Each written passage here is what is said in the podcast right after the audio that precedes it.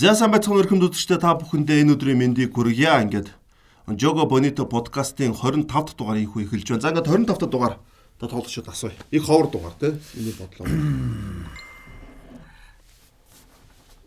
За.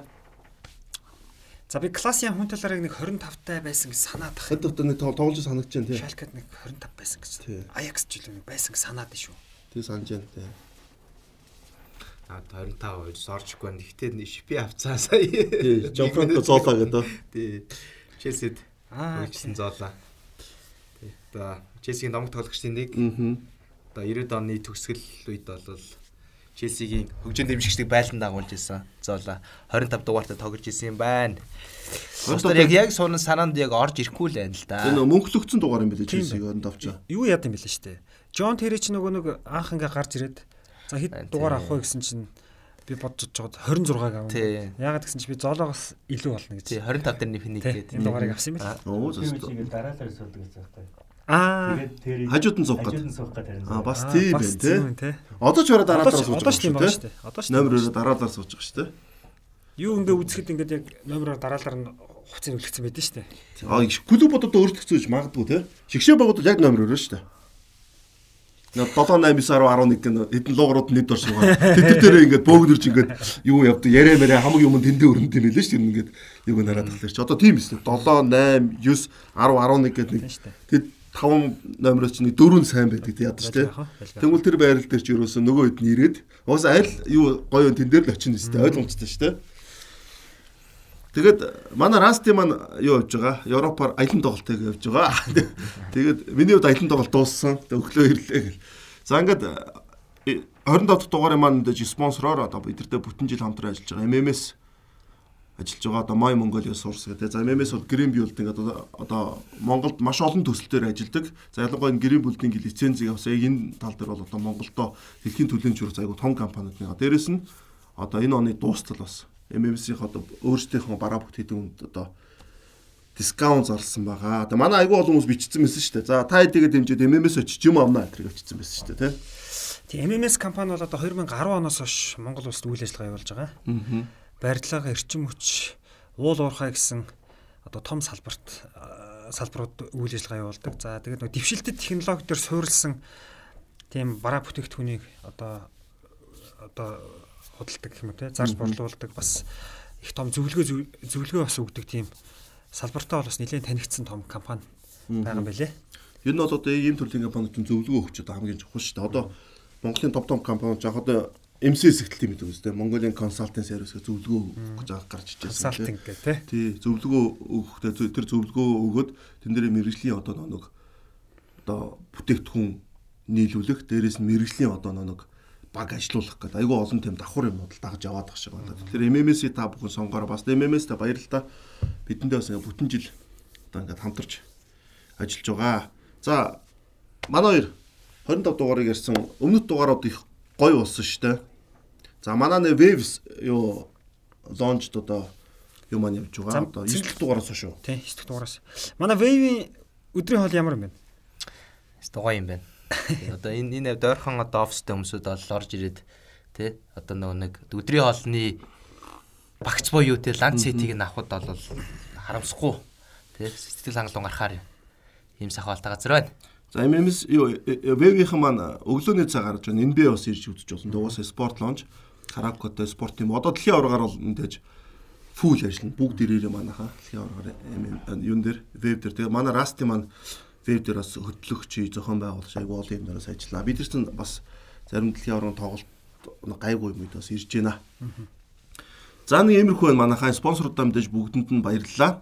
За ингээд өнөөдөр ярих юм маань одоо гурван хэсэг хуваагдсан байгаа. Эхнийх нь бол Криштиану Роналдогийн одоо олоог нөхс байдлын асуудлыг ярина.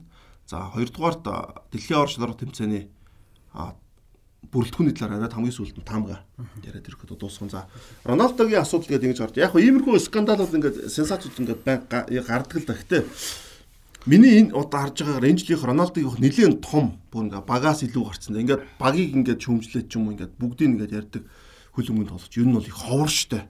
Тийм тоглогч нар ерөөхдөө тэгээ дандаа өөртөөх нь карьераа алддаг ч юм уу, нэр хүндээ алддаг.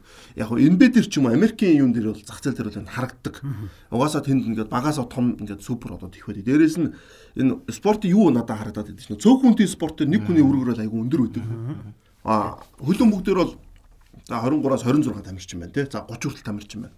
За гарааны 11 гэхлээр нэг тоглогчны үүргээрэл одоо бусад нөө Америкийн нөө сакс ч юм уу юу өдрөөс бол хоккей өдрөөс хамаагүй бага юутай байдаг нөлөөтэй нөлөөнд байгаа гэдэг. Тэгвэл хөл өмгүүдээр ийм тоглолчноос гарч ирдгүү шалтгаан тэр байд юм бол соёл нь арай бас өөр байна уу. За Роналдогийнхтай тоо юу гэж бодож байна? Гурван ярьслаг өнс одоо нөө Пирс гэдэг өнсдгүүлч үүдэн шүү дээ. Ямар Пирс лээ? Пирс Морган. Пирс Морган лөө тий. Год таландаа хөтөлдөг гэсэн э, шүүгчээр ажилладаг гэсэн. Найз юм билээ манай хоёр. Маа тулгаа хийсэн. Би бол найзыг мэдэхгүй гэдэг. Тэр тулгаа тэр гурав найз юм шүү. Тэр хоёр чи найз واخгүй хөөсөд нөө. Бэлж яах зайлууд гэдэг гэсэн. Бүрүклийн ирсэн мөн хөө ямар том болоо вэ гэдэг шиг л найзууд ярьж байгаа шиг л ярьж илэн шүү дээ. За хоёрын санаа. За цэнгэлээс эхлэе. Тий энэ энэ жил яг иймэрхүү юу л тавьдал хоёр дахь удаага тохиолдож байна. Сая оны эхэнд Ромело Лукаку бас нэг учир хөтөлөг ярилцлага өгөөд. Гэхдээ яг удирдлын дундуур тэгээд бага арай өвдөжгүй хүн шиг тэгээд уучраа болоод Лукаку болохоор тэгсгээд өнгөрцөн байна. Тэгээд тэгээ хоёулаа явж таарлаа. Лукаку Лукаку зуны солилцоогоор явлаа. Араас нь түүхэл 9 дугаар сард явлаа гэж тэ. Тэгээс яг нэг тий яг ингэж яаж он бол а сайн төхөөл угаасаа биш. Тэгээд а Роналдогийн талаас би ярьж байгаа юмнууд бол зөв зүйлсүүд бас байна. Бас нөгөө талаас хитрхи нөгөө нөгөөдөө дүүлгсэн тийм юмнууд бол харагдчихсан. Тэг яг хоо зөв гэдэг үнцгийг хэлэх юм бол яг Манчестер Юнайтед гэдэг клубын нөгөө нэг одоогийн байгаа байдал нь юу үлээ гэдэг дээр бол асуултын тэмдэг байгааг бол Роналдо яг ингээд айгүй товч өгөө тодорхой хэлсэн. Тэгээд яг ингээд төл өмгийн клубч ингээд бид нар харж байгаагаар хідэн тоглогчд магадгүй дасгалжуулагч нар тэгээд яг скаутууд хүүхдийн баг гэдэг ч юм гэдэг талаас нэг харж байгаа боловч яг цаана бол эн чинь бас айгүй одоо мундаг тийм менежментийн одоо зүйлс яваад байгаа. Тэгээд аа Полско бол Гари Невл аа гар биш ээ. Жеми Каригер хэлжсэн юм байна. Жеми Каригер а 5 жилийн өмнө а яг Брендер Рожерстэй нэг Ливерпул аягүй сайн тоглосон шүү дээ. Нэг үлрэл ер нь бол нэг 2 жил орчим аягүй сайн тоглосон. А тэр хугацаанд хэлжсэн дараа нь Юрген Клоп ирсэн дараа 2019 оноос Джейми Каррегер хэлжсэн. Ливерпул нэг аврагын лигийн финалд очиод тэрний дараагийн жил нь Премьер лиг төрүүлэх шахдаг шүү дээ. Тэгээ яг аврагын лигтээ төрүүлдэг. Яг тэр үед Джейми Каррегер хэлжсэн. А Ливерпул гэдэг клуб уналтанд ороод яг учраа олохгүй олон төрлийн туршилтууд хийсэн, олон төрлийн бүтлгүүтэл бүтлгүү зүйлсүүдийг хийсэн 30 жилийн хугацаанд явж байгаад одоо л яг тогтворчих гээд байна гэдэг. Энэ яг энэ Хенригийн одоо гэр бүлийн одоо энэ а удирдлагаар явж явах үед одоо л туршлагачих гээд байна. Яг тэр заамаар Манчестер Юнайтед явж байна. Одоо 2013 онд эхэлсэн энэ Бартатай зам хизээ дуусах нь бол мэдэгдэхгүй ээ. Хизээ дуусахыг нь бол би хэлж мэдэхгүй гэдэг яг Джейми Карригер бол хэлчихсэн. Тэгээ яг одоо ингээд юу гэдэг дасгалжуулагчтай хэд солилоо. А 8-нд хэдийн хэмжээний мөнгө зарцууллаа. гээ бодоод үсэх юм бол ер нь их л одоо муу дүр зураг харагдаж байгаа тий. Одоо чи Манчестер Ситигээс илүү мөнгийг 8-нд зарцуулж байгаа шүү дээ. Яг цэвэр дүнгээрээ Манчестер Сити чинь зарим тоглогчтой ингээд зарчиж байгаа. Тэнгүүд Манчестер Юнайтедаас явж байгаа тоглогчд нь үн өрөхгүй байгаа шүү дээ. Манчестер Юнайтед үнтэй ирчээ дараа хямдхан явчих. Нэг чинь Погбагийн жишээ нь тий. Погбаг 90 саяар авчиад үнэгүй явуулж. Хоёр дахь үнэгүй явуулж. Лукаку ч одоо бараг тэгж шүү дээ. Лукакугийн жишээ нь Лукакуг 80 эдэн саяар авчиад Интер рүү зээлэр явуулсан шүү дээ. Яаж явууллаа тэргээл тий Тэгэл Интер лүүч аягүй хямдхан болсон. Одоо сая Челсигээс Челсигээс зээлгээр явж байгаа шүү дээ. Манчестераас тий тий тий шууд зарагдсан. Тий хідээр явлаа гэж харангууд одоо энэ бүх бүтлгүүтэл бол яг энэ энэ клуб клубийн одоо менежмент, клубийн бүтэц зохион байгуулалт а бусад клубүүдтэй харьцуулахад хойно хоцорсон байна гэдэг нь угаасаа илэрхийлж байгаа юм. А тэгээд тэндээсээ доошлонгууд ингээд дасгалжуулагчдын сонголт одоо нөгөө нэг гол албан тушаалууд спортын албаны захирлын одоо сонголт, скаутын албаны захирлын сонголтууд гээд тэр сонголтууд нь дээр байгаа нөгөө нэг ингээд толгооноос жоохон буруу яваад эхлэнгүүд тэр сонголтууд нь бүгдээрээ буруу олонгоо. Доошо тог одоо шаардлагагүй тоглогч ихтер хүнтэй авж гин тохирохгүй дасгалж өгөх гэж авчирж ийн гэдэг асуудлууд ингээд араараасаа дагалдаад тэгэнгүүт нэг талбай дээр яг Манчестерийн тоглолтынд биш байна гэл фэнүүдийн шүүмжлээл те.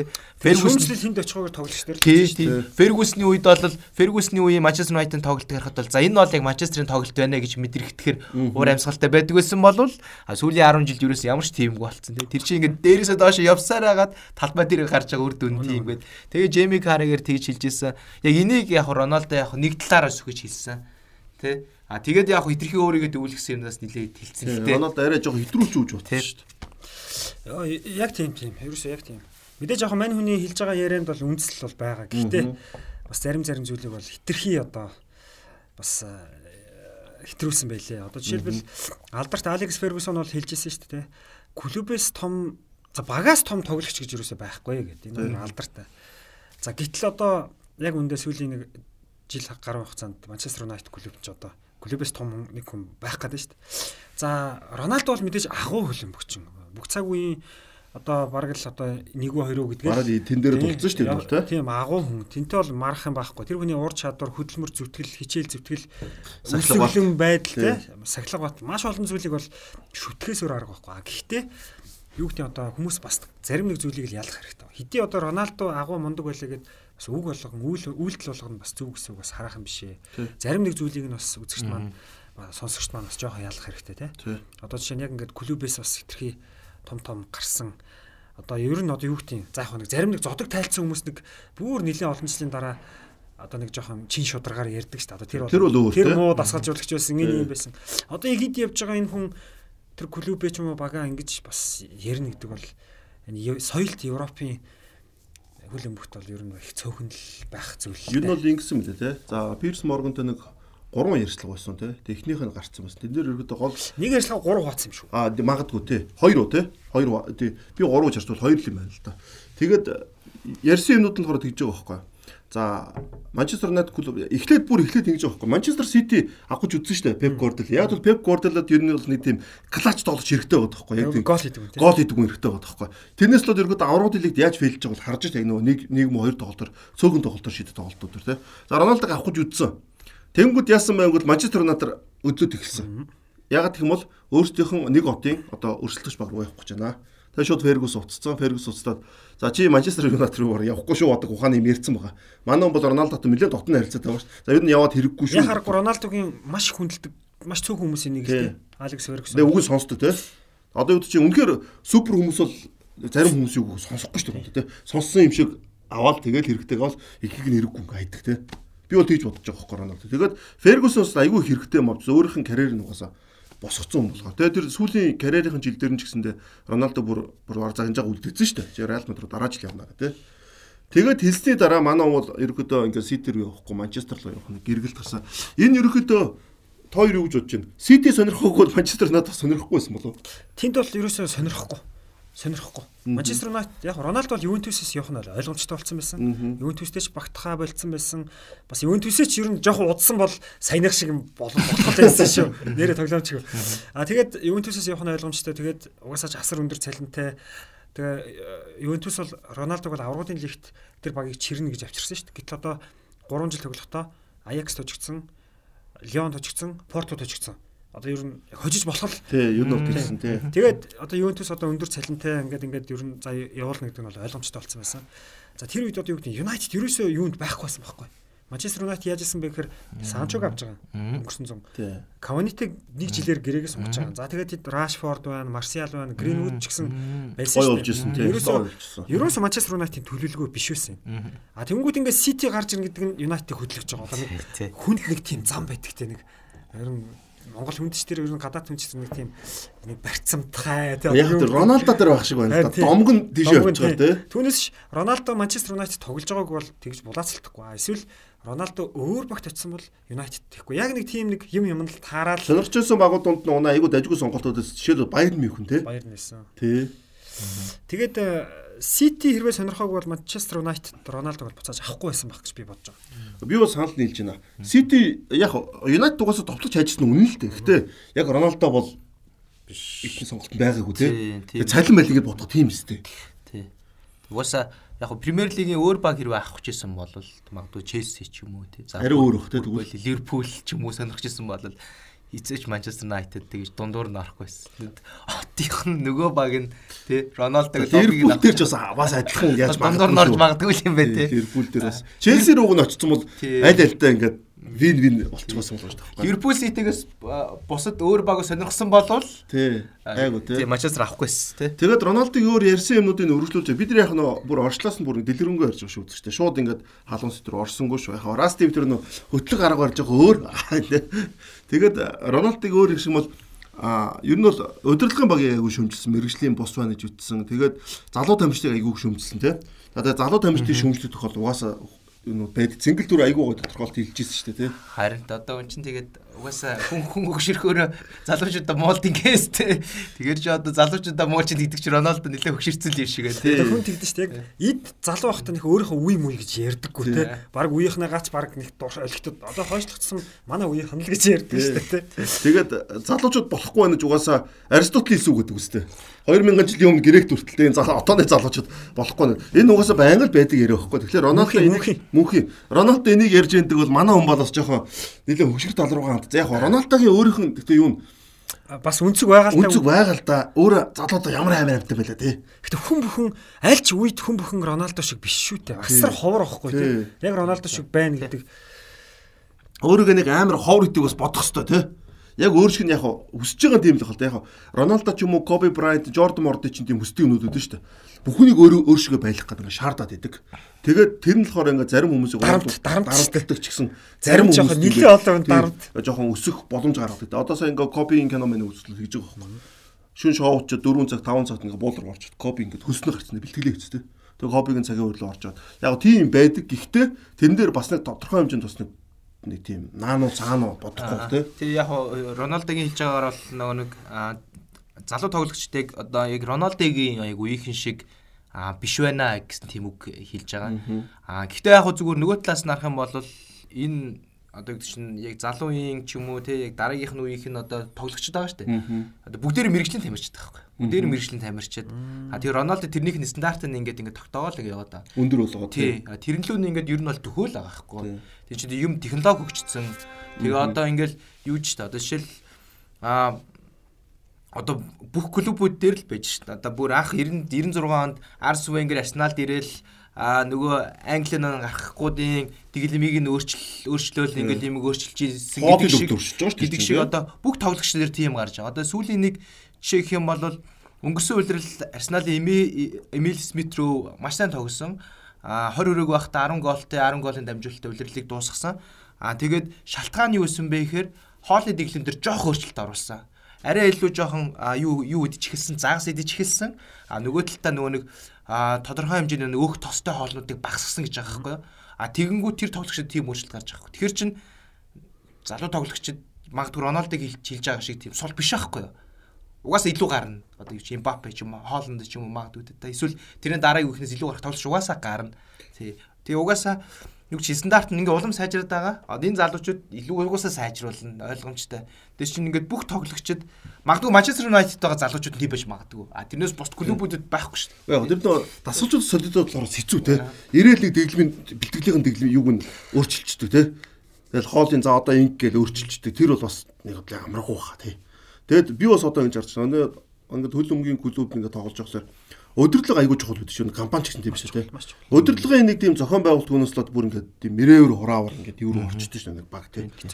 Яа яасан ч уу гэдэг тийм хандлагаар болчих тийм. Одоо би ингэж бүр бодож чинь дөнгөж сая бодож чинь юу гэхээр ингээд Роналдог хэлсэн Манчестер Юнайтийн олон жилийн имийг харахад биш тийм. Ер нь Фергюсоноос их юм болдог гэж. Одоо манайхаа ингээд нэг байгууллагууд нэг юм тэр хүн хэн байхаас шалтгаалж ажил бүтдэг штэ.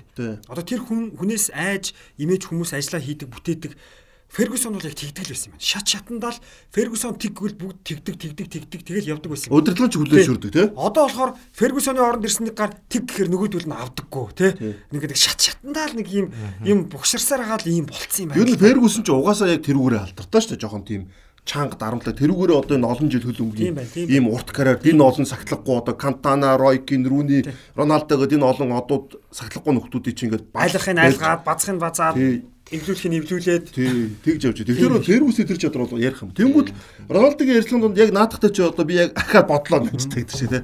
Яг адилхан юм гарч байгаа. Тэр юу гэхээр Роналдог чи бүх юм хэвэндээс гэж байгаа. Хуучин жакузийн хэвэндээ, бассейн хэвэндээ, Фитнес нь хэвэндээ шинжилт гараагүй. байхгүй. Бүр тоогооч нар нүртэл яг хэвэндээс гэж байгаа байхгүй. Тэнгүүд тэр хүмүүс яг Фергюсний байсан хүмүүс хүмүүс солигдоод идэг. Тэр чинь зөвхөн тэдрээс гадна нэг удирдлагын багтаага зарим хүмүүс ч гэсэн байгаад байгаа байхгүй тий. Тэнгүүл Рангник гэлээ заа тэг гэхлээр нөгөөд нь а Фергюсн тэгдэг байсан гэдэг чинь. Яг, яг, яг, яг, юунууд гараад байгаа байхгүй тий. Одоо тоогооч хүртэл өөр шүү дээ тэр чинь. тэр хүнийг тэр дасгалжуулагч нар Морино ч ирсэн, Рангник ч ирсэн, Вангал ч ирсэн те. Тий. Дэвид Мойс за Дэвид Мойс яг хиний юм хөндөг баг. Нөгөөдүүл нь тоогоочч юм тавихаар тавьчих чадахгүй л байгаа байхгүй те. Солих чадахгүй бол тэдний эрх мэдэл бас их хязгаарлагдмал байсан болохоор ажлыг ингээд нэг бүр нэг тул ормонгоор нь хийж чадахгүй нэг тэгсгээл болоод исэн юм байна л. Юу н одоо ингээд хүмүүс л гаднаас нь анзаарахгүйс тэр бэлтгэлийн өрөөний тэр дотоод заслыг солих. Одоо айл ч гэсэн адилхан шал хавьдгааныг өөртөө тавих нэг жоохон гэртээ резетийг нэг нүүх ч юм уу те. Амар том өөрчлөлт Уур болдог амьсгал шал өөр шал өөр болдсон шүү дээ. Одоо уур амьсгалыг байгуулагдсан тэгдэг те. Тэрнтэй адилхан клуб дотоод засал бүх юмнууд дээр жоохон өөрчлөлтийгээд жакузигийнхэн байрал бассейныхан байрал ийш явдаг хүмүүс арай энэгээр нь ордог болчтой. Арай нэг хөгжөнтэй юмдэг тоогоочрын хоол за үнэхээр мундаг супер тоогооч нар байгаа заяа. Байнга нэг төрлийн хоол мэдээ чихгүй байгаа л да ойлгомжтой. Гэхдээ нэг өөрийн гэсэн нэг эргэлтийн юу байгаа шүү дээ, тэ.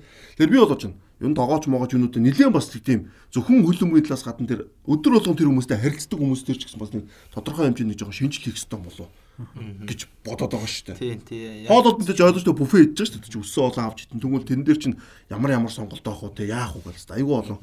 Одоо нутришн ихтэй айгүй чухал. Тэгээ нутриниш нутриниш нь одоо нөө хоолны юу гэдэг бол баг байсан ухааны баг би уншсан шүү. Шүү бол.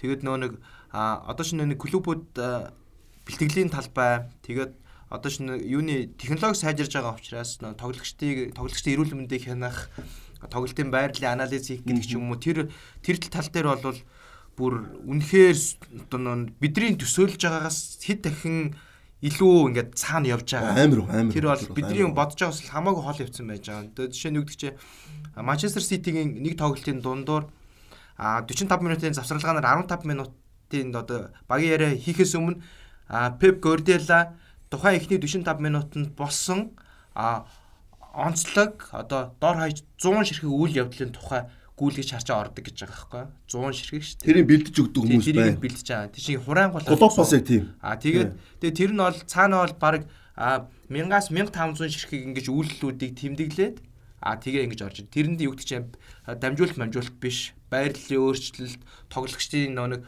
тоглолтын дээр хоорондоо харилцаж байгаа яриа мараа тий. Одоо нөгөө багийн бол өөрийн багийн гэдгийг ингэ яаж байгаа ордог. Тэгэхээр чинь технологи нь өөрөө айгүй их ингээд хол яваад хөгжсөн байгаад байдаг. Бэлтгэлийн талбай дээр шин тэр нь тусглаа болж байгаа. А тэгэнгүү тэр байдал нь ерөөсөө Манчестер Юнайтед дээр бол нөө хахиж байхгүй байсан гэдгийг л а хэлж байгаа. Тэгээд Лю Вангал бас Эрик Тен Хагийг Манчестер Юнайтед-д суулжуулагч боллоо гэхэд нь хэлсэн. Эрик Тен Хаг чи уг нь бол хүлэмжийн клуб руу явах хэрэгтэй юм да.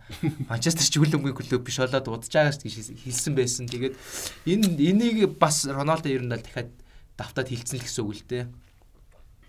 Яг яг нөө нэг спортын цэвэр нөө нэг хүлэмжийн бол спортын одоо нөө нэг тал байгаа шүү дээ. Тэр тал нь бол маш их хаягдсан гэж одоо хэлээд Тэр өстө айгүй чухал байхгүй тийм. Тэнгүүд яг нөгөө талдаа болохоор нөгөө талдаа болохоор гэдэг чинь Манчестер Юнайтедийн одоо хувьцаа Нью-Йоркийн одоо хөрөнгөний бирж дээр арилжаалагдчихж байгаа. А тэгэнгүүт Манчестер Юнайтедийн одоо хувьцааны үнц нь бол тэгж айхтар том алд- одоо алдсан зүйл байхгүй. Илүү ашигтай явж байгаа гэдэг талаараа одоогийн байгаа одоо багийн одоо клубын одоо хувьцаа эзэмшигчд бол тэнд сэтгэл хангалуун байж байгаа. А гэхдээ нөгөө тал нь бол дээр ирэх юм бол алдагдчихад байгаа. Хамгийн үл өмгийн баян клуб хэвэр байгаа шүү дээ Манчестер Юнайтед. Манчестер Юнайтед одоо баг одоо харах туулралтаа их муу дээ. Тий. Одоо 13 он Фергюсон явснаас хойш одоо миний зүгээр ингээд хар ухаанаар бол Моринелиг хоёр дуу оруулсан юм дээ. Миний одоо нэг хар ухаанаар бол нэг баг одоо жишээлбэл нэг 2 жил муу байвал ер нь тэр өрсөлдөөнтэй зах зээлээс доошоо орчих гээд байгаа байхгүй юу? Гэтэл United байгаа л байна. Одоо ч гэсэн хамгийн том брэнд, хамгийн баян баг байна гэдэг маань тэр клубын эзэдийн хувьд зорилго нь билээд байна. А яг энэ юм бол хаягдаад байна гэдгийг л Спортын дад хаягдахаар энэ хугацаатай л да. Одоо үүд чи байнга хийж явахгүй те. Уг нь ойлгож байгаа л ахал та тий. Фергюс ямар мундалагыг бүтээсэн бэ те. Тэгмэл одоо энэ спортын дад хаягдана гэдэг өөрөө ингээд энэ баг одоо үүд чи ингээд зах зээл алдах бас одоо 10 жил бол амар их хугацаа хөтэй. Тэгмэл одоо ингээд алдаж эхлэн дээ те. Хүн болоо ингээд өө энэ одоо ингэж байна. Одоо дээр Роналдо яж хахад эндээ амар том бүүм төслөн. За тэгээд Нажти санаа дээр Роналдо гэрсэн нэг юм яриад бол саяны юмуд байлаа тий. А дээрэс нь нэг өмнөс салжуудаж Ралф Ралф Рагникийг бол шүмжсэн байсан. Энэ хүн бол одоо яг дасгалжуулагч биш ээ. Техникийн захирал маягийн хүн ээ тий. Тэгсний дасгалжуулагч болгочлоо одч юм. Энэ бол арай жоохон хэтрүүлсэн зүйл гэж би хараад байна л да. Тэгээ гол нь яг нэг нэг жоохон юу гэдэг чинь одоо муухан өнцг нэг юм бол ранкникийг ерөөсөө танихгүй би бол хизээш дуулж байгаагүй. Тэгээд цуг тоглож исэн, цуг байсан одоо ойрхон байсан өмсүүдээс ранкникийг таних уу гэж асуухад рангник гэж хин юм бэ гэж асууж ирсэн ингээд тий. Гэхдээ яг Европын хөлбөмбөгт бол рангник бол а нэр нөлөөтэй олонний танил хүмүүсийн нэг шүү дээ. Одоо Германда хүртэл одоо профессор гэдэг нэртэй хүнтэй тэрийг одоо ийм мундаг том тоглогч танихгүй байна гэж юу нь бол байхгүй. Яг үүнд бол. Гэхдээ танихгүй байсан ч одоо энэ хин. Тиймгүй тийм дуулаагүй байх тийм боломж байхгүй шүү дээ. Одоо ингээл ядчил юу гэдэг чинь тий ингээл UEFA-гийн ч юм уу, FIFA-гийн ч юм уу чуулган муулган дээр ранк нөх өргөдөж л таар Рональдо өргөдөж л та. Тэгэхээр бол энэ энэ жоохон хэтрүүлэг явчих шиг болсон. Хүний бүр ингээд арай дэндүү доош нисэн те. За өөр үлдээсэн юм байна уу? Роналдыг ярьцлахууд дээр. Сая цэнгэл хэллээ шүү дээ рангникийн тухай. За техникийн захирал гэж юу юу юм бэ гэж хүмүүс бас техникийн захирал гэж олон сонссон баг. Гэхдээ яг юу хийдэг юм бэ гэж бас зарим мэдэхгүй байж магадгүй те. Ер нь бол техникийн захирал гэдэг хүн бол ер нь бол дасгалжуулагч юм. Дасгалжуулагчдын дасгалжуулагч аахгүй. Одоо одоо нэг клуб байлаа гэхэд одоо юу гэдэг одоо ерөнхий менежер бол зөвхөн одоо тэр Премьер лигийн багаар хариуцж шүү. Тэгэхээр техникийн захирал бол grassroots өсвөр үе залуучууд ингээд энэ бүгднгийн энийг уялдаа холбоог хийдэг гол бодлогоо зангиж гол бодлогыг гаргадаг тийм хүн л дээ. Яг Рангникийн хувьд бол түрүүн бас сингл хэлжсэн Германы Лайпциг ч гэдэм үү Хофенхайм ч гэдэм үү те олон багийг бол гаргаж ирсэн. Гэхдээ яг мань хүн бол яг Манчестер Юнайтед очихоос өмнө жоохон менежер буюу дасгалжуулагчийн ажилласаа жоохон холтцсон. Илүү тийм нэг техникийн ажлуудаа хийцэн байсан зүйл бол бас нөлөөсөн баг тэр үед. Одоо Австрийн шиг сонсож байна. Одоо Австрийн шиг сонсож байна. Ажлыг гүйцэтгэж байгаа. Тий. За тэгээд Роналдо манай иймэрхүү сэн. За Роналдо тэгээд Тинхаг хэлсэн шүү дээ. Тинхаг намайг хүндэлдэг болохоор би Тинхагийг хүндэлдэг. А яг тэгсэн тэгсэн. Энэ бол бас тийм муухай үг л дээ. Одоо юу гэхээр Тинхаг бол Роналдог хүнлээгүй биш. Тинхаг бол мэдээж одоо энэ Европын том багт ажиллаж байгаа хүн чинь ялангуяа Аякст ажиллаж байсан хүн чинь асар ёс зүйтэй байгаа тэр хүн. Олон янзын хүнтэй ажиллаж байгаа. Одоо энэ хүлэн бүгд чинь ёс зүй байхгүй бол явахгүй гэдгийг бид нар нэлээд олон удаа ярьсан. Тэр хүн яасан бэхэр Роналдод ч боломж өгсөн. Яг Роналдо өөр хүмүүс байхад бүгднтэй адилхан л харьцсан байхгүй. Яг үнэ. Бүгдэнд нь адилхан боломж өгөөд адилхан шаарддаг. Тэнгүүд Роналдо юу гэхээр Роналдо ч арай өөр харьцаг хүсэж байгаа байхгүй.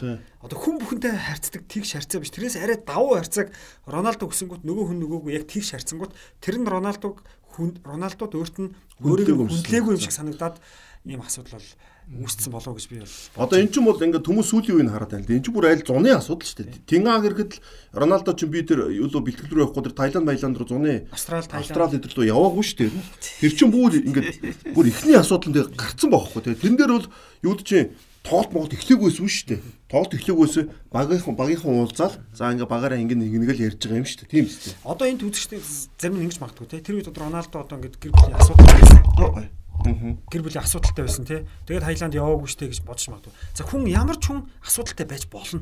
Тэр бол хүний амьдрал штэ. А гэхдээ энийг бол яг цаг тухай бүрд нь хэлэх ёстой тий. Мэдэх ёстой. Үнэхээр клубээс албан ёсны зөвшөөрөл чөлөө энийг аваад явхад бол эн чинь асуудал биш байхгүй. Эн чинь харилцааны юм байхгүй. Тэгэхэд ямар ч тийм хүндэх шалтгаанаа мэддэггүй явахгүй байжснаа дараа нь юм гарч ингүүтээ фэнүүд чинь өө өстөр Роналдод аргагүй. Фэнүүд ууралсан шүү дээ бүр ирсэнгүүгөө тий. Тий. Тэгэхээр яг энэ зэргийн юмас эхлээд мань хүн ч юм бол өөрөө асуудал бас тарж эхэлсэн шүү дээ. Харин ч Тинхаг Роналдог бүр бид нар бүр 100 ярьжсэн шүү дээ. Одоо Роналдог ингээд тоглолтод оруулж болохгүй тий. Хэдэн удаа тоглолтыг хоёр удаа тоглолт дуусах байх цэнгэлт хүрээлэнг орхиод гараа ийм байж болохгүй шүү дээ. Тэгэд харин ч Тинхаг нэг уучлаал ингээл нэг шийтгмэр айдаал нэг торгосон болоод аваал ингээл байсан шүү. Бид нар бол 100 яг үнийг энийг бол айгүй хэрсэн. Тэгээ манай үзэгч сонсож байгаа. Ер нь бол эхнээс нь л хэлсэн. Ер нь бол яг бол бид нар өөрсдөө надад нөх хөл өмгийн дотоод ертөнцид Монголд ч байдаг гадаад ч ингээд олон жил ингээд бар 20 30 жил ингээд дотор нь ороод ингээд одоо дотор нь орхон жааш ингээд бүр уншаад бүр ингээд айгуусаа мэддэг болцсон. Тэгээ Монголын хөл өмгөөс чинь зөв адилхан зөндөл гарч байгаа ш тэмэрч тун тийм үстэй. Тэгэд яаж болохоор угаасаа ойлгож ирсэн ш Роналдог тий 100 ийм асуудал гарахаар ингэж болохгүй баг тэгээ тий. Бүр зөндөө хэлжсэндээ яг яг нанжид хэлж байгаа үнэн баггүй. Тинханг бол яг үндэ зөндөө өршөөсөн. Дээрээс нь юу ч юусан бах нөө Мартин юунд хэрэгтэйгээд удирдлагын багаас ч гэсэн за Роналдог нэг ингэчээч ингэчээч гэдэг нэг юмнууд бол ирсэн л багч хараад байна л да. Тэгэд одоо бол ингээд бүр ингээд тесэрж штэ. Тэгээ хамгийн гол энэ дэлхийн аваргын өмнө тесэрж яадаг нь яг нэг бодлын Роналдод өөрт нь амар охноо. Баг нь одоо уулзахгүй сар гарсан болно шүү дээ. Тэгвэл энэ Португалийн шид нөлөөлөх үү? Португалийн шид үү? Нөлөө үзүүлэх байхаа. Яагаад тэгэхээр жишээл Португалийн шид чинь одоо Манчестер тоглож гисэн Бруно Фернандеш дуудагж जैन, Дэго Дало дуудагж шүү дээ. Тэгээд энэ энэ энэ хоёр нөлөөг үзүүлж л таарна угаасаа. Бруно Фернандеш нэг сонин тэр гар тэр надад бол жоохон юутэл харагдж илээ. Роналдогийн царайс бол. Тийм нэг тэр хоёр чинь инээлтэй тэрвэрлэлтэй шүү дээ тэ. Тэд нар одоо тэр бичлэгэн дээр би үзсэн л дээ Португалийн хөлбөмбөг холбооны албаас нь хуудсан байлээ. Тэндээс нөхдөл ингээд тасалсан. Би яг бичлэг үзсэн чинь нөхдөж ирээл ойр дуулцаг хүмүүс байгаа шүү дээ. Тэрвэрлдээл. Наа наа албаны хүмүүс хүмүүс нь бүгд ингэж яхад хэм бол зүгээр нэг ингээл мэдлсэн болол явцсан байлээ. Тэр нөө ярианы за ярианыхан тэр нэг амны хилэмж царайг нь харахад аль аль нь бол нэг ийм юу нэг жоох юу. Тэгээ Бруно бас хэцүү байгаа байхгүй. Энэ юу вэ гэхээр за нэгдүгürt Бруно хин хоёр бол бас нэг гоё авцалддаг тоглолт. Үнэхээр. А тэгээд Бруно Роналдогийн Бруно ч дотор байгаа юм шүү дээ. Роналдогийн хэлсэн үгийг хараад Бруно өөр төр бас маш олон юмыг тусгаж авч байгаа байхгүй. Яг тэр хүн Бруно гэж хэлчихээгүй ч гэсэн залуучууд ингэдэг тэгдэг гэхээр Бруно намайг л хэлж ийн гэж бодно шүү дээ. Ойлгомжтой шүү дээ. Одоо тэгээд Португал дээр за энийг хэдүүлээ бас хөрлөхөн дээр яриа та тий. Өөр Роналдо дээр ярих юм байна. Нь ингээд баг болж гинэ удаа тий. Тийм тийм. Одоо дараагийн хэсэг нь утгагүй засагдл гэсэн шүү дээ. Юу яах юм бэ? Юу байх юм бэ? Тийм. Гол зорилго бол би зүгээр ингэж хамгаалж байгаа. 100 нөгөө хэд хэдэн багт ингээд холбогдож үзсэн шүү дээ. Авруудын лиг тоглодог одоо Баерн, Парис, Челси, Атлетико ч гэх юм. Тэгээ нэг нааштай хариу сонсоогүй. Гэхдээ тухайн клубүүд ингэсэн баг одоо Роналдог Манчестер Юнайтед байгуулсан гэрээ нэгдүгээр дуусаг байгаа. Хэрвээ гэрээ дуусаагүй тоглогчийг аавна гэх юм бол яаж ч утсан нөхөн төлбөр өгнө. А тэгэхэд нөгөө хүмүүс нь Роналдог агентд хэлсэн баг гэж бодож байна. Нөхөн төлбөр төлөж чамааг бол авч. Тэгээ цалин замбраагүй шүү дээрээс нь. Аа цалин амар шүү. Авч чадахгүй гэж хэлсэн баг. Тэнгүүт Роналдогийн ихний зорилго бол ерөөсөө л мань хүн чинь 100-ны солилцооны нам цонх хагтахаас өмнө асуудал гаргаж агаад яг яач гэж ботсон. Одоо тэгэхэд юм шүү тэгвэл. А одоо тэнгүүт United болохоор айгүй зөв гаргалгаа гаргаад гисэн. Юу гэхээр одоо Роналдог инглигэд United цуслах юм бол гэрээтэй төлөвшөө цуцлсан гэдгээр United өөрөө төлбөр төлөх гэдэг байгаа байхгүй. Одоо л ерөөсөө United удирдлага бол тэр ярилцлагыг бүтнээр нь үзье. Түүний дараа одоо ерөөсөө хин хиндэ төлбөр төлөхгүйгээр л цуслах тийм арга замыг л сонгосон юм шиг. Роналдог арайч нэг толуулахгүйгээр нэг байлгаад идэв шүү дээ, тэ? Арайч тийхгүй баха. Тэгвэл одоо бүр баларсан. Аа юу юм бол. Түрүүн тулгаан хэлжлээ л те. Манчестер Юнайтед клубын зүгээс бол одоо Роналдо л одоо дахиж манай өмсгөлийг өмсөхгүй гэдэг шийдэлд бол хүрсэн гэсэн. За баг тийм би бол тэгж бодож шүү. Энэ бол одоо United ингүүлэн ингүүлэн тоглуулаад байвал тэр багийн нэр хүнд бол бүр одоо Жико хувцаа нуулаа шүү гэдэг шүү тийм. Хувцаа унаа шүү. Жико хувцаа унаа шүү тийм. Яг үнэ. За за Роналдогийн асуудал юм байна. Тэгээд угаасаа хоёр дахь тэр эсэг мэсг нь гарахаар хэдүүлээ дэлхийн аврагын дундаар хахад ярилцсанаа тийм. Тэгээ тийм байгаа. За ингээд дараагийнхаа хэсэг рүү оръё. За дараагийн хэсэг рүү шууд орчих гэж бодож байна тийм. За нэлээд урт хэсэг болох. Ер нь одоо ингээд дэлхийн аварга өмнөх дугаарлаар нэлээд урт болж манай үзэгчд бол сайхан байгаа. За тэгээ манай хоёр үнэхээр одоо миний хувьд бол ингээд хөл өмгийн Монголын хоёр ингээд хамгийн мундаг хоёр аналист ирчээд шүү дээ. Одоо ингээд энэ хоёртойгоо ингээд анх удаага дэлхийн аварга өмнө ингээд юу яриад бол миний хувьд үнэхээр одоо манай Растес бол бүр л гоё юм. Тэ дөрүүлээ суудсан бол одоо ингээд хамгийн одоо гол юугаа хийх гээл байна л да. Одоо би бол үед чинь дандаа өөрөө ингээд лайма гэдэг чинь хоёр ч ингээд хүмүүст ингээд дандаа тус тустай хийдэг үсэн шүү дээ. Тэ Одоо энэ удаа анх удаага дэлхийн аваргын талаарх бүх багуудын талаар анализ эхлэж байна. Ингээд Монголын одоо ингээд хамгийн мундаг аналистууд суудсан өөрийг оруулж байгаа бодсон. Хамгийн мундаг аналистууд суудсан ингээд анализ эхлэж байна ингээд шууд АС-гаас эхлээд явах уу? За юу. За Катарын шог дээр эхлэе. За би группүүдээс харнаа. За АС-гийн тэргүүн баг за Катарын зохион байгуулалт байгуулалтын талаар би хэдэн гоё юм ярьчих уу? Зүгээр дэлхийн аварга төгсөж байгаа юм чиг тий. А Катар улс намайг 2006 онд Азийн наадам тайлбарч 800 мянган хүнтэйсэн. Катар улс. Тэгээд 800 мянган хүнтэй байж сая би ингэдэг хүн амыг харахгүй юу? Тэгсэн чинь 2.8 сая болчих. Гайхамж 2 сая хүн нэмэгдэж байгаа. Тэгээд уншлаа баха. За юу болчих вэ? Тэгсэн чинь Катар дөрөвний нэгэнд Катарчууд юм байна. Одоо бол. Бараг хүрхтэй. Одоо квартер гэж аахгүй англиар. Хүрхтэй үгүйтэй. Үлдсэн дөрөвний 3-аас бараг илүү нь дандаа аюучд. Цагаачд. Тэнд нь Пакистан, Шри-Ланк, Бангладеш төлхөө орж байгаа. Энэ хүмүүс Катарын ажлыг гэж байгаа. Ялангуяа дэлхийн аврал зориулсан энэ ажлуудыг хийж байгаа. Тэгэд юу нь бол ингээ байнга нэмэгдэж байгаа мэл хүн багт болгоно. Ажлын хүн байхгүй. За тэнгуүл энэ дагаад мөнгөтэй байгаад байдаг. Катар мөнгөтэй байгаад байдаг. Дагаад ямар асуудал гарч ирэх вэ? Катарын хүн ам дээр асар том өөрчлөлт авчиж байна. нэг хүнд нэг эмэгтэй хүн ногдох эрэгтэй хүний тоо Катар дэлхийд тэргүүлдэг. Ажилчид ихэнх нь эрэгтэй. Ихэнх нь эрэгтэй. Тэгэд одоо юуд чинь баг тэр харьцаа нь баг 71 29 лөө амар харьцаатай. Ер нь 60 40 багч л өөрөө эмэгтэй эрэгтэй тэр асар том юу штэ. Одоо катастроф шүү одоо юм уу? Ялгаа гэдсэн л амар шүү. Амар харин тий. Ядаж ч одоо нэг хэдэн жилийн дараа тийм болохгүй бөө юм болоод шүү. Нэг хүүхд бодлоослоо тий. Дандаа хүүтэй болно гэдэг охтууд багтаа тий. Ядаж ч одоо бараг 40 50 сая ганц залуучууд гарч магадгүй бөө юм болоод байгаа шүү. Ядад бол яг тэрийг шийдэх харцууч эхлээд байхгүй. Катар ч тийм байхгүй. Тэгээ нөө ажилт нь айгүй хүнд төгсөл ажилладаг. Тэгээ хүн ам нь тийм болцсон. Тэгэд ажилт нь маш хүнд төгсөл ажилладаг.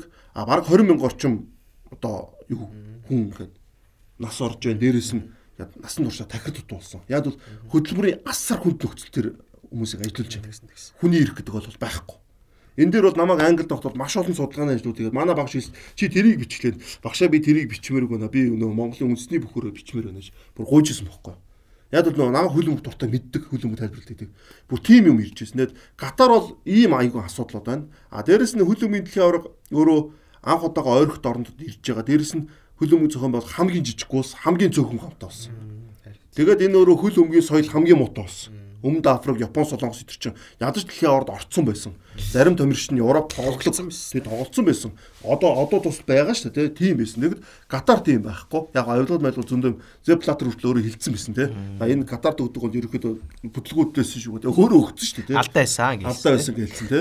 Тэгээд Катар ийм үү. Тэгээд энэ богино хугацаанд энэ зингэлтгүүдийг бүгдийг барьсан. Одоо нэг хотод ёо нэг жижигхэн газар утга. Доохот их баг. Төлөөлөл одоо Катарын зүүн хэрэг дагуул бүгд байгаа шүү дээ. Бүгд байгаа байхгүй. Тэгээд нэг хүн одоо бүх тоглолтын ингээд өмнөхөө боломж нэр ингээд үүсчих боломжтой. Бус газар бол хэцүү шүү дээ. Хүн ядарсан зам да тий.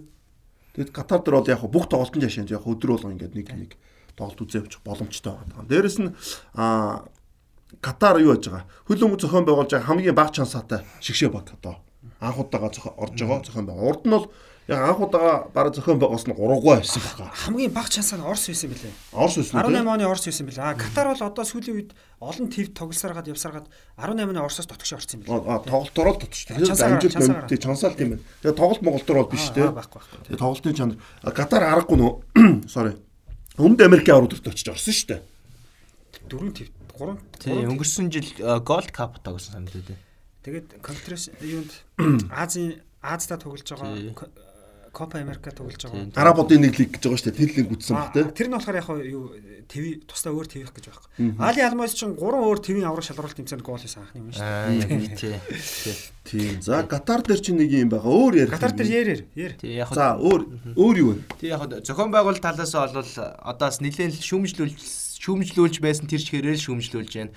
Яагаад тэгэхээр анх болвол анх болвол Катарын дэлхийн аваргын эрхийг өгөхдөө стандарт бус юм байсан. Ер нь дунджаар Дэлхийн аваргын тэмцээний 6 жилийн өмнө өгдөгөө. 6-7 жилийн өмнө өгдөн шүү дээ. Тэгсэн чинь 10 жилийн өмнө бүр нэг сонгуулаар хоёр дэлхийн аваргын эрхийг өгсөн. Тэг бүр 10 жил хоёр төгөлт юм билээ. Урд нь 82 онд Испанд хийжсэн байлаа. Бас буу авилгалын хэрэг буу хэрэг болж ирсэн байлаа шүү дээ бас. Тийм тэгээд дараа нь болохоор хоёр дахь нь болохоор Дэлхийн аварга анх авахдаа би нөгөө нэг бас өөрөө нөгөө ингээд 12 онд Катард болчлоо ирэхээр нөө сонирхоод юмнууд нэлээд харж ирсэн. А тэгэхэд Катарын дэлхийн аварга бол 100 болноо.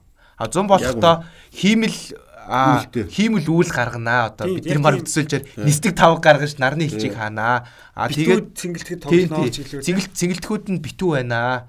А одоо юу гэж нарны хит яган туяа тоглогч дээр одоо тусах тим эрсдлийг хаанаа а тэгээд цэнгэлтгийн уур амьсгалыг Европын Европын бүс нутгийн зөөлөн уур амьсгал тоглож байгаа юм шиг байдлаар бүрдүүлнэ гих мэтчлэнгээр одоо ингээд техник технологи асар том дэвшлүүдийг ашиглаж халуун орондоч араб ертөнцид ч 6 сар төлөмөг тоглож болдгийг харуулнаа тэр гэсэн байдалтайгаар ингэж юу гол нөгөө юунууд нь одоо концепц нь өссөн шүү дээ. Тий одоо гол одоо үзэл санаа тий гол нөгөө нэг одоо ирэх авах гол мессежүүд нь тэгж явж ирсэн. Ирэх авчаад хүмүүсийг тайвшруулах бас гол. Тэгээд юу гарч ирсэн дээ. Одоо цэнгэлт ийм одоо нөгөө кулер байгаа шүү дээ. Юу кондишн ийм байрлал нэг зураг мураг гаргацсан тий. Тэгээ тэгээ нөгөө нэг дотор нь болохоор хиймэл хиймэл бороо оруулагч хүртэл одоо явж ирсэн. Одоо ингэ одоо бид одоо ингэ тоглолтын амлалт нэг тоглолт явж ирсэн чинь ингээд тоглолт нэг явж хахад цэгэлтийн гадаа фэн зон шүү дээ. Фэн зонд ч хүмүүс зогсоор салах байхгүй юу. Тэнгүү тэднийг сэрүүлэх зорилготойгоор дээрэс нь хиймэл бороо оруулдаг тийм технологи хийнэ.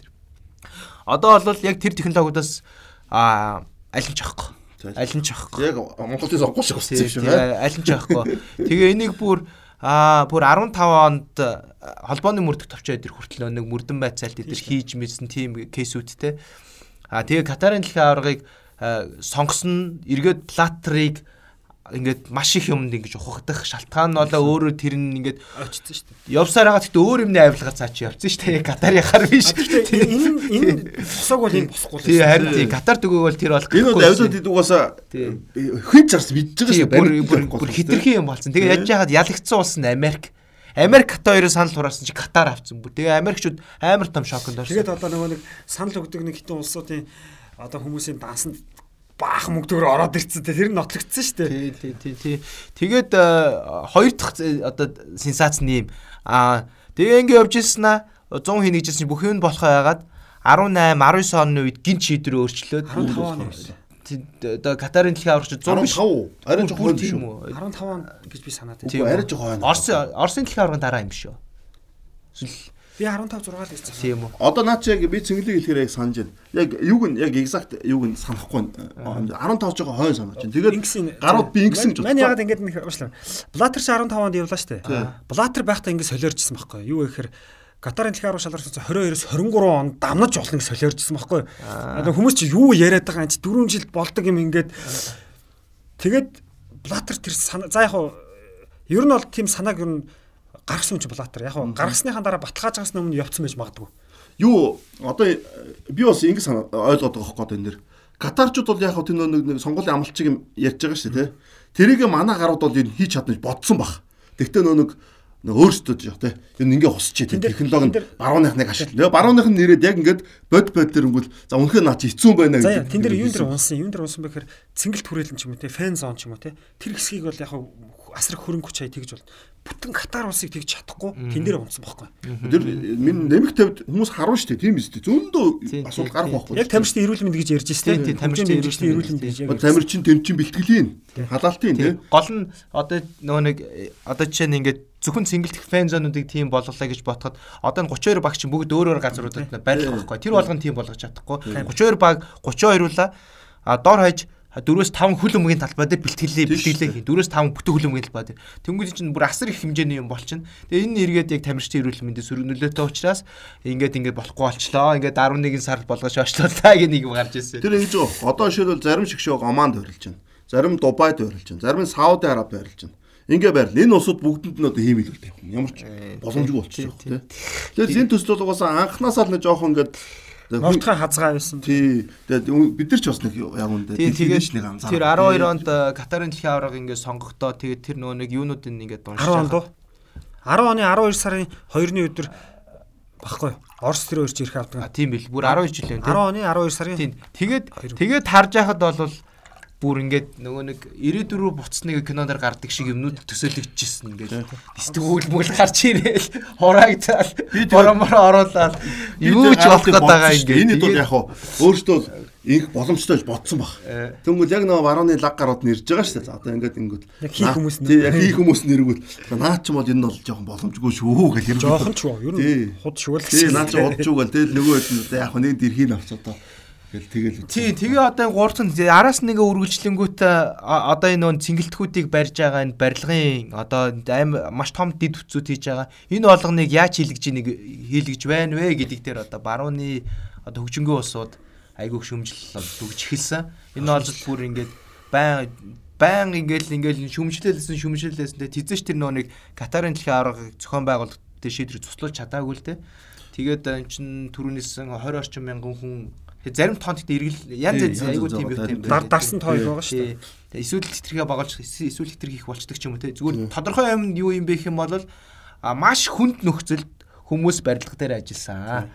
Тэр бол айгүй тодорхой гэдэг. Бүр нэмэг 50 градус гэж бол зүгээр юу ч биш гэж байгаа. Амжихын тулд амар тийм. Тий, амжихын тулд амжихын тулд гэд тэр бол бүр маш тодорхой. Тэгээ хоёр дахь нь болохоор одоо бас яг араб ертөнц харьцангуй хаалттай ертөнц тэнгууд тэнд нөгөө нэг одоо хүний эрхийн асуудал бас айгүй хүн дээр хуцаар тавигддаг тийм. Тэгэхээр энэ болгоно нь өөрөө энэ хөл өмгийн спортчин глобал дэлхийн нийтийг хамарсан спорт учраас энэ том тэмцээнийг авчрах одоо тийм шаардлага суур шаардлага наадал чи хангаж чадахгүй байна гэл хатаглал тэнд нэг фанат очоод Английн фанатууд одоо бүр үгээ хэлж. Англич гэдэггүй дэлхийн нийт очингот пив тэдэнд фунт юм. Тэгээ тэр чинь бараг зарагдахгүй ч байгаа зарим газараа. Оо тэр амар үнэтэй. Амар үнэтэй тий. Тэгээд тэр чинь ингэж байгаа. Тэр чинь одоо суур шаардлага мөн шүү дээ. Тэнгүүл Катарын ингэж байгаа. Буудал муудал ингээд зочил буудал ингээд логистик нь угаасаа дийлэхгүй заяа. Угаасаа яагаад ч дийлэхгүй тийм болон байна. Тэнгүүл бараг тэр фанатуудын бараг 90 орчим хувь ингээд юунд байлчихж Дубай ма баярган тойны хувьуд байна. Тэгээд Дубайгаас ингээд шатл явж байгаа байхгүй ингээд шатл одоо автобус ингээд байнга явдаг шүү дээ тийм биш. Тийм онгоц гэж бодолтой та нар. Тийм юм сонсч ирсэн юм шатл онгоц тэр чинь баг 10 минут 20 минут шахуу явж байгаа. Тэгээд тэр үзэгчдийн ингээд ихийг зөөгөөд нөгөө үзэгч нь үзчихэд 48 билээ 24 цаг тэр Катар усаас гарах хэвээр. Тэр нь виз нөө. Тэгсэн чинь та нар бодоо. За нийт сингэлтэд за нэг орой зүгээр нэг 40 мянга 50 мянга бодож нийт сингэлтэд унчаар заяа. За тэрний нэг за ихтэй 10 мянган Катарда байгаа гэж тийм үзэгч үзэж бүх юмуд нь. Тэр нэг 30-аас 40 мянган хүнийг яаж тэр тоглолтыг үзүүлэхийн тулд зөөх үү? Хэдэн онгоц явах уу? Та нар боддоо. Тийм сте. Хэдэн одоо за Airbus амар том том онгоцоор зөөлөө те. Тэр чинь ингээд нэгэн зэрэг нэг нь хөдлөөл хөдлөөл хөдлөө те нөгөө хүмүүс чинь буун. Буусныхан дараа нь яах вэ? Тийм олон онгоцыг за тэр хүлээж авлаа шууд маш их автобус орно. Нэгэн зэрэг зүүн. Тэр чинь өөр том хотууд бол айгүй олон сүлжээгээр орж ирж байгаа шүү дээ. Метрогоор ирж байгаа, алхаад ирж байгаа, автобусаар ирж байгаа. Тэнгүүл нэг хотод нэг л тоглолт болж байгаа шүү дээ. Тийм, тэнгүүл тэд нар чинь нэг газараа буун. Нэг онгоцны бодол дээр буун. Нэг онгоцны бодлоосаа одоо 40 30 40 мянган ингээд тоглолт үзэх гээд нэг 2 цаг ч юм уу 3 цагийн дотор зогсоо цаг ингээд явж яана гэдэг бол ер нь бол төсөөлөхөд хэцүү амар үгүйстэй. За энэ зохион байгуулалтын зүйлийг бол одоо хэдүүлээ төр өрөх. Одоо жинхэнэ тэмцээнэр тий багийнхан юунууд руу орох тий. Зохион байгуулалтын тухай яриул зүг баг нэг нэвтрүүлэг бараг тэгэн тэгэн тэгэн тий. Яг дэлхийн арга шалралт тэмцээний үеэр хадуурчлаа тий. яг манай үдшд дуртай байж магадгүй тий. Яг бид нар нэг энэ тусгай дугаарыг гэсэн нэгдүгээр спонсорын асуудал хоёрдугаар нэг расти битэр яг хоёлаа нөө бас явах ажил таараа тий. Жоох юу ажиллаа л да энэ дээр сод дугаар хийж чадсангүй л дээ тэгээд юун дээр а оо багууд руу оръё. За ингээ багууд руу орохоос өмнө одоо энэ Web Sport Lounge хамт олондоо баярлалаа. Дэлхийн аваргаар та бүхэн ирж үйлчлүүлээрэ үзээрэй. А хоёрдугаарт манай ерөнхий спонсор одоо MMS байгаа. MMS группийн хамт олон манай Green Building одоо концепцээр одоо Монголд маш олон одоо төсөл хийж байгаа. Тэгээд манайхан MMS гэдэг My Mongolia Source гэдэг ороод үзээрэй. Маш олон мэдээллүүдийг авч болно. За ингээд Азиас эхлэх үү. За Катарын шгшог. За энэ багийн хувьд миний мэддэг ойлголт бол Катарын шгшог цагааш тамирчдыг тоглуулад яг 2000 тий дэлхийн аварга ингээд яаж байгаа шүү дээ нөө окей болж байгаа шүү дээ тэрнээс айгүйх авч. Тэрний өмнө ч гэсэндээ энэ бол цагааш бол байсан. Миний тайлбарчсан 2007 оны Азийн аварга маар тэр бол хамгийн гол товтлогч нь цагаач товтлогч 23 номертэй байдаг ч юм уу те хэд хэдэн хүн байсан. Одоо тэрнээс болж ерөөдөө ингээ баг Катар хүн одоо баг байхгүй хэмжинд ирчээд байна л да. Одоо ийм байна. Зүгээр Катартай ярихад Катарын одоо энэ үйл явдал бол олон улсын хөлбөмбөг холбооны дөрөнд бас их том өөрчлөлт оруулсан юм байна. Одоо жишээлбэл 2004 онд Катарын шгшог бол дөрвөн Бразил тоглогчийг улсынхаа иргэншил өгөөд тоглох гэсэн. Энэ дунд Айлтон байгаа шүү дээ. Мөрдөрт тоглодог. Довтлогч. Айлтон бол мундаг довтлогч. Гэхдээ Айлтны хизээч шгшог дуудагддаг. Яг яг ингээ Европоор ингээ суурьцсан хэдэн бразилчууд яг ингээд паспорт өгөөд авах гэсэн. Тэр үед нь бол FIFA Blatter бол Blatter-ын одоо юу гэдэг нь бас хийсэн э, олон мэдээж сайн зүйл байгаа шүү дээ. Тэдний нэг нь бол энийг гэд. Одоо энэ үүний эсрэг дүрм журмыг бол чангалсан. За тэнд одоо ямар дүрм FIFA-гаас одоо барьж байгаа гэхээр тухайн хүн тухайн улсад төрсэн байх хэрэгтэй. Тэгвэл тэр улсын яг эцгийнх нь хинч гэж болно. Төрсэн байх юм бол тэр улсын иргэншил авч шгшаах тоглож болно. А эсвэл тэр хүн төрөөгүйсэн ч гэсэн биологийн эцэг гэх юм уу өвөө юм ээ. Одоо төрсэн эцэг гэх юм уу төрсэн өвөө юм ээ тэр улсад төрж одоо тэр улстай хамаатай байл. А эсвэл за би нэг оны марч нэг бага нас заасан байгаа. Тэдээс өмнөх насандаа ирээд аа тэтэн жил амьдэрсэн амьдэрсэн бол бас болно гэдэг. Ийм л зүйл байгаа. А тэнгуут тэр хим энийг бүгднийг ингээд айлтан айлтан өнтер бол орохгүй бол гүлэм шиг боллоо шүү дээ. А яг за одоо бүр нэг амар юм байгаа заяа. 2000 хэд оны өнөөдөр нэг хандбол буюу гар бөмбөгийн дэлхийн аврал шалралт тэмцээн Катар шигшээ орсон ч юм баахан сербүүд баахан хорватууд шигшээ баг штэ. Тэрийг платер сөхөөд ийм юм байж болохгүй. Шигшээ клуб байж болохгүй гэж. За ингээ Катарт бол жоохон жоохон одоо хязгаарлсан. Катарын одоо нэг Африкийн нэг тенси тамирчид баг хятадууд гарч ирдэг шиг үү. Одоо ингэ бол нэлээд хязгаарлсан. За тэгээ Катарын одоо байгаа багийн тамирчид бол яг хөө зөв Катар төрснүүд нь бол байгаа. За Катарт төрөөгүй ойр орчмод Африкийн улс мосод төрсөн ч гэсэн багада ирээд суурьсан. одоо катарчсан гэх юм уу одоо. Яг FIFA-гийн шаардлагыг бол одоогор ингээд хангаад байж байгаа тийм тоглогч нар. За Катарын хөлбөмбөг бол гэхдээ бас нэг мундаг зүйл бол байгаа. Энд юу гэхээр бас дандаа нэг цагааш төлөмжтэйг бол аваад байгаа юм биш. Катарын Aspire гэдэг маш мундаг академиг бол Катарууд бол бараг 2000 тэр 2 3 4 оны үеэс эхлүүлсэн. Энэ бол Катарын Катарын хөлбөмбөг маш зөв хөлбөмбөг дөрөөс. Энэ юу гэхээр Испани хөлбөмбөг дөрөөс. Испани Барселона клубын за одоо ингээ Феликс Арабуудын тохирно л доо тий. Одоо арабууд ч угаасаа Испанд илэхтэй. Одоо араб испануудын юу бас их ойрхон шүү дээ. Би тоглолтын оюун маяг ойлцоо яг үнэ. Ибери хойгийн чинь бас 700 гаруй жилийн турш баг арабууд Берберд ноёлж исэн соёлууд нь бас байгаад идэг. Тэгээд нөгөө нэг тэдний яасан бэхээр одоо ингээд Катарын шиг шавыг бол Феликс Сансга Испани салжуулагч удирж байгаа. Энэ салжуулагч бол 1996-аас 2006 оны хооронд Ламасиад ажиллаж исэн бас хүүхд гаргаж ирэхтэй мундаг. Дөнгөд Катарчууд Ламасиагаас дасгалжуулагчдыг үрсэн Феликс Санчес бол ирээд Аспайр Актемд бол олон жил ажилласан. Үүний дараа Катарын нас насны шгшөөгийг авч яваад явсаргад тодорхой амжилт үзүүлээд одоо юунд ажиллаж байгаа. За тэгээ Катарчууд бол Испанийг одоо чинь Альсад клуб Шави Эрнандсыг зодог тайлхаас өмнө авчраад тоглуулж байгаа дасгалжуулагч болоод ерөөсөө л Катарчуудын гол үзэл баримтлал дөөрөл бол Испани хөлбөмбөг тэр тэр хөлбөмбөгийг дөөрэж байгааг бас бид нар үнэлэх хэрэгтэй. Тэгээ хүүхдийн академи гэдэг зүйл рүү хөрөнгө оруулж ингэж явж байгааг бол бас үнэлэх хэрэгтэй. Одоо энэ Aspire Academy яг одоо үр дүнгээ өгөх шалгалт хамгийн гол шалгалт нь бол энэ удаагийн дэлхийн арга шалралт тэмцээн байна. Одоо арабууд дээр ингэж байхгүй. Одоо ингээд арабын таньдаг та нар сайн хөлбөмбөгчтэй бодороо. Дандаа юу Испани чиглэлийн хөл. Одоо Сайд Овайр нь 94 оны те Сауди Арабийн за а Шилхууп, Навафел, Темиат а хин Сами Алжабер гэдэг дандаа хурдан гоцсон тоглолт сайтай ийм тоглож. Монгол дээр хүртэл энэ Шилхуупийн хоёр тоглож ирсэн шүү дээ. Навафел, Темиат, Сами Алжабер дээр те Монгол шиг тоглож ирсэн дандаа тийм одоо ингээд бодоход дандаа хурдан толч нь байхгүй. Одоо Ираны дээр Нашат Акрам гэдэг гол найруулагч бас хурдтай гой найруулагч байна. Юнис Махмуд гэдэг товтлогч Има гэдэг одоо ингээд яг зөвхөн юуны одоо н арабын хүнээс гарсан толчтой гарав тийм байгаа байхгүй. А персүүд бол Иран бол персүүд ч юм аа андуурд тий. Персүүд бол арай өөр. Герман германчигтэй шүү дээ. Тий, германчигт арай өөр байдаг. Юу тоглолт юм аа. За тэгэл ингээд Оманы хөлбөмбөгч нь ямар Исмаил Матар лөө тэр мэр ингээд хамгийн супер од нь байна. Арабын нэгдсэн Эмиратын нэг Одиб тэр галзуурдаг Омар аль Мохаммад илүү Сити хүртэл авах гээд байдаг 18 өвтэй солгоос галзуу нэг залуу гарч ирсэн шүү дээ. Үнэхээр мундаг. Тэр мэрчин бол яг л тийм месси стил нь болох шүү. Арабуудын тоглолтын маяг бол яаж тохирж байгаа. Катарчууд 2019 оны Азийн одоо авар буюу Asian Cup төрүүлсэн баг. Тий, Азийн авар. Энэ ч бол айгүй том амжилт шүү дээ. Азийн аврагт бол бүр тасраад төрүүлсэн шүү дээ. Азийн аврагт Сауди Араб, Солонгос, Австрал, Япон, за Ирак 7 төрүүлсэн тий. Энэ нийтлэл ерөөхдөө үлддэг. Тэгээд энэ бусад арабын хойгууд бол Иран ойр төрөлөг үчигс бас үлддэг байна шүү дээ. Иран бол дөрөвдөө үлдчихдэг гэдэг шүү дээ. А тэнгууд л энэ яг хідэн багууд байхгүй юу? Катар, Оман, Йемен, Бахрейн гэд энэ хідэн багууд чи яг нөгөө юунд яадаг? Хэсгээс гараал мултардаг. Нэг Азийн 16 багууд ер нь тийм л байсан шүү дээ. Хэсгээс гаруулах юм. Тэгээ хэсгээс гарах юм бол хэсгээс гараад мултардаг. Одоо Узбекистаныг нэмжүүлж байна. Хятадыг нэмжүүлж байна. Хятад ч бас явдаггүй шүү дээ Азийн юун дээр. Яг нэг ийм стилтэй байхад энэ дундаас Катар 19 он төрүүлнэ гэдэг энэ бол том юм л да. Тийм тэгээ Катар 19 он төрүүлэхтээс зүгээр төрүүлэг бүх тоглолтод очсон. Тэмцээний явцад ганцхан гол алдсан. Дунджаар а багуудаа 2-оос илүү олон голоор хоцсон тийм үзүүлэлттэй. Сон сон километр бүгд тоглосон шүү дээ. Тий, одоо бүгд Японы шиг гайгүй баг ирсэн. Тий, Японы шигшээ ч гэсэн гайгүй хүчтэй баг ирсэн. Тэгээд Японы шигшээг финалийн тоглолтод бол үзэхгүй хөдсөн шүү дээ. Юм юм болохгүй. Гол алдсан ч гэсэн үзэхгүй хөдсөн шүү дээ. Тэгээд Катарын шигшээ тэгээ 19 онд бас юунд Копа Америкад ч тоглосон. Тий, тэр амар том экспириенс болсон шүү. Тэгээд бас өнгөрсөн жил нөө юуны төв бол өмнөд Хойд Америкийн Gold Cup гэж болдог шүү дээ. Gold Cup-д оролцоод хагас шид хүрсэн шүү дээ.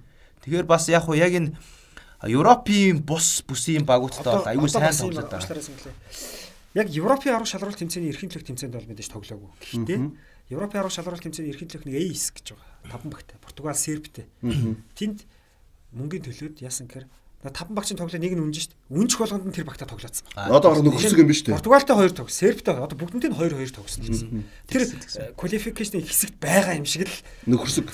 Нөхөрсөг дээр бол мөнгөд тоглож болно дээ. Асуудалгүй дээ, тий. Тэр энэ тэггүй ухаалаг шийдэл байхгүй. За Катарын шогийн хувь та хоёр дээд юу гэж бодож байна? Энэ баг. За би сая цэнгэлээ яриг тасалчлаа. Тийм тэгээд энэ юунууд яг дэлхийн аврагынхаа бэлтгэлд бол ингээл алхам алхмаар эсэр хагаал өөрсдийн боломж нэмжэндээ бэлдээл яг орж ирж байна. Тэгээд яг миний хувь зүгээр давуу тал гэж харж байгаа хоёр одоо үнцэг байна. а сул тал зүүн байгаа. Тийм тэгээд эхнийх нь бол яг мэдээж талбай эзэд. Талбай эзэд.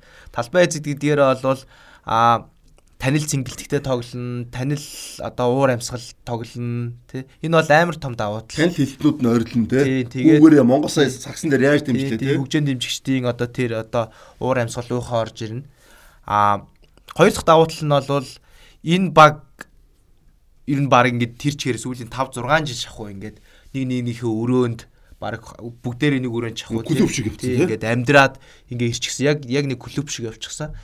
Тэгээд энэ нэг тоглогчдын хооронд ойлголцлыг сайжруулж байгаа. Нэг нэгд маш ойрхон болгож байгаа. Тэгээ нэг нэг зоригтой болоход бол маш том хүчин зүйл болгож байгаа. Эдгээр чи одоо ингэ шүү дээ. Европын том багууд бол шигшээ жилд дөрөв за жил 5 удаа л нэг 17-оос 10 хоногор цугларч байгаа ш. 7-оос 10 хоногор. Ингээ бодоход нэг үсрээ шгшээ багийнхантайгаа нэг нэг сарын хугацааг л өнгөрүүлж байгаа. Яг жилд те бараг. Тийм жилд штэ. Тийм тэгээд Катар бүтэн жилээрээ баг тийм байж чадж байгаа. Энэ бол бас яг хоорондын ойлголцол нэгдвэл байдалд бол аюу том даваа. Цөмөр хийдэ энэ ч цөмөрл гэж юм байгаа ш. Тэгээд одоо жишээ нэг чинь Катар одоо сая ингээд цөмөрцсөн юм шиг байна. Юуны Европын ингээд том багууд нэрээ цөмөрцсөн байж магадгүй. Европын том багуудын тоглогчд гимтэл тэгээ 3 хоног болгон тоглоол те бүж алаан болж байгаа шүү дээ. Тэгсэн чинь Катарын шигшээгийнхэн Швейцарт 10 сарын 9 сарын төгсгөл 10 сарын ихээр сэргэлтийн бэлтгэл хийж байгаа хэрэг. Чи одоо бүр юу вэ те? Аа цөмөр гэж юм амар юм байж шүү. Катар цөмөрсөн. Тэгээд тэгээд одоо явахгүй гэсэн үг хэцүү те?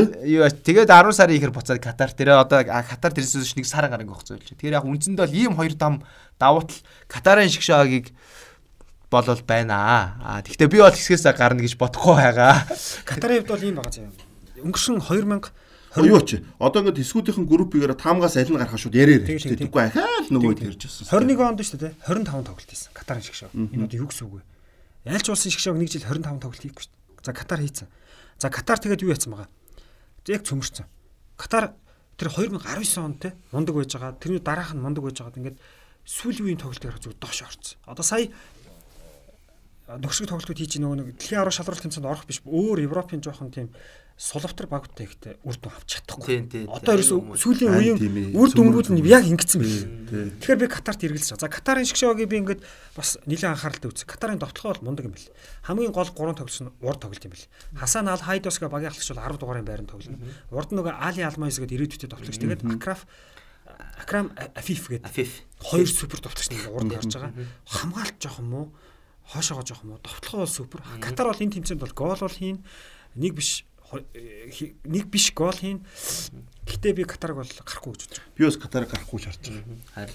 Ер нь бол цөмрөх гэдэг чинь бол асар том юм шүү дээ. Одоо бид нэг хөлөмг өөрсдөө тоглож исэн хүмүүс цөмрөх гэж үү айхус ойлгоод байгаа хөөхгүй те. Хитргийг бэлтгэл хитрхий нэг хүмүүстэйгээ цуг байх те. Нэг юмаа ингээд олон давтаад наа бүр ингээд. Одоо багт ингээд цус хэлбэлт хэрэгтэй байгаа шүү дээ те. Цөмрөх гэдэг чинь одоо юу гэдэг чинь тэр нэгээд цуснаас гадна өөр зөндөө юмнууд ингээд шинжилүүд байх хэрэгтэй. Тэр цөмөр нь клубтод тоглож чинь өөр клуб тоглож чигшээд тоглоод чинь хоёр тал төлөмөд хүн чинь бас ингээд юмыг харьцуулаад сайжирдаг тий. За одоо ингээд шигшээд очиж дэлхийн аваар тоглолцсон амир шал өөр болчиход ирдэг шиг л тий. Том том тэмцээнд клубд очиж шигшээд ирэхэд өөр болсон ингээд ингээд хоёр тал байна гэдэг өөр айгуу тийм чухал юм байдэн шүү дээ. Тэгэл ийм байхгүй нэг өөр бол яхаар госолт болж байна. Тэгээ юу юм манайх үзэгчтэй. Юу сүүлийн хоёр хэсэг шууд бөгнүүлээ ирчих учраас хэдүүлээ одоо яг Катарыг яриад нэг завсралч тий. Тэгээд нөө үлдсэн 31 баг өрөхөд яг хэсгүүдээс аль аль гарах уу гэдэг маш гоё гоё тоочин тооч товчон тооч яриа авчих. Тэгэхгүй бол манай ерөнхий продюсер тэндээс ингээд бас ингээд цаг маг яаж заагаад байна тэндээс. За ингээд эсэг хугацааны дараа үзэгчтэй эргээд уулзцаая.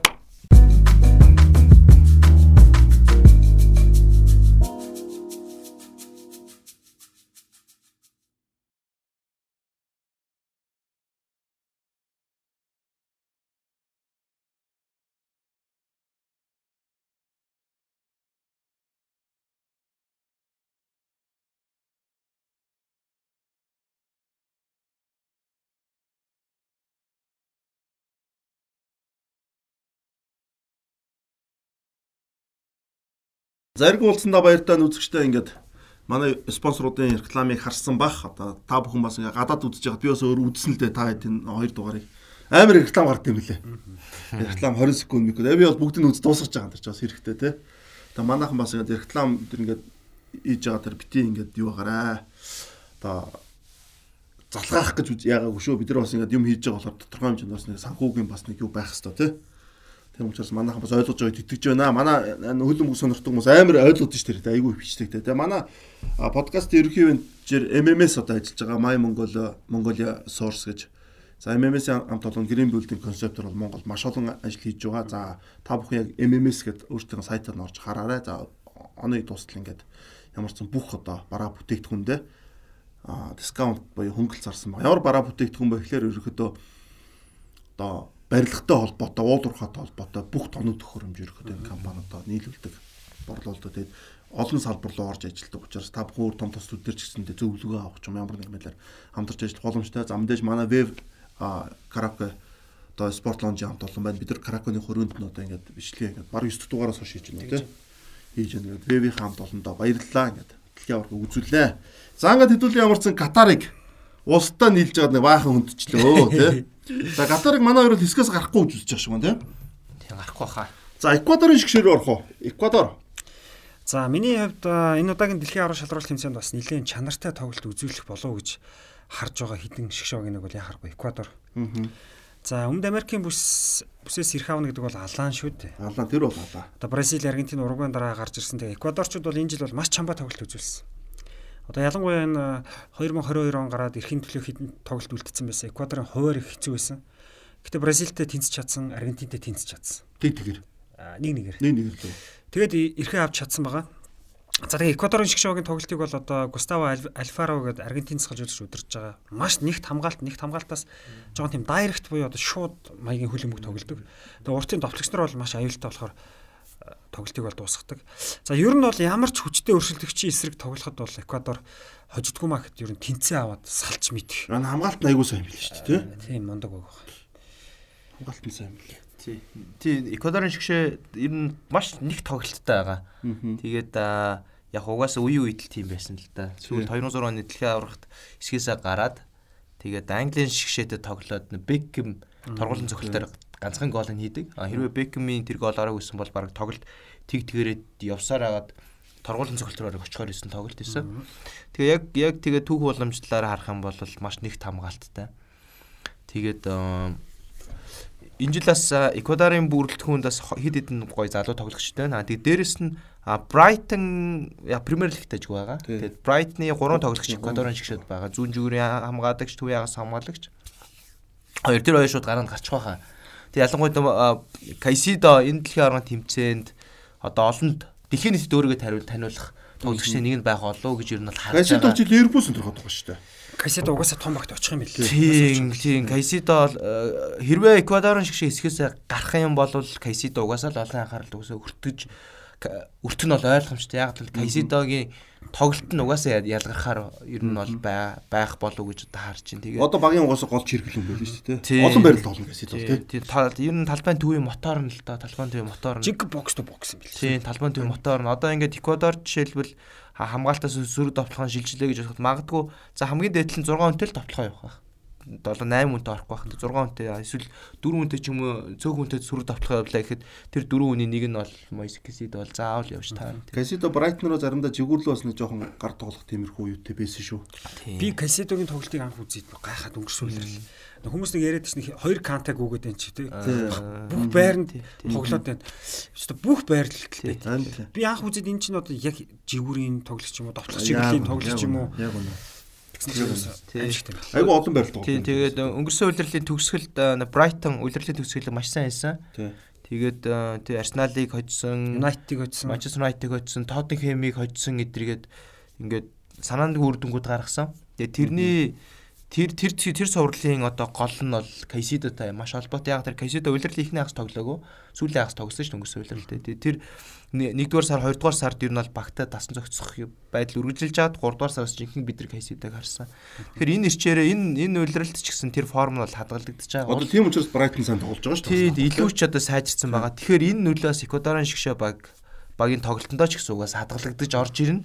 Тэгээ Кайсидо а Өмнөд Америкийн сонгон шалгаруулалтанд 2002 оны 2002 оноос хойш төрсэн тоглогчдоос гол оноос анхны хүн болсон. Чи бүр 2 жилийн өмнө л үү. Аюу бас чухал гол хийсэн шүү дээ. Насын ботгол ийм залуу. Тэгэхээр тэгэхээр харин Эквадорын шигшээ баг хэсгээсээ ер нь бол миний бодлоор бол баг гарчих магадaltaй гэж хараад. Ягаад тэгэхээр Мане гимтсэн учраас Сенегалтай их тоглолтод илүү давуу тал гарах байх. Аа тэгээд аа Тэгэхээр бол энэ энэ талаараа харах юм бол ингээ гарах магадaltaй. Нидерланд бол энэ хэдийгээ бүгдийг хожиж чадахгүй шүү дээ хүнд бол. А яг хөө зүгээр Эквадорын шгшээг нэг нэг сул тал нөх юм бол хизээ хин гол их вэ гэдэг л асуудал байгаа. Тэрнээс бол а тоглолтыг бол тэг тэгэр бол дуусгах чадна. Одоо энэ хэсгийн 3 тоглолтод гурвыг нь хүсэх юм бол гурвыг нь 0-0-оор дуусгах юм бол дуусгах чадна. Харин энэ тийм баг үл. Тэгээд угаасаа одоо 2002 онд анх удаа орж ирсэн шүү дээ тий. Тэгээ 6 он ингээд ингээд тоглолтуудыг ингээд харахаар угаасаа Өмнөд Америкийн бүсээс Эквадор шиг баг гарах юм бол маш сайн хамгаалалттай байж л гарна. Тэгж л гарна. Тэр мундаг тоглолтод Уругвай, Чил, Колумб, Бразил, Аргентин энэ мундаг багуудаас 4.5 хэрэгтэй. Дөрвөн шууд орно нэг нь нэмэлт тоглолт. Тэр нь баг ордог тий. Тэгэхээр энэ жил ороогүй. Энэ жил ороогүй. Энэ жил ч ороогүй. Перу Перу Перу очигдсан тий. Тийм үү за Перу өнгөрсөн юм дээр орж байгаа ш бас хамгаалцаад байсан тий. 1-0 мөлөөр тоглолт дуусч байгаа тий. Перу Эквадор шиг багууд дэлхийн авард Өмнөд Америкийн бүсээс ирэх авахын тулд хүссэн үсээгөө хамгаалдаг хөлбөмбөг тоглоосоор гарах байхгүй. Багаараа тоглоосоор. Тийм. Тэгэхээр Эквадор өссөн үсэг угаасаа тийм хөлбөмбөг орж ирнэ. Би бас Эквадор дээр гайхаад энэ одоо эсгээс гарах болов үгүй болов гэдэг амар эргэлзэж байгаа баг бол Эквадор байна. H хэсэг, A хэсэг хоёр бай. Хамгийн 1 2 дугаар хэсэг бол энэ эсгээс аль нь гарахыг даахад бол үнэхээр хэцүү байлсан байна. Тэгээс Эквадор гоё тоглоно. Тэгээ энэ нь бол тийм амар өршөлтөгч бол. Эквадорын хаалгах жоохон сул багш болоо тий. Эквадор хаалх сайн сайн. Сайн уу? За туршлагатай Домингес гээд сайн хаалгаж байгаа. Айгуу тий. Зүгээр зүгээр. Ер нь бол давгүй. Эквадорын тим сайн хаалгаж байгаа бол яваад шүү дээ. Бас тийм байт л дээ 0-0 тий. За дараагийн шишээ оръё. Сенегал Нидерланд алийг ярих уу зэнгэл. За дараа нь би нэгийг сонгоо ярьчих. Гурава тэгж ээлжилж явъя. Аа за за. За сонгоод өгч одоо нөө чи эхэлчихэд битээ нөө юмудаа нэмээд тий. Аа. За би зүгээр Нидерландын шгшаагийг хараад байгаа болохоор хэлчихье. За харъя. За сонсъё. Тэгээд аа яг Нидерландын шгшээ ингээд хүлэмгийн түүхэнд айгүй том одоо өөрчлөлт оруулсан бас хүлэмгийн түүхэнд гой өнгө нэмсэн тийм усуудын нэг тэр хэм маягаач одоо хүртэл хадгалж байгаа маш олон одоо мундаг академиудад олон гой тоглогчтой гаргасан баян тоглогчтой үйлдвэрлэж чаддаг өөрчлөлт оруулж чаддаг усан ч өөр их гой тэр утгаараас Нидерландын шгшаагийн тоглолт аюу гой санагдаад байдیں۔ Тэгээд энэ дэлхийн аваргаар аа Нидерландын шгшааг бол яг үнд бол битүүмээр орж ирж байгаа. 18 оны дэлхийн аваргыг үндсэн 20 оны Европын аваргыг үндсэн. Хамгийн сүүлд 16 16 оны Европын аваргыг үндсэн. 20 онд орсон тий. 20 онд орсон. 20 онд андуурч 20 онд ороод нөгөө хиний блиндтэй хиний баг хэсгээсээ гараагүй шүү дээ. Хэсгээсээ гараад чек тожигдох. Чек тожигдоод тий. Гэхдээ маш сул тогсон. Тэр чинь насгалжуулагч нь хэн байсан шүү дээ. Дебүр. Дебүр байсан тий. Дебүр байсан. Тэрний дараа Лювангал ирсэн. Лювангал том өөрчлөлт оруулсан. Дебүр тий. Тэгээд Лю Ванга сүүлийн 18 тоглолт хожигдог байгаа. Нидерланд. Ерөөсөө Вангал аваад хожигдсон. Тасалжуулагчийн юугаар байгаа. Тэгээд Вангал дэлхийн аваргаар 3-5-2 гэсэн байрлалаар тоглуулна гэж өөрөө хэлсэн. А тэгээ энийг нь бол Вандайкаас ихсүүлээд одоо өнгөрсөн сая энэ 3 дугаар сард шишээ багуудын цугларалтыг өмнө шүүмжилсэн. Бид нар 3-5-2-оор тогломоор байна. 4-3-3-оор тогломоор байна гэж хүртэл хэлж ирсэн. А гэхдээ одоо Вандайкийн бод өөрчлөгдсөн байгаа. Тийм. Ягаад тэгэхээр 3 4 3 эсвэл 3 та 2-оор тогсноор Нидерландын шишааг дээр маш том байрлалын болон одоо байгаа тоглогчдын одоо ур чадвар аа тэгээд тэр тэндээс үнслээс аюу сайн балансыг нь бүрдүүлж өгч байгаа. Өөрөөр хэлэх юм бол Нидерландын шишээ яг одоо ингээд энэ дэлхийн аврагт орж байгаа 32 багийн шишээг чигсаах юм бол зөвхөн нэг байрлалаар номер 1 тэр нь төвийн хамгаалалт. Яг үнэ. Төвийн хамгаалтаар хамгийн номер 1 одоо бүрэлдэхүүн бол Нидерланд ирэж байгаа. Тэгэхээр тэр давуу тал ашиглах нь тул 3 сайн хамгаалагчаа тоглох гэдэг шүү дээ. 3 төвийн хамгаалагчаа тоглох гэдэг байгаа байхгүй. Тэгжээч нөө хойдлын одоо өрсөлдөгч багийн товтлохыг одоо хаах, сөрөг товтлохыг зогсоох эсвэл чөлөө цогцлон дээрс гол алдуулах нь нөхцөлөө бүрдүүлж байгаа. Нуруу өндөр тий. Тийм тийм. Тэгэхээр 3 5 2-оор тоглох нь. Ньюкаслын Ботманыг үлдээчлээ шүү дээ. Тийм, Ботман хүртэл тэгээд багцсан шүү дээ. Тийм, тэгээд Ботманы хүмүүс үлдэхэд гайхгүй байгаа байхгүй. Ер нь тийм. Ботман энэ жил яваар байгаа лээ. Тэгээд яаж чам. Тэгээд Нидерландын хувьд бол 3-5-2-оор тоглоод талбайн төв тарин гол асуудал тэнд байх шүү. Тэн дээр л харин жоохон сонголтны юу лээ гэдэг л байгаа юм. Тэгээд хойтлын 3 жигүүр хоёр ерөнхийдөө баг ойлгомжтой байж байгаа. Тэгээд Донфис зүүн дээр Блинд сонголт чинь сонголт чинь ер нь бол гайгүй байгаа. Зүүн дээр бол Блинд байна, Маласиа, а талбайн төвийн 3 дээр Блинд ч орж ирэх бол боломжтой. Натан Акеч байгаа. Натан Акеч одоо зүүн жигүүр л бас Вандайк Деликтор ойлгож байна. Вандайк Деликт байгаа. Зарим тоглолт магадгүй Деврич гарч магадгүй. Деврай явах шүү. Тэгээ Деврай Деврай чи төвийн хамгаалтын баруун руу орно шүү дээ, тий. А эсвэл зүүн үлийн Вандайкийн зүүн үлийн давуу талыг энэ хоёр үлийн техникийг ашиглах юм бол төвийн хамгаалтын зүүн рүү ч тоглож магадгүй. За Вандайка яг голдоо тавих. Би бол Вандайкийг голдоо Тэр бол яг үндсэндээ бол яг энэ хойтлын энэ тав бол ойлгомжтой байгаад байгаа. Хаалгач дээр бол Фенердийн хаалгач бараг шууд гаранд гарах байхаа. Хин бэ? Өө нэр нь орж ирдгүй. Энэ энэ жил яг Фенердэд ер нь Песвар биш үү? Тэр чинь Аякс ах тий. хэвчээ. харж л та тий. Тий. А тэр сая 9 дугаар сард бол хин тогсон. Пасвер тогсон. Гурван тоглолтод. А Бэлгийн хойшлог тоглолтод тогсон гэж байгаа. А тэгээд энэ хойдлын 5 хойдлын 6-аас хэсүүлээд уртлын одоо тэр Билов Фенердийн хаалгач тий Билов. тий тий тий тэр. А тэгээд уртлын 4-өөс 5 тоглогч дээр л ер нь бол ямар сонголт вэ А асуулаа. За бид нар бас подкаст дээр ярьж байгаа л да Нидерландын бол юм довтлогоо жоохон таар байгаа гэх тээ. Аа. Тэгээд аа талбайн төвд а угаасаа нэгдүгээр сонголт нь Дионг. ойлгомжтой. Дионгийн хажууд а, хи- хин нэг үү хоёр хүн гарах үү гэдэг сонголт бас байж байгаа. Тийм сонголт бас гарч байна. Хоёр хүн байх юм бол а нэг нь бол угаасаа хин гарах. Дирон. Гарах. Аталантагийн. А тэгээд Одоо ч Аталантад байгаа тий байгаа. Байгаа тий. Тэгээ хоёр хүн гарах юм бол а Дионг орж ирээ Дир- Дирон орж ирнэ. А тэгээд магадгүй миний бодлоор Кеннет Тейлер дуг нь тоглолтын цаг өгөхтэй байх гэж байгаа. Аякс. Гараан дээр чи юу гэж бодож байна? Би бол арай жоохон а хамгаалтанд Юрен Тимбер гэж бас сайн хамгаалагч байгаа шүү. Тийм. Симбер хойдол баг. Вандайкийн баруун Гурван баруунд тий. Ер нь делигт суух гэдэг байгаа шүү. Ер нь ер нь делигт суух шүү. Ер нь баг делигт зун. Яг баг Натан Аке, Вандайк тэгээд Жюрен Тимбер энэ гурав баг. За би бол Деликт Вандайк хоёрыг аль нэг дээр гаргаж харж байгаа шүү. Тэгээд яг юуны а, Тэгээ Вандайк Вангалч зөвүүн юугаа Тий. яам л да. тэгээд Вангалийн хувьд гэх юм бол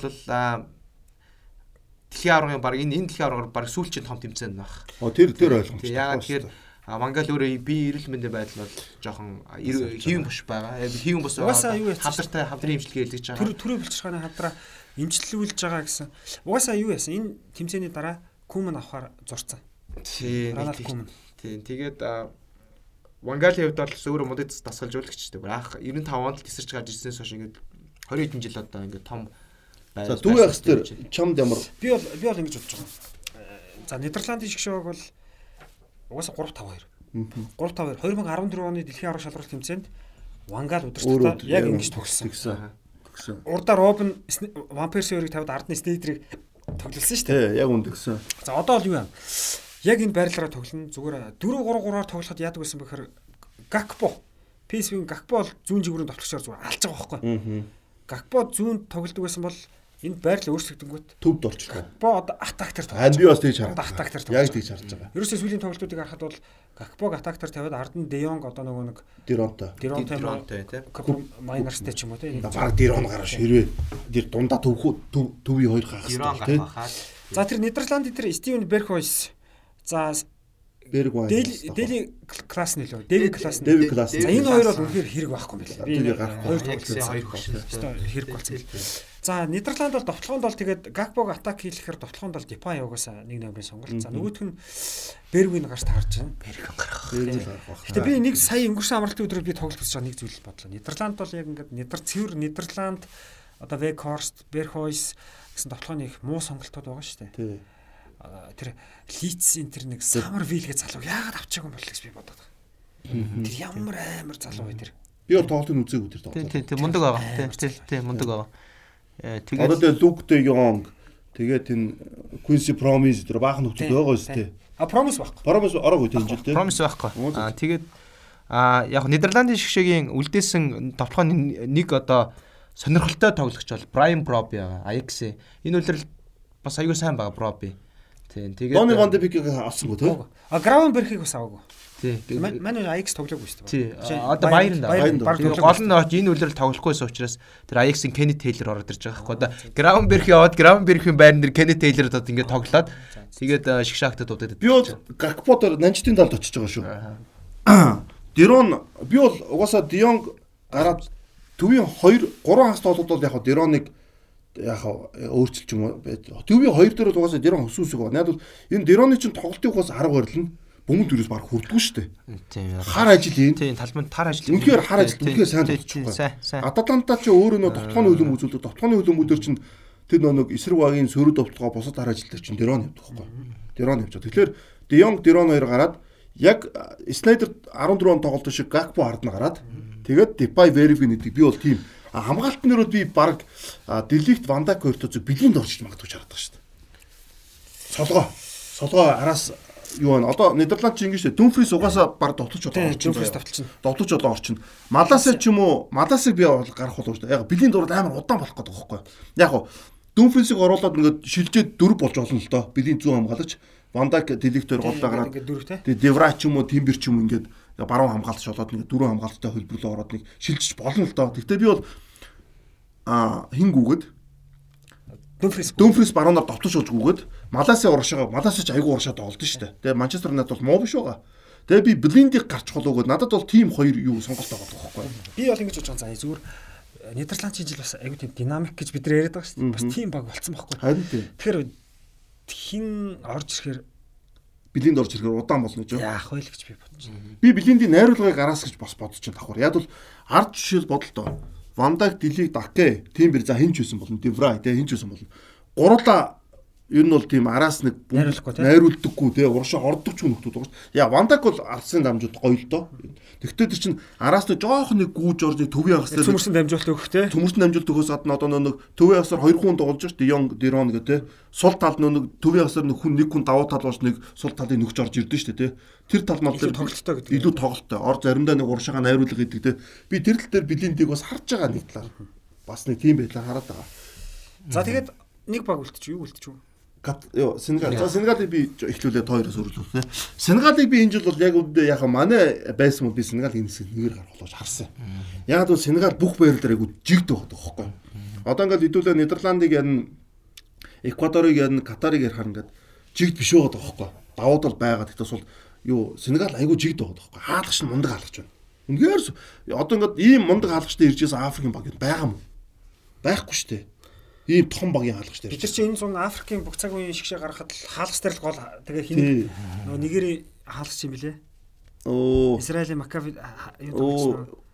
Дэлхийн арга Инема. Тий, Инемаг бид нар оруулж ирсэн шүү Тий. дээ. Тий, Немагаас илүү олдож болов. Яг хөө тэр чинь тэгэл Бенжамин Менди орчиж байгаа хаалгач дээр. За тэгвэл хамгаалтан дээр орж ирэхээр Эдуар Менди. Эдуард Э, Эдуард sorry Бенжамин Мендес л Эдуард Менди орчиж байгаа. Тэгэд хамгаалтан дээр бол Кулибали орчиж байгаа. Энэ бол угаасаа супер хамгаалагч. Диало орж ирж байгаа. Урд нь яг Кот дивар Коло Түрэ гэдэг мундаг хамгаалагчд орчиж байсан. Сампс. А юу болохоор Нигерийн хамгаалагч дээр Дарибо Вест ч юм уу а Селестин Бабаяро гэдэг юм уу яа Бабаро яг зүүн рүү гарчиж байгаа шүү дээ. Яг гайгүй хамгаалагч иржсэн тохиол байгаа. Тэгтээ тэдгэр хамгаалагчдаас яг Коло Түрэгээс нэг жоохон дутуу юм да. Коло энэ Кулибалиг би бол аюу өндөр. Тийг орчиж байна. Кулибали баг Колоос илүү гэж бодож байгаа. Илүү гэж бодож байна. Коло бол яг хурдаар бол илүү цогтөг. Гэхдээ Кулибали чинь яг хамгаалалт гэдгээр би хаа Яа. тиймаар илүү хаа. За Кулибали. Тэгвэл Кулибалигийн тэнд олох сонголт байгаад байгаа байхгүй. За Куята төвийн хамгаалтанд тоглож чинь. Өмнөх дэлхийн орог Куята төвийн хамгаалж ирсэн шүү дээ. Тэгээд төвийн хамгаалтанд тоглолт төр чинь би хаагаараа бас айгүй мундаг өндөртэй. За яг хоёр жигүүрийн хамгаалт жоохон сул талуулж магадгүй. Гэхдээ Африкууд хурдтай байдаг. Энэ бол Африкийн юунаас орчиж байгаа ямар жигүүрийн хамгаалт асар хурдтай байдаг. Тогтхооноос хамаачлаас маш сайн байдаг. Хамгаалтан дээр муу байдаг. Тактикийн жоохон алдаа гарч магадгүй. Тэн дээр бол жоохон сул тал. А дүн төвийн хагас руу орж ирэхээр Нампалис Менди байна. Наач ба супер. Наач бол одоо жинхэнэ дөрвийн урд тоглох Нампали Менди гэдэг юм байна Францаараа. Наач Аа, бол ерөөсөө нийлэхгүй тийм. амар юм. Энэ сайн сайн. Контег ордох гэж бас листер авч өстэй. Яг Кантегийн хэмжээнд өрөх гэж үнэхээр сайн тоглож байна. А тэгвэл хажуу талд нь Идрисе Гана байгаа. Эвертон. Энд чинь Парисын Парис. дэрмэн хүртэл тоглолцсон. Тэгээ буцаад ингээд ирж мэж байгаа. Энэ бол айгүй сайн тоглож. Яг гоо бас дефенсив Одоо Парис байгаа юм шүү. Үгүй шүү дээ. Англид очсон байгаа. Эвертон буцсан. Эвертон буцаад ирсэн. Яг гоо дефенсив мэдээлэлээр тал руугаа гэхдээ бокс то бокс рууас хөрөн тоглолцдог. Парис байхад Паристай зүүн ингээд бокс то бокс руу Верати тэртээ нэг Амар жоохон амар амар. тоглох гэдэг. Энэ хоёр байхад тэгээ дээрэс нь ард арын нөгөө явахад хамгаалт бол юу аюу сайн байгаа тоххой. Тэнгүүд манай хэрвээ орж Тэгээд Куяте наад хоёр дэш нэмэгтэй гол тоглох юм билээ шүү. Куятаг чарн би төвийн хамгаалт руу оруулаад. Үгүй үгүй Амад Диало Диала төвийн хамгаалтанд гаргаад Кулибали энэ хоёр чинь бүр хослоод бүр тэгвэл наа чи бүр алах нь. Түрүү жилийн Африкийн аврах шалралт тэмцээн 660 минут тоглохдоо дөрвөн гол алдсан гэж байгаа. Хоёрхан гол алдсан ч лөө. Сая нэг сард шүү дээ. Тийм. Тий. Одоо тийм Тий, нэг сард. Одоо юу яаж байгаа? Сенегал ерөөс хамгаалтаар шуугилж байгаа. Тэр Диало хин хоёр чинь гослоод бүр дийлдэхгүй байгаа. Диалог үнэхээр гарааны бүр би диалог жоох яагаад юм бэ? Арай залуу те. Энэ удаагийн юун дээр дэлхийн ордер ингээд эргэлзээд би Куятагаа дуулуулж болох. Хэрвээ диалог Кулибалиг гарах юм бол бүр амар бол. Юнайтед Амад Диало гэдэг нөгөө өөр хүнтэй хамтарсан юм. Ямар Диало вэ? Амад Диалош нөгөө Манчестер Юнайтед. Диалог гэж одоо юунд тоглоод байгаа юм биш үү? Мө мө мө мө мө мө. Оо. Баяр мюхэн биш ээ. За чи би энэ хараад тийм. Баяр биш биш биш. Биш биш. Тэгээд а, сая юу чин нэгдүгээр сард болсон Диало Лайпциг. Лапту аа яг үнэ. Наа чи аа тийм тийм тийм. нэг сард болсон а, Африкийн цомын тэмцээн дээр глобали айгу формутай очоод Сенегалыг яах вэ гэсэн асуулт байсан шүү дээ. Тэгэхэд бол тэр глобалигийн формутай байсныг бол хамгаалтаар нөхөж чадсан юу? байхгүй тий. Тэгвэл Коята Гана Менди гэх юм бол бүр амар Амар явсан. Яг байгаа сул судалж магадгүй Манай байхгүй алчаараа. Яг энэ гурав чинь энэ бол гурлаа яг дотлооны биш байгаа тоххой тийм. Дууртлын амар авч яад. Наад чи хамгаалах алдахгүй л ах үргээ. Энэ бол тийм. Тэгэхээр Сенегалыг би бол энэ эсгийн ер нь бол топ баг гэж хараад байгаа шүү дээ. Нэг баг. За би манай гимтгэс ч өмнө би Эквадорт итгэж исэн. Яг манай гимтнэ гэдэг маань за манай гэхдээ бас Эквадорт тоглоход орж ирж магадгүй юм байл шүү дээ бас. Эхнийх дээр бол өн чинь тодорхой байгаа. Одоо Катар э, Нидерландыг бол уусаа өнчгөн. Тэгэхээр. Сенегал бол нэгдүгээр байр гэдэг юм аа бол ер нь алдчихж байгаа. Яг үнийг хэлэхэд. Манайгүй Өө тийтэйгээр ч юм уу нэг тусч болно ш Нидерланд дээр бас. Нидерланд хийх үү бас. Нидерланд ч энэ жилийн Нидерланд өөр байгаа шүү. Энэ жилийн Нидерландын шгшөөгийн гол лидер нь Вангал байгаа шүү. Аа мэдээлэлүүдээ жоохон Вангала Би бол тэгж энэ жилийн хамгийн туршлагатай цалжуулагч. На- Мань үн чинь олон чим үтсэн шгшөөг дээр очиж маш өөр ажилласан, тамирчдын хайр хүндлийг татсан. Энэ жилийн Нидерланд өмнөх нэг жоохон азгүй, яндаагүй би нэг гарахаараа гардыг шүү аа. Нидерланд энэ жил явж ч аа. Тэгэд хамгийн гол юм бас Сенегалийн насгалжуулагч юм л да. Алиу Сисе гэж. Жин Сисе. 2002 оны дэлхийн аварган тэр мундаг багийн ахлагчтай. Үнээр мундаг харизматай тоглогч. Өөрөө цэвэрлэгчлэр тоглодог гэсэн тий. А би энэ Сенегал дээр Миланы нөө Фодо Бало түрэ би эний ч нөө Баян гэж солиор дандуураад зэнэр ихгүй. Реал Битисийн Сабали байна. А Сабали баруун зүрх хамгаалагч. Тий. Тэгэхээр энэ юу айгүй сайн байгаад байгаа байхгүй. Гуяатай. Сабали алддаггүй шүү. Нохоо шиг л үздэг штэ. За тэнгууд довтлогон дээр Ник Никлас Жаксон Вильяриалиас байна. За манай Исмайла Сар энэ Сар баруун шүү. Исмайла Сар баруун. Исмайла Сар баруун зүг баруун довтлогон дээр манай төв юм уу зүүн дээр гарчиж байгаа байхгүй. Тэгэхээр нэг хүн байгаа байхгүй. За Бамба Динг, Булая Диа нөө юун тоглолт Салернитано. Диди гэж байна уу? Бамба Динг, Фамара Дидио гэж нөө Адена Спор гэж турк юм үзүүр байна. тараад байгаа штэ. Энэ үзүүр зүүн байгаа тийм. тараад Исмайла Сар баруун тараад наа чи үзүүр тараад байгаа. Булая Диа бас байж болно байна, Тий, Диа сонголтууд байгаад байгаа байхгүй юу? Яг л энэ Исмайла Сар бол айгүй сайн тоглож Сар. байгаа. Исмайла Сар чинь Ливерпул том багууд хүртэл нэг хэсэг сонирхож байсан шүү шүү дээ, мод мод. Баруун зүгт наач мож болно. Тэгэхээр Сенегал Ливерпулийн алганд гол хийдэг. Хожигдлогоо цувралыг зогсоодог. Аа 2 дугаар сарын 29-нд өдрөө нөгөө 4 жилийг тохиодог үү. тий. Тэгэхээр Сенегал за таамгаад төвшүүлээ. Аль аль аль хоёр нь гарах юм. За Нидерланд нэгээр Эквадор 2. Аа, уг Манайс бол би 2 арга гэжсэн Сенегалыг. Одоо Манайгүй харин Манайгүй нэг тоглолтыг хоёр тоглолтыг хүүгдгээс л хамаарах гэж бодож байна. Амар том нөлөө. Манай хийж. тэгээд шууд орж ирлэх ямар ч форм гарч ирж штэ. Харин тий. Гэхдээ гайвар дээ манай юм чи. За за. Нидерланд Сенегал Нидерланд Сенегал оо. Нидерланд нэгээр юм биш үү те? нэгээр нэгээр нэгээр. За би Эквадор Нидерланд гэж хэлсэн. Эквадор нэгээр ч байж магадгүй шүү. За яг хөө зүгээр яг сонгохоор Нидерланд нэгээр Эквадор 2-оор гэж таа. Нидерланд, Сенегал. За би бас наад дээр ч бас эргэлз энэ аа айгүй эвгүй юм билээ арай. На Эквадор ч амар олон бодлуулж магадгүй байхгүй. Эквадор л юмд алиж болтолж магадгүй бодлуулж магадгүй. Нидерланд ороод хийхгүй ирж байгаа байхгүй. Нидерланд хийхгүй л яхаа. Эквадор хоёулантай тэнцээд Катаргаа очиж гараад Эквадор. Сенегал алдсан аа тий. алдсан хатан тий. Би яа шийдэж чадахгүй. За за. Нидерланд нэгээр Сенегал хоёроор. За. Би Сенегал нэгээр гэчээ. За. Сенегал нэгээр Нидерланд хоёроор. За за. Гурлаа өөр. За гоё тий. Сенегал нэгээр Гоё гоё гоё. Нидерланд хоёроор шүү миний хол. Би бас Нидерландын хамгаалтаас гадна Сенегалийн хамгаалтанд итгээд байна л да. Энэ хэсэг гол болоод байгаа хэсэг болж магадгүй тий. Дандаа хамгаалдаг өгөөд. 5 оноотой нэгээр гарч магадгүй шүү баг тий. 5 оноотой баг нэгээр гарч магадгүй шүү. Нидерланд хэд янз янзэр гол хийж байгаа. Чөлөө цохилтоос хийж байгаа, товтлогоогоор ч хийж байгаа. Нидерландын чөлөө цохол ханист аюулт болж шүү. Нидерланд Нидерланд чөлөө цохилтоос гэж байгаа учраас харин одоо энэ ялангуяа ийм цомын тэмцээнд чөлөө цохилтын гэрийн даалгаврыг сайн бэлдсэн баг их хол явдаг. Тэрний нэг жишээ нь 4 жилийн өмнөх Англи. Англичууд 4 жилийн өмнө нээлттэй тоглолтоос нэг л гол хийсэн ш. Бус нь бүгд пенальт, чөлөө цохилт, улан мулан гэл баахан юмнаас л хийсэн. Тий, Яг Тэр тэрнтэй ингэж байж байгаа л задардаг тий. тий, тэрнтэй төстэй байдлаар Нидерландд энэ Ван Дайк, Делихт, Тий. Жюриан. Timber, тий, Деврай. Лүхтэй юм, лүхтэй юм. тийм Люксион гэдэргээ тийм сонголтод байгаа. Аюултай. За бэсг рүү гараа. За та хоёр өөртөө сон. Алинаас нь эхлэх, алийг эхэлж ярмаар нь өөртөө. За би эхлээд ерөнхий хэсгийг нэг ярьчих. За тэг. Бэ хэсэг бол ерөөсөө юм бэлээ. Олон улсын хөлбөмбөг албаас гаргасан чансаа байна. Өмнө нь одоо ийм хэсэг байгаагүй юм байна. Одоо Англи 4 ч гэнэ 5 ч гэнэ байгаа юм байна. Тэгээ ингэж явж байгаад хамгийн хойтлын баг нь 19 ч гэнэ 20 ч гэнэ. Америк байгаа маань тий. Тийм. Иран юм уу? Иран ч 15 авт явж илээ. Жумсагаараа. За за уушлаа. Ямар ч үсэн хамгийн сүүлийн баг нь 20 явж байгаа. Оо, Иран шүү. Уэлс юм шүү. 5-аас 20 хооронд байгаа ийм нягт чансаа Байхгүй? Байхгүй. Байхгүй байхгүй. Яаж. А тэгсэн чансаач бас итгэлтгүй л дээ тий. за чансаа л яг. Яг гэхдээ ерөнхий хаан. Тийм ээ, тийм ээ. За опта бол англиг болтрон гэдэг таацсан байгаа штэ. Би тэгээд ер нь оптагийн юг үзээчгүй явж хагаад энэ англи чи юугүй юм шүү. За англи вэлсийг нухаж магадгүй. Энэ Иран чи ямар юм? Энэ Америк чи ямар амир? Гэ оптаг харсан чинь Амир- би ер нь англи мултрын. тал руугаа орцсон байгаа шүү. За, алийнхан гарааг нь эхэлж ярих юм. Чи алийг нэр барина та хоёр сонголтоор. За байгаа. юу ачи Иранаас эхэлжээ. За тэгээ. А Иран ч энэс ерөөсөө англи хэлээр ярьдаг ганцхан баг нь. За тий яг үнэ. Нөгөө өөрөө хоорондоо тоглох юм бол хинийхээ хэнийг хин хинтэйг юу яриад байгааг бүгд шууд ойлголцсон. Тий. Тэнгүүт яг хөө нөгөө нэг юу байдаг шүү дээ. А 2002 оны дэлхийн аврагын тэмцээн нээлтийн тоглолт Франц Сенегалийн тоглолтын дээр а Сенегалчууд Франц юу яриад байгааг мэдээд байдаг. А Сенегалчууд хоорондоо болохоор Сенегалаараа а, орон нутгийн хэлээр яриад байдаг. А тэр нь тэгээ тоглолтноос давуу тал үүсгэсэн идэргсэн тиймнүүд а Бага бага бага. Баталгаатай биш тийм юунууд байдаг, тийм гаргалгаанууд байдаг. А тэрнтэй төстэй байдлаар Иранчууд хоорондоо а Иранаар яриад байдаг. А нөгөө төлийнхээ ингэж ярьж байгаа ойлгоод байгаа юм бол давуу тал үүсгэж юм билээ тий. Тэгээ Иран ч нөгөөдөө ойлгохгүй хаа гэдэг. Аа тий ойлгохгүй магадaltaй шүү За тий. за. А би Ираны шагийн бүрэлдэхүүнийг харсан. Тэгээд Ираны шгшээ баг дэлхийн аргын тэмцээний эрхээ аваад авснаас хойш а, нэг том өөрчлөлт орсон дасгалжуулагч Карлос Кериш сая энэ оны 3 дугаар сард Сенегал тожигдоод Египтийн шгшээг дасгалжуулж байгаа ажилтг болсон байсан. Тэгээд буцаа Ираны шгшээд ирсэн бол байж байгаа.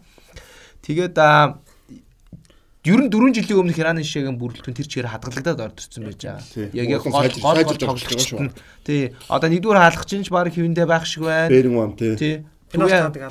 Төвийн хамгаалт байна. А тэгээ довтлооны хэд нь бол а бүгд Бүр амар. Яг разм өдөр чи бүр лаг болцсон байна. яг бол яг ингээд юу болоод орж ирж байна тий. Одоо тэгээд Чаханбак шээж ин тий. Тэгээд а, Хамбаг жоохон муудсан юм уу да? тий Чаханбак шиг ер нь бол хамгийн их формалт хамгийн ирээдүйд нь гэжсэн чи хамгийн одоо муу нь одоо одоо Одоо Тареми ороод ирсэн. тий Тареми байгаа. Портого. Ансарифард байгаа. Сардар Азмуч бүр супер болцсон. Тий. Тэгэхээр харин яг Ираны шаг баг бол 4 жилийн өмнө ямар хэсэгт ороод бас юу яаж тоглолоо тий. Гарангаа маш сайн тоглосон. А тэгээд Карлош Керш өөрөө энэ багийг 3 дахь удаа 3 дахь дэлхийн аргын тэмцээндээ ингээ өдөртөж орж ирж гин. А тэгээ өмнөх дэлхийн аргуудад бол маш нэгт хамгаалалттай хэсэгт хэсэгтээ бол маш нэгт хамгаалалттай тоглоод хамгийн гол нь яг нөө хожил авч чадахгүй жан болторчдаг. Ер нь бол 14 он чинь Аргентиныг зоовсон шүү дээ. Нэг тэгэр арай гэж Аргентин хождог. Хийв. Тэгээд дуусч хагаад тий. А гих мэтчлэнгээр Иран болвол ялангуяа нээлтэн тоглолт нь англитэй шүү дээ. Англиг бол нэлээд нэлээд зовоон. Ер нь бол нэлээд нэлээд зовоон. Тэгээд Иранчууд өөрсдөөс тоглож чаддаг гэдгээс ер нь бол а, бас зарим тоглолтуудаар харуулж чаддаг. Аа тэгэхээр Хамгийн том онц эвгүй л Иран бол довтлохоо супер тоглогч нар шүү дээ. Хамгаалт нь өөр багаар сайн өмнөхөр Тэгэхээр тэгэхээр бол энэ Иран нөгөө энэ гурвыг бол ер нь бол аль нь ч амар хожигдохгүй. тий хожид дээж амраад. Тэгээ Иран ч дотоод хэлийг айгуу сайтай шүү дээ. Өөрөө нэг улс төрөв нөө хаалттай ус. Хаалттай усуудын давуу тал байгаад байна л да. Дотоодын лиг нөө тамирчтай ингээд Явуулдаг. явуулдаггүй те хөгжүүлээ. Одоо Түнис тийм шүү дээ. Түнис ингээд ингээд гараал ирдэг Африкаас те. Түнис гэж бараг зарим Түнисийн үлэмж мэдэхгүй шүү. Тэгэл Түнис зөндөө орж итлээ ороод. Тэгэхээр Ираны яг үлэмгийн юу нэг тийм Сауди Араби нар. Тэгээ гол нь Карлош Керш чинь болохоор яаж хамгаалахыг мэдээд байгаа байхгүй юу? Одоо Керш нь дэлхийн аргын тэмцээнд орсон түүхтэн дарангууд 10 онд а ерөөсөө Португал. Португалыг удирдаад 2 хон гол алдсан. Хөвш нэг гол алдсан. Тэр нь муу тоглосон л тий доо те. тэр нэг гол алдсан. Дөрөв тоглолттой тэр нь Спантайсэн тоглолтын дээр Давид Вилла гол хийгээд хожигдож байгаа. Нөгөө хэсгийн 3 тоглолттой гол алдаагүй. 14 онд орсон Иран маш сайн хамгаалтайсан та ч хэсгээс гарч чадаагүй. 18 онд Испани, Португал эдэртэй хоёртой хоёулантай тоглоод тэр хоёрт нэг нэгэнд гол алдсан. Тэгээ Марокко Марокко ч 10 онд Германд нэг алуулдаг үл өөлөөд чаа. Португал 14 онд 14 онд. 14 онд. Тийм шүү Тэгээд аа тэгэхээр бол Карлош Керш яаж хамгаалах юм мэдээд байгаа. Тийм тийм яг. Харин гол нь Иран хідэн гол их үгдгээс л ер нь хаашаа өрөх нь бол тодорхойлогдохоор. Иран бол олон доогоор хожигдохгүй яваас хамгаалт 8-аар орчихно. За Иран байна. За би Англиг ирчих уу. За тэг. За Англи бол юу байх вэ? Энэ угаасаа 3 хамгаалалт төлбөрөөр тоглох баг. Яг өмнөх Европын ордор бол сайн тоглосон баг. А Англи хамгийн гол давуу талаас юунууд аягуулсаа орж цус хэлбэлүүд аягуу орж ирж байна. Аа. За би бол Jude Bellingham-ыг аягуу том цус. Зүйл байлгийн төрөс байж л байсан шүү дээ. юун дээр шигшээ дээр үү? Евродор анхны залуу тоглож Тий, тэгтээ нэг гарааны бүртгүүн. тоглоагүй тоглоо. Тэгээ яг орох хэмжээний бүртгүүн. Александр Арнольд орчиж байна. Баруун зүгрийн хамгаалтан дээр. Аа, төвийн хагас дээр би болохоор Declan Rice Jude Bellingham гарах болов гэж харж байгаа. Угаасаа Филипс баг. Тий, Келвин Филипс ганцхан тоглолтод ганцхан ударсан гэж байна Сити дээр. Аа, би бол хамгаалтын магийг бол гайгүй ажиллаж байгаа гэж харж байна юм дээр. Хаалган дээр бол би Рамсл гараасаа гэж бодож байна. энийг. Рамсл хэлвэл л дээ. Тэгвэл болохоор Поп гэдэг яриа аягүй байна л да. Поп бол биш Рамсл зүгээр гэж бодож байна. Пиквордыг гаргах шүү дээ. А Пикфорд гарна шүү дээ. Пиквард Пикфорд хахгүй яа. болцсон. Поп ч сая Nations League Герман нэг чансан тий. Би болохоор Рамс яа нэ өсөж байгаа гэдэг нь тэр ихгүй. Тий. Рамсдэл би бас гараасаа гэж бодож байгаа. уус сайн баг. Тий. Тэгээ хэнийг тоглох хаа. Магуайр, Яа. Кайл Окер байгаа тий. Кайл Вокер байгаа. Байгаа. Орж ирж байгаа шүү дээ одоо Орж тий. ирж байгаа тий. Тэгээ одоо дайр тоглоно. Тий. Дайр, Магуайр Стоунс юм уу? Би болохоор ингэж хараад байна. Кайл Окер баруун дээр гардгаараа гараад илүү хурдтай хүн хэрэгтэй. Угаасаа Саутгейтийн нэг тактикт айгуугаа нийцэх болгож байна. Арсеналч тоглож ш Бен Вайтийн нэг нэг Тий. холимог тоглолт ш. Тэгээд Кайл Окер ч болохгүй баруун зүгрийн хамгаалч бол орч. А хэн бол баруундаа гарчих واخ Александр Арнольд. Төвийн хамгаалтан дээр би Джон Стоунс Дайр хоёр болоос гэж бодоод байна. Магуайр биш. Тэгээ зүүн дээр юм байгаа шүү дээ. Люк Шо гараад. Шо. За тэгээ төвийн хамгаалтан дээр Жуд Беллиам, Declan Rice гараад урагшаага Стерлинг Сака Кен гэж гарах боломжтой байна л та. Тэгээ яг хуу энийг болохоор би ингэж хараад байгаа. Англи заавал их одоо нэг Жуд Беллингем Александр Арнольд дээр би яагаад нэг цус хэлбэлт хэлж юм тэгэхээр энэ баг цус хэлбэр нэхлээр бүр ингээд том шинжлэх шаардахгүй. Л энэ багаар өөртөө нэг том тэмцээнд гайгүй тоглолцсон баг дээ. Сака мак гэж орж иж байгаа дээ. Тэгэхээр би бол Англиг бол гайгүй гэж хараад байна. гэдэг утгаараа би бол. Англиг бол цус сэлбээгүү гэж бодож байгаа. Яг гэвэл Calvin Phillips байхгүй байснараа Bellingham гарч ирж байна. Аа. За за яг Bellingham угаасаа гарч ирэх нь ойлгомжтой байсан. Бусдаар бол юу өөрчлөгдсөн юм? Ямар ч тоглолтгүй Calvin Phillips авцсан, маш муу Maguire авцсан. Ерөөсөө Англи ганц нэг залуу авсан болж тэд нар яваач гол өгөрөг байхгүй энэ тэмцээнд. Одоо цус сэлбээгүү багч нь яг тэрүүгээрээ тоглоод би энэ хин ч бас айгүй тийм юу хүн биш үү? Хүмүүс нэг бичиж идэг байсан. Гар савд гэдэг. Айгуу тийм консерватив ч илүү те. Ингээд нэг нэг муу байсан ч нэг итгэсэн үндэл Яг үн, яг үн, Үгүй, тийм Яг л тэр яг энэ жил англи бол энэ олон сая гоё юмныхаа ер нь баг төгсгөлийг үзэн шүү. Одоо английн дэмжигч намайг барьж авах л ах л та. Англич Барьж идэх л Англи баларч байгаа. Яг үндэ 18 он болон 2020 оны Европын хорлол гэхээс тэрнээс өмнө бол англи бол энэ болоод бол баларч байгаа. хэцүү хэцүү хэцүү. Англи хэцүү шүү. Тэгээд нөгөө урд ингээ гурван давтагчтай тоглож байгаа. Тэнгүүт нөгөө Кен ч хоошо татах нь айгүй багассан сүүлийн үед. За тэгэхээр ингэж тоглох байх. Кен урд Стерлинг энд маунт ч юм уу. Эсвэл Сака ч юм уу. Юм. Түүнээс яг ингэж гуруулаад А тоглох. Фоудн гарч ирнэ. Яг Фоудн байгаа шүү. Яг Foden одоо Saka гэсэн хоёр Яг үнэ Фоудн. хоёр хоёр мундаг жив живгээр яг Английн шишээд бас Англи тэгээд энэ жилийн зүгээр яг Европын үндэсний лигт хичээгээгүй гэж болно. Тэр бол нэг амар юм биш үж болно. Гэтэ Англи бол бас л сүүлийн үед тоглох. Фоудн ч бас том шинжилж. Фоудн амар байгаа шүү. Тэгээд а- Английн шгшээ дээр аа баруун зүрийн хамгаалтанд биш баруун жигүүрийн тоглогчтой тий жигүүрийн тоглогчаар гурван төвийн хамгаалагчтай хоёр жигүүртэй Арнольд. тий Арнольд Рис Джеймсээс бол уг Рис Джеймс илүү. трипер байх магадaltaй юм биш А бас байж болно шүү дээ. трипер хамгаалж их сайн байгаа а тэгээд юу хэрвээ шоо байх байх бол триперийг зүүн Триперийг зүүн рүү тоглуулсан шүү дээ. триперийг зүүн Яа тоглох нэг тоглолтын дээр тэгжсэн тий. триперийг л зүүн тоглуулсан Гэтэ тэр энэ трипер ч зүүн тоглолч нь л тоглоно л доо. Тэгтэл гүйцэтгэл Тий. хэцүү шүү дээ. товтлогоон дээр юу болчихно. Беллингам Маунт хоёрын Беллингам гарах уу тий төвийн хас тэр. Тэг нэ. Маунт яах вэ? Маунт чинь яг юун дээр тоглоход хэцүү шүү дээ. Яг хоёрын Яг үнэ. Яг нь бол ер нь бол тоглолт тий. тий. Тэгэхээр урдлын 3-1 гэж болж байгаа юм тий. Яг гоо Англи шиг ингээд бүрэлдэхүүнийг харахад бол а ер нь бол маш өргөн сонголттой байгаа Southgate. Энэ надад бол өргөн харагдав. маш өргөн сонголттой байж байгаа. А гэхдээ төвийн хамгаалтан дээр тэр сонголт нь юу вэ гэдэг дээр амар сонирн байна. Тэгээ яг баталгаатай гарах нь бол John Stones харагдаж байгаа. John Stones. А тэгээд нөгөө хоёр нь хийн. Тэг Maguire гарах юм. Maguire ч одоо ингээд гарах. Дайр уг нь байнг гарч байгаа шүү дээ. Сая л Maguire- яг нэг фактцсан болохоос дайр бол уг нь гайгүй. Тэг энэ чинь консерватив юм чинь Магуайр л гаргана л да. А харин ч тий Maguire бол хизээш уран хугалж байгаа өдр гэсэн юм яриа л хэдэг. А гэхдээ хэцүү шүү. Яг яг Maguire гарах юм бол яг үндэ айж гин. Ер нь бол Maguire-оос бол айж байна. Тэгээд а ер нь яг зөв Ben White-ыг бол тоглуулаасаа гэж бодож байна. Ben White Бен Вайт гурын баруун байж байж ан- тий. яг одоо Англи шгшээгийн төвийн хамгаалагчдын формыг харах юм бол формоор нарах юм бол Ben White нэгдүгээр сонголт. Яг яг үндэ бол Ben White нэгдүгээр сонголт. Stones биш үхгүй юу? Яг нэгдүгээр сонголт Ben White тэр гурван төвийн амгалагч баруун талын байрлал Ben White бол 100 байх хэвээр. Хоёрт нь дайр байгаа байхгүй формор бол. Тий, Дайр байгаа. Гуравт нь баг John Stones орж ирж байгаа. Магур бол формгүй байгаа шүү дээ. Maguire Kyle Walker гимтлээс орж ирж байгаа. тий. Тэгээд харин Ben White-ыг гаранд гарах юм уу гарахгүй юм уу гэдэг. гарч болох юм шүү бэ. Тий. Тийм. Ийм сайн. Төвийн гурвын Ben баруун White-ыг Ben зөвхөн White-ыг хэр гаргаад. ашиглаж исэн. Southgate. Ben White-ыг айгүй цөөхөн тоглуулж байсан. Тэгвэл тэгэл яг тэрүүгээрээ л Цөөхөн тоглуулж. тэрүүгээрээ л байна. Харц. Одоо харин зүгээр жоохон зориг гараад өөрчлөхгүй бол угаа Southgate. Southgate-с зөрг гарах. Тий, ажиллаа өгнө.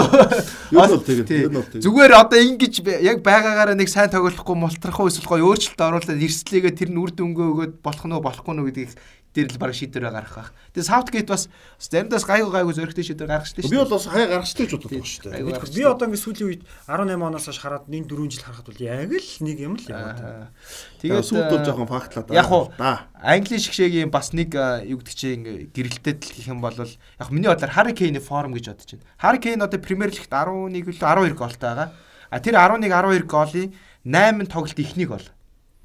Дээрэс нь тоглолт болгонд гол юм уу голын намжууд гарах үү? Хоёр юм уу гурван тоглолт. Тэгэхээр яг хуу тэр талаар харах юм бол Harry Kane болвол одоо юу гэдэг чи Wales, Америк, Иран Сака Фодн хоёр чи форм амар байгаа энэ шүү. гурван хаалганд ядч нэг 2 гол бол Kane дорой хийх ёстой л бах. Тэгжээ. Сака Фодн хоёрын форм амар. Сакаст шгшөөх тоглох клуб тоглогч өөр шүү дээ. Өнгөрсөн жилийн яг Европын аваргын хасагдах шатны хоёр тоглолтод Сака авч гарсан шүү дээ. Англи Тий. шишээг гол оруулаагүй дамжуулт өгөөгүй ч гэсэн чи- чирсэн шүү. Тэр Майлэг чинь өөлөдөг чинь Сака шүү. Чирсэн шүү. Яг хүмүүс л зүгээр ярихгүй байгаа болохоос хоёр тоглолтод Сака гол яг хөө голын Стерлинг хийсэн. Гэхдээ Тий. чирсэн үн Сака байсан. Сака Сака Сака амар. Тэгээрээс яг хоо энэ үйлдэл их сайн байгаа Сака угаасаа Фил Фоден ч сайн байгаа. Тэр бол яг хоо миний бодлоор бол төвийн хамгаалтны тэр сонголтоос бусад байрлалын үед бол Southgate-д бол хангалттай тийм сонголт бол байгаа. Тэн дээр л яаж ажиллахаас л ер нь юм хамаарах бах. Би бас тийж харж байгаа. За, үйлс рүү. за, Америкийг ирчих. За, Америкийг ирээ. За. Америкийг би ярина өө. Би Америкийг сайн харсан. За ийм байгаа. Би ярина гэж. Америк нэгдсэн улс зүгээр яг товчондоо дуртад бол төвийн хамгаалж байгаа сул. Үзүүрийн товтлогч жоох юм уу? Бусдаараа бол зүгээр. Гоё байгаа тий. Гоё байгаа. За Америкийн хаалганд бол Мат Турнер Арсенал. Аа. За энэ тоглох юм байна. За Сэршино Дест бол баруунд байгаа. За төвд бол Walker Zimmer байна. Тэгээ нөгөө нэг э, юуны э, Фулямыг зүг хамгаалагч байгаа. Тэрийг одоо Робинсон, Антони Робинсон. За Фулхамын нөгөө нэг хамгаалагч нь аваагүй лээ. Аа авцсан байна. Хэд хоног нь байхгүй тим Рэйм гээд. За хамгаалт бол тим Рэйм хөгшин хамгаалагч. Наа чин хэрэгтэй шүү. Хэрэгтэй тий. Тий хэрэгтэй. Наа чин э, гараанд гардаг гэсэн Фулхамын хэсэг. За за хас хамгаалт бол мундаг. Тайлер Адамс, Лицэн. За тэгээ Вестон Маккени. За тэгээ нөгөө нэг дахиад Лицэн 19. 19 наа чи сайн. За 19 төлөө жигүүр лөө гарахгүй юу? Үгүй үгүй. Э, Жигүүрт ямар цай байхгүй зэ. За төвд энэ гураас гадна нэг аим шиг байгаа. Юнус Муса. Юнус Муса гэдэг одоо Валенсиа одоо хурд төчнө зүг гайхам шиг. Тэр бол жигүүр зүг алтдаг байсан гарахгүй. Тэгээ одоо дасгалжуулагч Бэр хаалт дээр төрөө аавдар ингэ зүг алтж байгаа. За Америк нэгдсэн улсын шгшоогийн жигүүр хэрэг шүү дээ. Кристиан Пүли шийдэж байна. Жорж Вягийн хүү Тимоти Вя байна. Мгм. За Клауди Рена зүүн тоглолт гэхдээ жигүүрт үнэхээр боломж олдохгүй болохоор атак дээр орж ирж байгаа. Түрүү орд. За ерөөсө ганц асуудал нь үзүүрийн товтлогч. За үзүүрийн товтлогч энэ нэг Испани гаралтай юм шиг байна. Хесус Фрейра гэдэг. За энийг бас өөр хүмүүстэр ингэ солилт юм байна. Гэхдээ хүмүүсийн ярьж байгаагаар бол ерөөсө Америкийн гол асуудал бол үзүүрийн товтлогч. За тэгэл бусд нь бол тэр хагасуу жигүүрүүд бол амар. За энэ удаагийн дэлхийн аврал шалралт тэмцээнд орж байгаа 32 багаас хамгийн залуу бүрэлдэхүүн тоглох Америк нэгдсэн. Хамгийн динамик, хамгийн эрчтэй, хамгийн хүчтэй баг бол Америк нэгдсэн. Америк 2002 онд тийж орж ичсэн шүү дээ. 98 онд 32 багаас 32-д ороод Иран дуртлаа жигдэг те. Гацсан гол оруулаад. Тэгээд 32 багаас хожоогүй хоёрхан баг байсан Япон Америк байсан шүү дээ. Америк гэхдээ 32-т орсон шалтгаан сүүл задарсан шүү дээ. Юу гэхээр Америк нэгдсэн улс 1994 оны дэлхийн аврал шалралт тэмцээнд Буура Милутинович удирдах ороод Милутинович 95 онд хөдөлгөөн холбоотойгоо таахгүй ажиллаа өгөөд Милутиновичийн туслах байсан Стив Симпсон гэж хүн шгшөөгөн салжуулагч болоод тэгээд тэр цикл Францын циклд бага удирдах байхдаа Дани Харкс гэж тоглогчийг бол энэ бол миний мөнхийн ахлагч гэж хэлж ирсэн. Манай Америкийн хамгийн супер хөлбөмбөч гэдэг. Гэтэл 1998 оны дэлхийн аврал шалралт тэмцээнд орох юм нь Дани Харксыг бол аваагүй. Хавар нь хавраас хойш дуудаагүй. Тэгээд шгшоог очоод 32 дуурайт ороод Иранд хожигдоод 32 ороод ирээд тэгээ бүүн шууган болсон. Энэ нууц явж явж 2010 онд Симпсон ярьслах хөтөө юу гэхээр тэр үе шгшоогт 2 лидер байсан. Дани Харкс, Эрик Финалда гэж 2 лидер байсан. А тэнгуут Эрик Финалдагийн их нэртэй Дани Харкс одоо гэр бүлийн гадуур харилцаа үүсгэсэн байсан. Тэгээд хоёр том лидер маш эвгүй байдал ороод хувцал хөрөө бүр авахымгүй болоод тэр хүн сонголт хийх болоод сонголт хийх болоод Дани Харксыг гаргаад Виналдаг авч явсан. Тэгээ Америк хоёр тулгуур багны нэг байхгүй болж ялагдсан. Аа Эрик Виналдан 2000 он хүртэл тоглосон. Америкийн нэгдсэн улсын бүх цагийн Тэгээ Коби Джонс мос гэдэг нь гайгүй сонголтууд байсан тий. Байсан. Клауд Эренэ тэр. Америкийн нэгдсэн улсын бүх цагийн мэрэгэн бочлоо дараа нь Донован нэвцсэн. Яг тэр тим гарсан гэдгийг бүр сүүлд 2010 онд Стив Симпсон бол хэлсэн байлээ. Аа 2002 оны баг бол одоо энэ Грег Бирхалтер чи хамгаалтанд нөөрэ байсан шүү дээ. Айгу мундаг. Одоо нэг Поп тий. Аа тэгээ тэн Мастройны Джеф Агус байсан. Жеф Агус чинь зүүнд байсан тий. Тэгээ Мастройны дээр энэ дөрвч гарчиж байгаа байхгүй. Аа тэгээд юу орж иж байгаа? Урагшаага Клаудио Рена үнэхээр супер байсан 2020 онд. 2020 оны Америкийн шогийн хамгийн супер дуудаж хүмүүс Рена гэсэн. Амар байсан.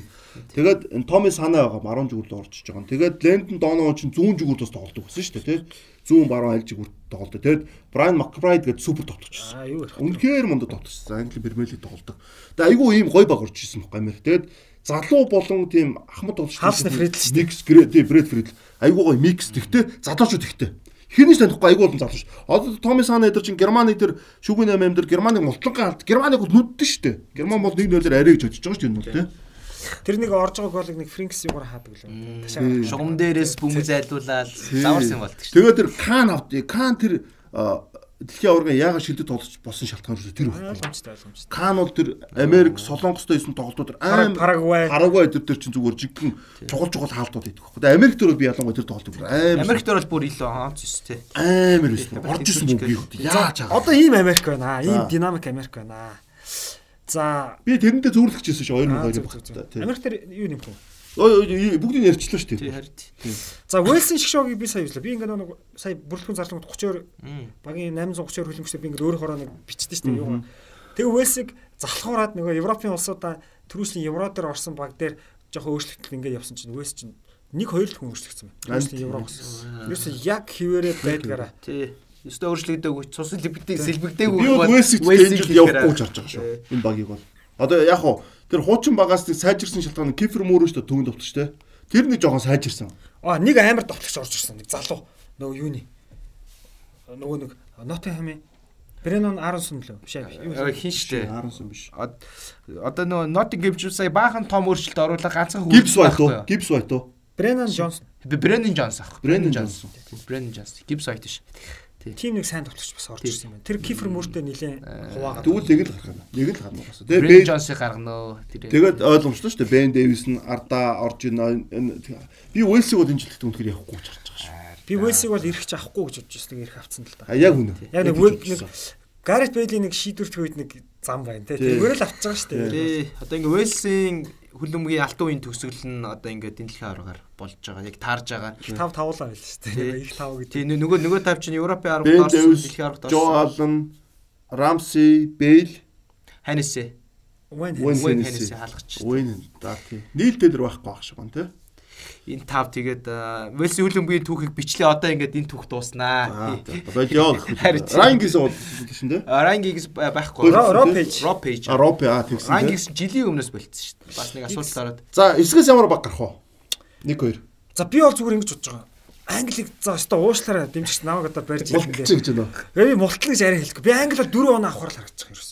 За те. дөрөвтөөгөө гарах уу гарахгүй юу гэдэг би мэдэхгүй байна. За тэгээд ямар баг гарах юм бэ? Нэгээр Америк тий. За Америк Вэлс энэ өстой балер юм бол энэ хэсэг. За англи 4 оноо авах дүр зураг миний бодлоор байгаа. За хэний ч байж магадгүй. За зингэл би бол сонголтоо хийцээ хэлээд юм бол. Аа. За одоо Би хэлэх үү? За би за. би хэлчих дөө. За за за хэлвэл хэл. Англи нэгээр Америк хоёроор. Аа. Ер нь бол адилхан байна. Миний миний одоо Англи нэгээр Америк хоёроор. Вэлс бол хэсгээсээ гарахгүй. Харин харин Иран уу Америк уу? гэдэг- Иран бол нэлээд зовоо шүү. Иран бол эвгүй тоглож Иран шүү. уу Америк уу гэдэг. Би гэхдээ Америкийг бол Ираныгаа нэг гаргалж юутай болов гэж харж байна л да. Би тэг Ираныг юунд бас найдаад нөхөр. Иран ихний тоглолт англид байхгүй. Англи ихний тоглолт муу идэг байхгүй. Тэгээ англи одоо энэ удирдлагын турш ингээд багаараа цуглахгүй шууд орж Иран ч тэнд явж явж байгаа. Орж ирж байгаа. Харин тий тэр тэр юм. Тэгээ Иран ч өөрийн цаг агаар тэ Персийн булан болон яг ихний тоглолтыг англи Иран тавьдаг бол ерөөсөө Иран баг ингэсэн баха Иранчууд. За. Чинээс бол Аа за дөрөв оноотой гарч магадгүй гарахгүй ч яаж байгаа. нэгээр Америк юм уу чинийхээ тий? За нэгээр Америк. Тэгээд англи Иран хоёрын нэг гарна. За за окей. За би хэсэг. Ийм байна тий. За дараагийн эсрэг гарыг. Сиск. Аргентин, Сауди Араб, Мексик, Пош. За алаас нэг тоор өөрсдөө сонгоошоо тэрийг яриаг шүү тэглүүлээ ярьчихгүй даа. За энэ хэсгийн ерөнхий дүр зургийг хэлэхэд ингэж байгаа юм байна. Мэргэжлүүд бол юу яаж байгаа юм бэ? За эхлээд бол Мексик Пош тоглоно. Энэ бол асуудлыг шийдэх. За ер нь маш олон янзын ингээд дүн шинжилгээ хийхэд бусад хэсэг мэсгүүд бол ингээд 2 3 дахь багийг ингээд шийдчихэд байгаа юм байна. Ерөөсөө яг маш бага коэффициентийн зөрүү гарч байгаа нь бол Мексик л гэж байгаа юм байна. Аа. За би бол энэ хэсгээс бол баг би миний хувьд бол айгүй тодорхой хэсэг гэж харж байгаа. Яг бол Мексик ямар ч хэсэгт оцсон гардаг. Үхлийн хэсэг байна уу тэр нь үхлийн биш өнөө өстой падли ялга Мексикт бол. Бүр түүхэндээ тийм 88 оноос хойш. Ерөөсөө нэг үндсэн шүү дээ. 86 86 тийм sorry тийм 86 оноос хойш хин нэ Европ. 86 оноос Мексик Мексик ямар ч хэсгээс гарч ирсэн. Эцсийн мөчд өөртөө ингээд тэр 98 он санаж нөө Нидерланд дээр те 2-0-оор хожигч жаад мултарж байхдаа бүр хаалгач нь хүртэл ингээд төв рүү орж ирж Мексик зодж байгаад гарч байгаа шүү дээ. Тэгэхээр би бол энэ дээр бол угаасаа Пош муу байгаа. Бисээ Пош ч Пош муу байгаа. Яг оо Пошийн баруун зүгүүр дээр Magic кэш орж ирээд баруун зүгүүрийг гоё болгож. Гэхдээ Пош бол яг үндэ төв ягс байхгүй. Краховек ч байхгүй болсон. Петр Зеленский, Левандовский хоёр хойлол байгаа. Залевский гэж нэг гоё ганц. Тэгэхээр Мачиский байхгүй болсон. Левандовский байхгүй болсон. Левандовский туслах юм байхгүй. Байхгүй энэ тий. Зеленский л байгаа. Тэгээ хамгаалтууд нөгшөрцөн. Хамгаалт нь амар өгшөө. Клик милик өдр одоо нь бол тийм Монакод ус идүү байхгүй болсон шүү дээ. Козловский гэдэг залуу байгаа. Биднарак л ганц хайгуун бол. Бидрагч нэгэд клубтэй шилгэн цугаа шүү дээ. Каспер Козловский гэдэг нэг залуу байгаа айгуу сайн залуу гарч ирсэн. Тэгэхээр тэр ерөнхийдөө хамгаалагч хэл байгаа. Би бол таам гошууд хэлж Аргентин нэгэр Мексик хоёр. Гэтэ Мексик ч өөрөөсөө бас муу байхгүй. Үгүй Мексик гайгүй байгаа. Гайгүй байгаа. муу. Одоо тэр Канадыг урдаал, Америкийг алдлаа.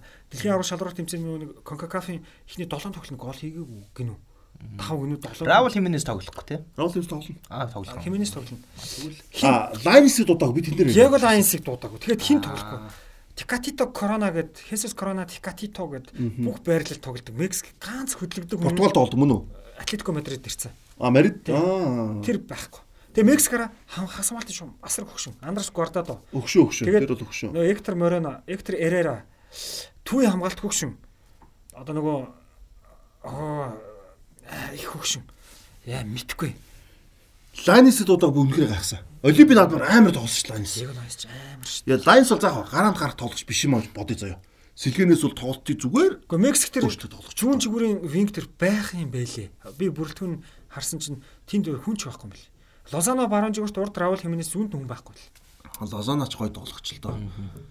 За тэгээ харин За Мексикт ярьчих өөр юу вэ Мексик дээр. За очоо хаана? Очоо хаана? Очоо очоо дэлхийн ордоор угаасаа байгаль дөрөвт хөтөл орох та хаах чинь юу вэ? 2006 оноос хойш. 6 дээр гараагүй. 6 дээр байхгүй. 6 дээр асфальта санц хаасан. Очоог нөө Оросын футбол сэтгүүл 10 14 18 20 10 таагаагүй. 10 дээр халдсан сахалтай хаасан. Аа? 10 10 Мексик өөр халдж хаасан шүү дээ. Мексик нээлттэй тоглолт байсан юм шүү дээ. Тийм. 10 он чинь Мексик очоог чиг дампуурч гэсэн байхгүй. Нөө халдсан сахалтай халдж чадсан шүү дээ Мексикийн. Санахгүй тэрийг бол. Нэр би удаа санахгүй. Нэр бас. Мексик очоо уг нь бол 5 дахь орох гэж байгаа. Гэхдээ энд нь хаагаагүй энд нь тоглоогүй одоо ингээд 3 дахь 14 18 3 дахь орох та. 16 онд тоглоогүй. 6 онд үзье. 6 онд тоглоогүй. Тийм ээ. Мексико. Тийм Мексик шгшээ баг дээр харин Диего Лайнесыг дуудаагүй. Тэр нэг намхан халзан халгсан Карлс Тэвисийн цогцолтыг хаач чаддгүй ингээд нэг би тэр өө 10-ны би Мексик юу үдсэн шүү дээ. Очоо үс юм бах та биш биш. Юу бүр нутагт нь утсан шүү дээ би чинь. Аргентин тожигдчих мал. Тий, Аргентин 3-0 дуулаа Тевисийн гоцд амар гол тавьсан. Йоо. За би харч одоо харч. Харч харч. Би бас давхар Мексикийг хараатах. Аа бүрэлдэхүүнийг Оскар Перес. Оскар Перес ажиллав тий. А би болохоор Мексик бас ингэж харж байгаа шүү. Мексик ер нь бол яг үндэ дотоодын лиг айгүй сайн лиг улс шүү дээ. Дотоодын лигийн тамирчид айгүй ерөөхдөө гол цөмөнд болж ирдэг. Европ тоглож байгаа тамирчид лидерүүд нь орж ирэл. Тэгэхээр би бол Мексик бол угаасаа дотоодын лиг сайтай би бол Мексик бол гайгүй тоглож болох гэж харж байгаа шүү юунд бол. Яг гайгүй гэдэг нэсгээс гарна гэж байгаа шүү. Яг бол Пош муу байхгүй юу? Гэхдээ би одоо баг энэ Сауди Араб гүөх гэд нүгж хараад шүү дээ. Амчхуу Сауди Араб. Үгүй Сауди Араб ч нөө. Би ер нь зүгээр Мексик нэг арчааг утах юм бол дээрээ Панамагч гаргадаг л баг штэ. За Сауди Араб ер нь наад хоёрт ч үзнэ. За хараа гарахгүй л те. Сауди Араб арай гарахгүй хаа. Сауди Арабын бүх тоглолт нь Сауди Араб тоглож. Сауди Араб одоо ингээд дандаа Энэ 10 дугаар сар 11 дугаар сар дэлхийн арга шалралт тэмцээн эхлэхээс 1 сарын хугацаанд 5 өршөд тоглож байгаа. Урд нь Хорваттай тоглолоо тий. Би ер нь Сауди Араб зөв наад хоёр гарахгүй л дээ. Гэхдээ наад хоёрт ч Сауди Араб. Оноо аавна. Оноо аавна. Пост юу Сауди Араб шиг стадиум тоглолттой багт бол хожигддаг баг шүү энэ бол. Бардаггүй шүү. Пост юу тийм. Мексик нэг эвгүүтэл эвгүй шүү дээ. А Мексик За Мексик хоёроо гарна. Тэгээд тэгээд одоо би бол Мексиктэй гайгүй болгож бодчих. Яагаад гэвэл би Мексикийг сайн байгаад юм шихгүй. Пош Сауди Араб хоёртой байгаад нь байхгүй. тийм ээ тийм. Би бол тэгж бодож байгаа. Аа харин Аргентины шигшээ. За Аргентин шүү гарааг л ярь одоо өөр юу ярих вэ те. Аргентины гараа аягүй гоё жигд болчихлоо шүү дээ хүнд бол ойрын хэдэн жил байгаагүй. Зарим төвийн хагас махас сул байгаад байдаг те. Байхгүй харин тий. Одоо За хаадш Эмилиано Мартинес гівтэл гайгүй тоглоно те. Мартинес тоглол. За дөрөв хамгаалч тоглоно. Талифик зүүн талд тэр тодорхой хаа. Тодорхойж юм. Акуна юу? Акуна юм уу? Акуна юм уу? Акуны чинь талификч унтсан шүү дээ. Ер нь бол унж байгаа унсан унсан. 2 3 жилийн шуугилж одоо л унаад Акуниал тоглоод. За Акуня за Акуня би бас Акуня дээр байгаа шүү. А Молина байгаа баруун дээр. Навал Молина. Монтел биш Молина. За төвийн оройх дээр гарах хамгаалт дээр гарах. Отоменди Лисандро гэхээр намхан. Урчин тэгж тогсон. За би Лисандро гэхдээ үнэхээр формт байгаа тий. Би бол Лисандро номерны сонголож харж байгаа шүү дугаасаа. Тэгээ Фойт. А файт биш. Файт баруун. А Фойт гэн Ромеро байхгүй юу? Солиорч ин Ромеро байхгүй юу? Ромеро. Адилхан тот нэмдсэн болоод Фойт гэж авч шин. Тэр хоёрыг андуурт тий. Тий. А, яг хуу гол сул талан дээр нуруулаа да. Одоо Лисандро Мартинес Мартинес Отоменди хоёр гарах дээр бол Тэр Отоменди бол яг хуу ингээд Манчестер Сити байж байгаад Португалийн лиг рүү явцсан ч гэсэн Учиргүй нөгөө форм мэдрээ алдаад шалхаац юм бол байхгүй байгаа. Ер нь бол айгу дажгүй байгаа. Тэгэхээр харин аа бараг л яг Лисандро Мартинес форм нотхол Отоменди хоёрыг тоглуулаад итгэх байхаа. Тий. Би болохоор Лисандро Мартинес энэ Ромеро. Яг юм бол угаасаа өндөр багтаад тоглол тэр хоёр угаасаа алуулна. Аргентин тэгж гой тоглож байгаад стандарт цогцолтоос гол гол алдаад айгу харамслаа ш. Тэрийг дасгалжуулж тооцоолж байгаа ш. Тийм биз дээ. Нэг нэг гол иждэг нөгөөд нь орж ирээл нэг мөргөөл нэг стандарт цогцолт авахгүй бүр чичирч Аргентин. Одоо ингээд тэр хоёрыг гараанд гарч байгаа мэдж байгаа бүх баг за Аргентин дээр юу яа. Хөндлөн дамжуулалтаа их болгож жигүүрийн тоглолтуудаа явуулъя. Өндөр довтож гаргая. Болонгийн цогцолтыг чөлөө цогцолтыг.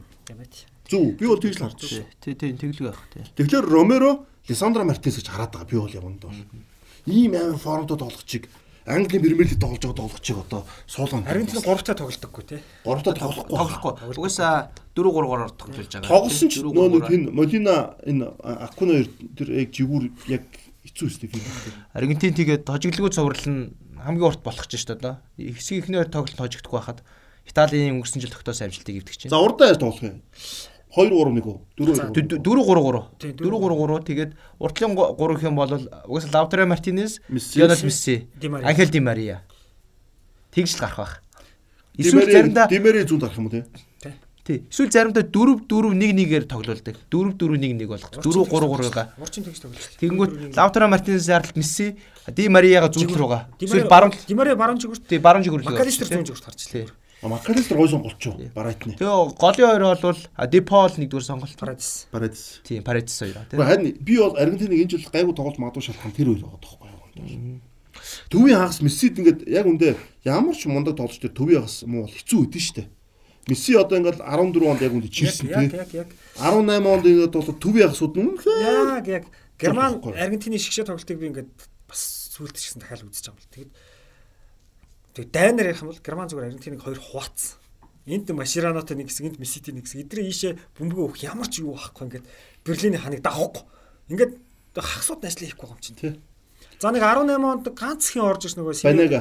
Банега нэг ганц орж ирсэн нэг Банега гэдэг яг класс дутсан яг үндэ. Яг нэг цөөхөн төдлөөс яг нөгөө бүтэн тоглолтын класс гэж байгаа шүү дээ тий. Тэр тус 10 он жишээлбэл Камбиас дээр орж ирсэн бол Аргентин баг дэлхийн аваргын Дэш явах байсан, дэш явах байсан, дэш явах байсан. Тэгэхээр би бол одоо энэ жил Парадис Депол гэдэг хоёр амар амтан байгаа юм би бол Аргентиныг бас гайгүй явах гэдэг гэж боддог. Тэгээ би нэг юм дээр жоохон гайхаж байгаа шүү.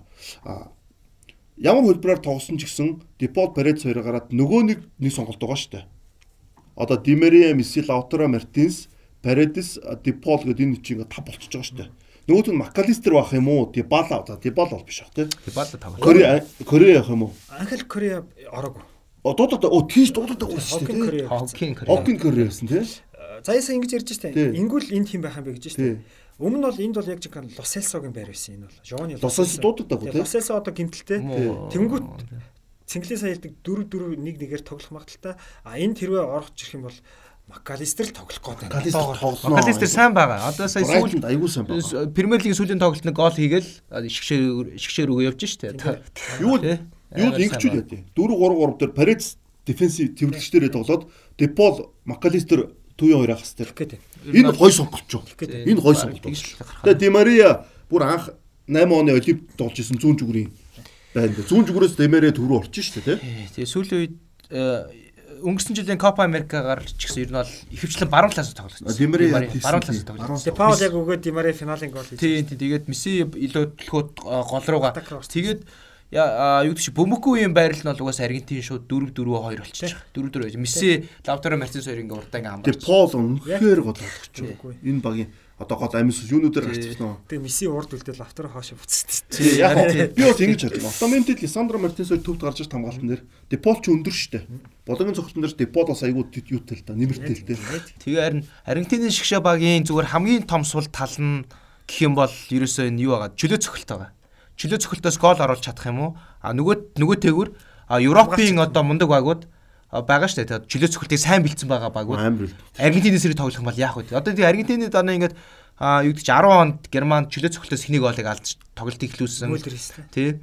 А 6 зур яг чөлөө цохилт биш ч гэсэн мөргүүлдэг. Тийм 6 онд бол ингэж дамжиж байгаа толгоогоор мөргүүлэг гол алдаг. 2002 онд чөлөө цохилтоос гол алдаж англи тожигддаг. Тэгээ пенальтигаас гэдэг ч юм. Яг тэгэнгүүт яг хөдөлгөөнгөө бөмбөгнөөс 2002 онд Свенсон зохгүй шүү дээ. Яг хаалтаа цохилтоо яг үнэ. Тэгээ Андрес Свенсон тий. Энийг ингээ харангууд Аргентины э, шгшээ багийн одоо яг хамгийн сул тал нь хөдөлгөөнгөө бөмбөг гэж одоо хэлээд байгаа.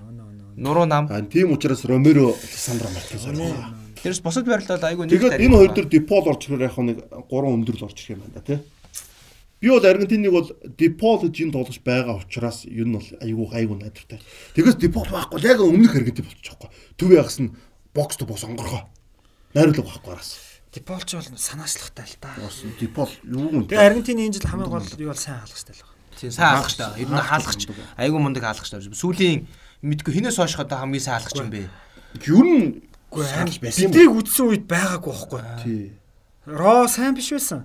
Кавалера сайн биш. За Апандасер бол арай гайгүй. Арай Апандасер хамгийн гайгүй байсан. Тэрнээс тий Тэгэл тэрнээс Тэр энэ Гойкоч эдрийг хүртэл яриад байгаа шүү дээ 90 оны тий. Гойкоч сэлгэний алгач байсан. 11 сайн хаадаг алгач тий. Нэг одны гүйцэн алгач байхгүй.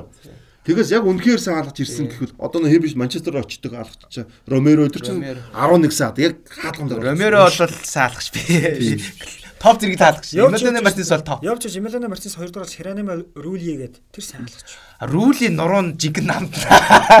Рүүли жижиг шүү дээ. Нөгөө стандарт нухтай нөгөө хатах гэсэн гаран доттой тэгээд. Дигээр харин нуруугаад нөгөө байсан Мартинес 8. Мартинес угаасаа рүүли өндөр нам байсан ч сонголтгүй угаасаа нэг сонголт. Айгуусаа алгах Мартинес. Ер нь зүгээр Аргентин бол шууд хагшээд Хүрэхэд бол зам нээлттэй гэж харагдаж байна. Аргентин гараал Франц даантай тоглох гээд байгаа байхгүй. Амар юу. Франц даан өөр юу шүү. Франц таарч байна шиг. Даан маань ч амар шүү. Юу вэ? За энэ хэсэг болов. Гоо яг хөө зүгээр энэ юу яаж одоо энэ Өмнөд Америкийн болон Африкийн багуудын зүгээр хамгийн сул тал нь бас Азийн багуудыг Азийн багуудыг оруулах хамгийн сул тал нь Европын топ багуудын ерөөсө сүүлийн энэ дэлхийн арга циклд баг тоглоогүй. Ганц нэг л тоглолт хийсэн. Тэр нь эргээд энэ Өмнөд Америкийн болон Африк, Азийн багуудын баг хамгийн сул тал нь байх магадaltaй. Одоо Аргентин дэш нэ. Топ класс баг. Одоо нэг дайн шиг тийм мангар зохион байгуулалт дээр жоохон сул тоглолт шүү дээ. Одоо Швейцартай зовсон шүү дээ. Тийм. Швейцартаар зовсон. Одоо тэр Швед мэд тэр 2002 Тийм. Юу нь бол Европын тим илүү тим юу багууд дээр зовдсон шүү. Тий, тэгэхээр яг харж лээ те. Ямар ч юм энэ бол хамгийн ер нь тэгж тоглоог нь эргээд сул тал болж. Аргентин Мексик. За тийм. Санал хэлж чинь тэгээ би нэсгийг Сауди Араб бужигнуулна шүү. За тэгээ. Манай занч айгу санал юмыг ажтгүй тавьчулчихсан. Сауди Араб санал би хэлээвч гэнэ тэ. А би ч гарна гэж бол хэлээгүй шүү. Зүгээр Сауди Араб нэг зодуулаад гарна гэж хүн бодож байгаа шүү. Зодуулахгүй. За Аргентин тожигч магадгүй нөгөө хоёртой бол бас хөөхөн үзсэн шүү. Аргентин нээлтийн тоглолт могт гоё юм аа Сауди Арабт тэ. Аргентин чи эвгүй эвгүй эвгүй. Хинтээ заяа эвгүй. Юу Сауди Араб чинь нээлтэн дээр бүх юм хийх гээд байгаа байхгүй. Сауди Араб тэр юутай хил залгаа болсон шүү дээ Тэрүүгээр одоо таван тоглолт хийж байгаа. Цаг агаар уур амьсгал асуудал Сауди Арабын лиг өндөрлөөд бүр баг зогсооцсон ч баг. Баг талбай дээр тийм зам багж байгаа тийм л адилхан. Хэрвээ тэд нар энэ дээр Мексик ч юм уу пост шууд ингэх юм бол эвгүй байхгүй. Бас тийм а тэр талаас нь бас байж болох юм биш үү те. За D хэсэг. Франц, Австрал, Дайн, Түнис. За сонгоо дээр алиас нэг л. За хэсгийн нөхцөл байдлаа хоёр дүгнэх үү? Ямар ч гэсэн зүгээр эндээс хоёр Европын баг хоёулаа гарах байх уу? Тий арай дундуур нь Түнис, Австрал гүчихгүй байхаа. Бүгдхэн Энэ хоёр энэ хоёр уусаа муу. Тий. Австрал муу л. Тий Австрал бол Мангар хөшүүн Австрал ёо. Австрал юу яасан заяа? Хөшүүн бас биш байна. Биш үү нөө? Динамик амар туршдаггүй баг. бас жоохон класс Би тохоо тоглолтын бас надад аюу хөшүү. Би Австралиг үзлээ. Австрал хэрүүгийн тоглолтыг ч үзлээ. Ер нь Австралиг сүүлд бас харсан. Том нэр байхгүй зөв жоохон чансаа тутна. Тэр бол ойлгомжтой. Харин арай тутах байхаа. Одоо 4 жилийн өмнөх Австралиас өөрчлөгдсөн өөрчлөлт бас айгу ховор агаад байгаа. Эсвэл нэг одоо цус илэгдээд яг одоо юу гэдэг чинь топ төвчний юм да Премьер лиг тоглож байгаа тийм эсвэл өөр Бундслигт ч юм уу Испани Ла лиг тоглож байгаа тоглогч тэгэхээр Австралчд ингэж байгаа Ховор агаад. Чансаа нь модж байгаа нүн. Яг л Англи ч юм уу одоо нөө Мэт Роби ч бүнцлиг гэдэг төргөн тоглоод дүүсэн шүү дээ. Роби Крузе лөө тэр мөр чин. тий тий тий Тэр мөр чин ингээд Премьер лигт ингээд өөргөн тоглоод идэг байсан шүү дээ. Бүнцлигт. Тэгээ Премьер лиг тоглоод нэг 2 3 үнтэй Брэд Амертон, Тим Кегэл, Хари Кюл, Марк Видука тэргээл нэг тэгээд энэ Майл Жидинак гэдэргээ тий. Яаж ч байгаа л нэг хөрх хөрхөн Премьер лиг тоглоод үнтэйс одоо Шотланд лигээр битүү байлээ.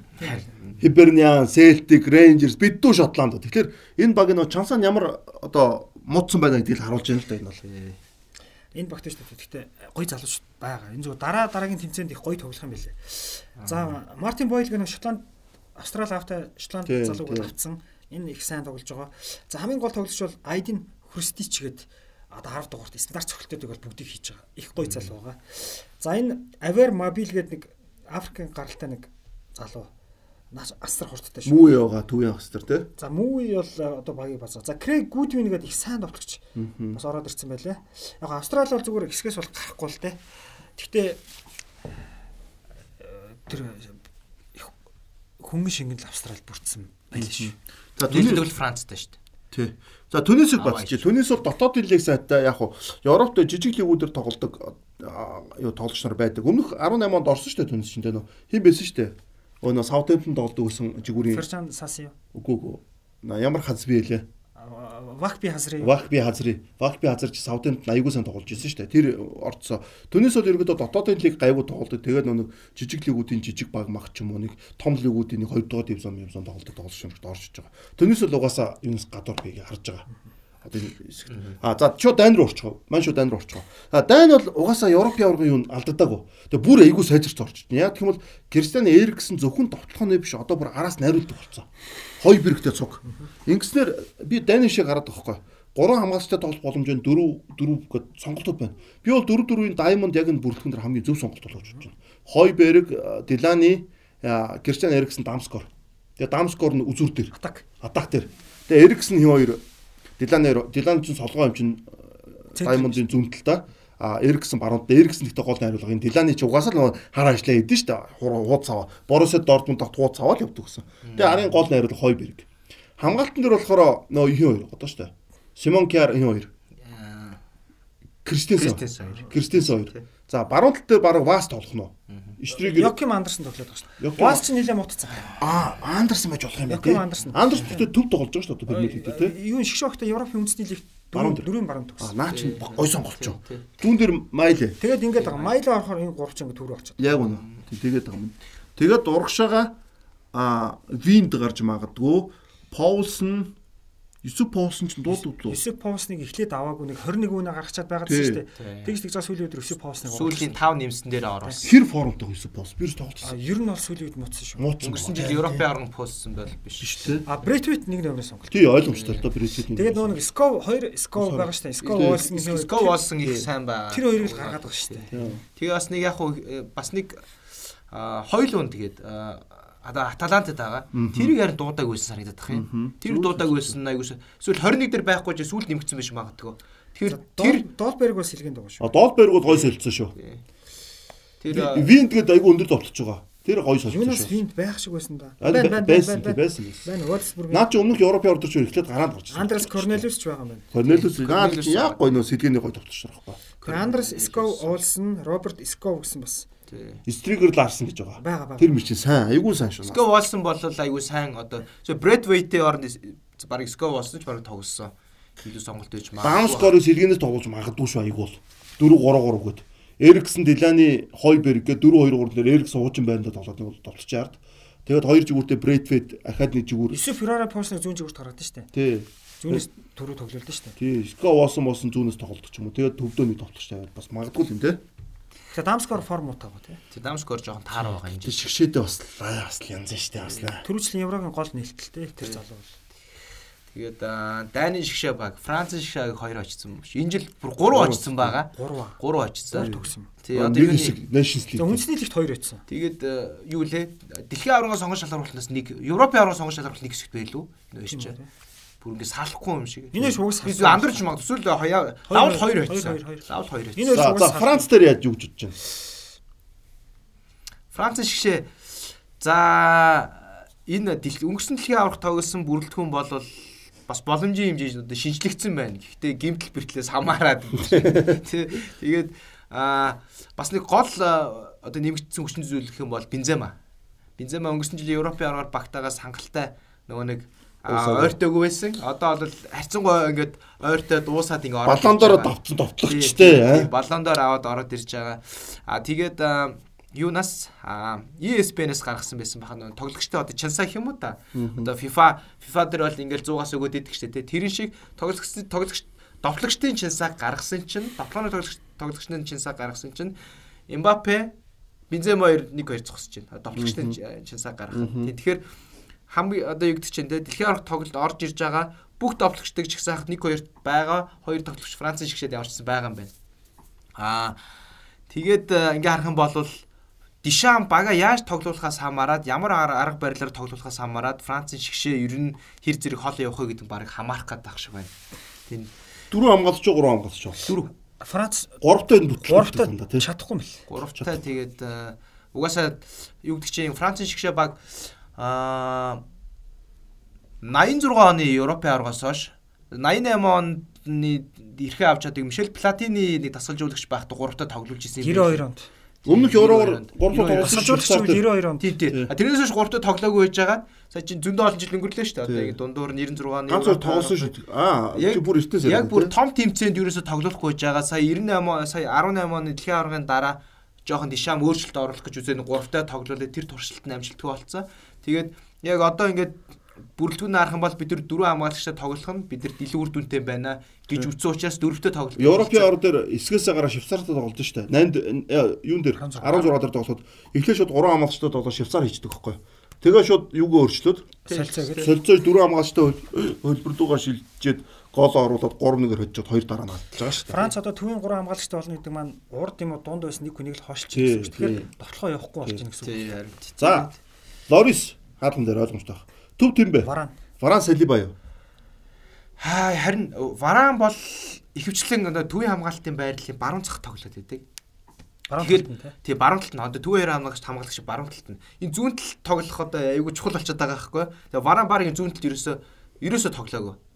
Сүүлийн одоо хэдэн жил чи. Салибач зүүн дээр нэг Тий. Салиба яг хид хідэн тоглолт зүүн талд тоглосон сая. Одоо гэдэг чинь одоо Арсенал дээр А тэгээ өнгөрсөн жилийн одоо юуны үйлрэл Марсело үйлрэл өстөө мэдэхгүй байна. Алавал Арсеналд бол хид хідэн тоглолт зүүн талын Габриэл байхгүй тоглосон мэт хамгаалагчийн байрлал тоглосон. Тэр нь бол одоо нэг юуны одоо Европа лигийн тоглолтууд. Тий, Габриэл байхгүй тоххой. Тэгэхээр одоо ингээ Францын шигийн бүрэлдэхүүнийг харангуут бас айгүй сонирхолтой нь яг Вараны хажууд зүүн талд тоглож гарсан хамгаалагч хин юм бэ гэгээд. Тэгэнгүүт Конате Опамекано хоёр айлын л байгаа.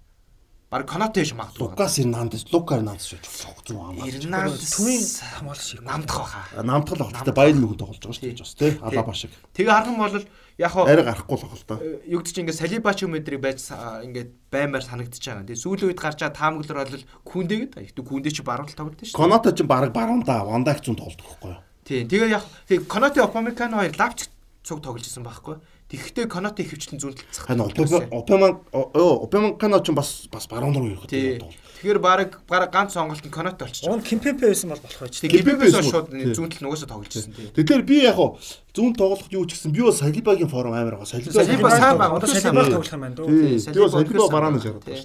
Форм арах маа Салиба. А байрлалын нөө нэг гарчсан байдал арах юм бол миний бодлоор ах. Конате яг байж болох сонголт. Яг хуу бараан бол амар сонголт. За, баруун дээр Паваро, Павар. Зүүн дээр Лукас Эрнандес. Лукано Тионо. Яа Гэхдээ Тиоч сайн байгаа шүү дээ. Тио сайн байгаа. Гэхдээ Дишам бас нөө нэг нэг юу нь болохоор ингээд болоод байгаа хийгүү тоглолт их ирэх. Лукага лукага Тэгэхээр Лукас Эрнандес бол ингээд ер нь бол маш хийгүү шүү дээ. Амар чанартай. Хүмүүст нүдэнд харагдаад байхгүй. А гэхдээ бөмбөг ирсэн бөмбөгийг баан үр дүнтэй явуулдаг. Хүн хуураа тэр авир ингээд бужигнуулаад байхгүй шүү дээ. Тё бол яг эсрэг штэ. Тий. Тий бол хийтэй. Довдогч болцсон явж байдаг шүү дээ. Тэгэхээр Вингер баг болсон шүү дээ. Аа? Вингер болсон шүү дээ. Тий. Тэгээ Бенжамин Менди дуудсангүй тий. Харин тэр хоёр. Биш, Ферлан Менди юу? Ферлан Менди тий. Тий, Ферлан Бенжамин Менди. Л. Парламентыг дуу. Түүнээс хойш. Тий. Бенжамин л гэдэг ч тоо. Тэгээ яг хоо юу гэдэг чинь нөө хоёр Эрнандес аягүй сайн байгаа учраас үлдээчих шиг л боллоо. Тэр 300 үедээ- хүн зах хэрэггүй. Тэгээ яг нөгөө нэг жишээлбэл юу гэдэг чинь аа Дишам жишээлбэл 3 5 2-оор тоглоно гэсэн бол Ферламентыг дуудах байсан бах магадaltaй. Яг тэгэхээр жигүүр тоглох тоглогч хэрэгтэй болчихно. За тэгвэл урд бол ойлгомжтой. Ингээд Гризман ч юм уу, Эмбапе ч юм уу, Бензема. За төв янгас аюу тум асуудал байна да. Би энэс болоод Францыг жоохон дээшээ явах юм татна гэж хараад байгаа шин. Тэгж санагдаад. Тий. Аа харин зүгээр эсэргээрээ Фофана амар том боломж гэж одоо харж байгаа. Фофана Челсигийн Фофана биш юм манах. Уэсли Фофана гэдэг Франц лиг. Юсуф Фофана. Яа, Юсуф Фофана шүү. Тий, Би яг андуураад байгаа юм. Юсуф Фофана шүү. тэгээд хоёр хоёр үлрэлийн өмнө Фофана Чуманы хоёр нэг төв тоглол тоглож исэн одоо Францын нэг дүүрлэг те тэр үлрэл Монако аягүй санагдсан. Нил- нилийн дэше гарч ирсэн. Тэгээд тэгээд Чуманы Реал руу ирчихэж байгаа шүү дээ. Ер нь бол Фофана нүлдээд. Тэгээд энэ хоёр Энэ хоёрыг гаргаад байгаа. Энэ хоёр бол энэ хоёр сонголт гурав дахь нь хинбэ гэдэг л. Рабио баг тоглох байхаа. Бараг тэгж маа. За би одоо ингэж бодож байна. Францын шиг. Мовинга. За яг Погба байхгүй, Канте байхгүй. Энэ залуучуудын хувьд хувь хөгжилт нь бол мэдээж маш том. Гэхдээ дэлхийн аврах шалралт тэмцээн чинь хүний хөгжүүлдэг газар биш. Энэ бол үр дүн авдаг газар. Яг үнэ. Дэлхийн аврах шалралт тэмцээн Францын лиг нэг биш болохоор асуудал маш их байна энд. Тий, яг үнэ. За тэгээ Инкунку гимтсэн, Кемпемпе гимтсэн.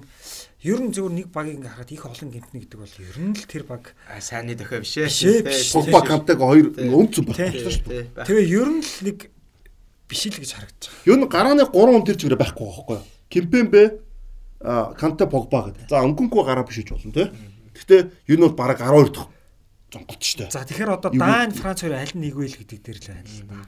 А би бол гараан дээр энэ жоо гараагаа ярихад а би Фофана гарахгүйгээр Рабио хин хоёр гарч үл ядаж шүү дээ. Чүмэний хоёр. Тийм бах тий. Тэгээд урд нь Крисм гараад тэгээд а Бензема Бензема, Эмбапе, Дембелиг Дембеле. гарч байгаа юм шүү. Дембеле. Хамгаалж байгаа суу сонсогдож байна. Тэгээ довтлох шаардлага гарах юм бол тийх бах. Яг зүгээр юугаар бол байрлалыг харах юм бол яг нэг 4 4 3 3 юм эсвэл 4 3 1 2 гэсэн маягаар 4 тоглоо. 3 3. Тий. 4 4 3 1 2. 4 3 3 гэхээр яаж тоглох вэ? 4 3 2 1 гэхээр Чүмэний Рабио тэгээд нөө Фофана гуруулаа гарах юм Аа, шүү. энэ гурав тий, тий. тий. А тэгээ хоёр яг хоо Крисмана захтаа гарах нь шүү дээ. Тэгээд яг нь Дишами өгсөн ярьслаас зүгээр ингээ харах юм бол 98 онд Франц дэлхийн аварга болоход 4 3 2 1 гэнэ гацуураар тоглож ирсэн шүү дээ. Тиймэрхүү байрлалаар ер нь тоглох юм бол багталтайж магадгүй гэж харж байгаа. Яг гэх юм бол хойно төвийн хамгаалт жоох асуудалтай байгаа учраас хагас хамгаалтаа зузаатах шаардлагатай байдаг байхгүй. Тэгэнгүүт угаасаа Фофана Чуманы хоёр баг байд шууд гарч автоматар. А тэг угаасаа бид нэр хойно алдахгүй хахад урд ямар нэг юм ер нь Урд бол таарна. урд бол Тий. хийн. Тийм учраас Яаж игээ цөглөж Тий. ирсэн. Тэгэхээр нөгөө нэг а, Дишами одоо хэлж байгаа мессеж нөх юм бол төвийн хамгаалт асуудалтай байгаа учраас төвийн хагас хамгаалтаа зузаатгана гэж хэлээд Бас Хоёр биш, бас болж болж байгаа байхгүй тий бас тий. Тэнгүүд яг хөө ингээд дөрөв дөрөвгээ гурав ингээ ороод ирэхэр чинь айгүй төгс хамгаалтын хөлбөр эдэргээл юм яригдээд байдаг шүү дээ. Одоо айгүй зайг болгодог Одоо Канте Погба хоёр гимтлээ ихэд ядарч нэг туршлагатай нэг гоё ядч найруулдаг юм аа гэхэд хамгаалдаг аль нэг юм гайгүй тоглолт нэг хүн байхгүй нэ Францдаг тий. Тийм тэгэхээр яг яг ер нь бол давталгааных гуравтаа л яг баг найтахар болчиход байгаа. Одоо 98 оны тэр төвийн 3 болохоор Дишам өөрөө нэрсэн шүү дээ. Кремби 3 шүү дээ.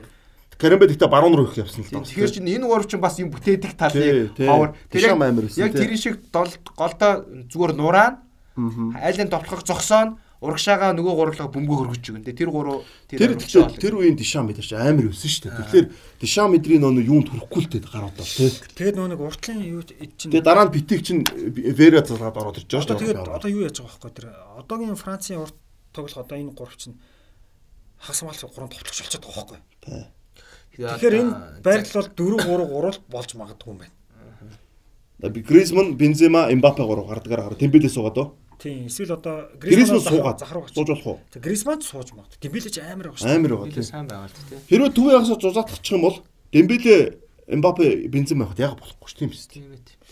За тийшээ орох юм байна да төгөл. Тэгээд ер нь бол яг дишам тэгэл загнаал хоош нь туцаан да. Төвийн ах судж бас тэгэл бас л. Тий.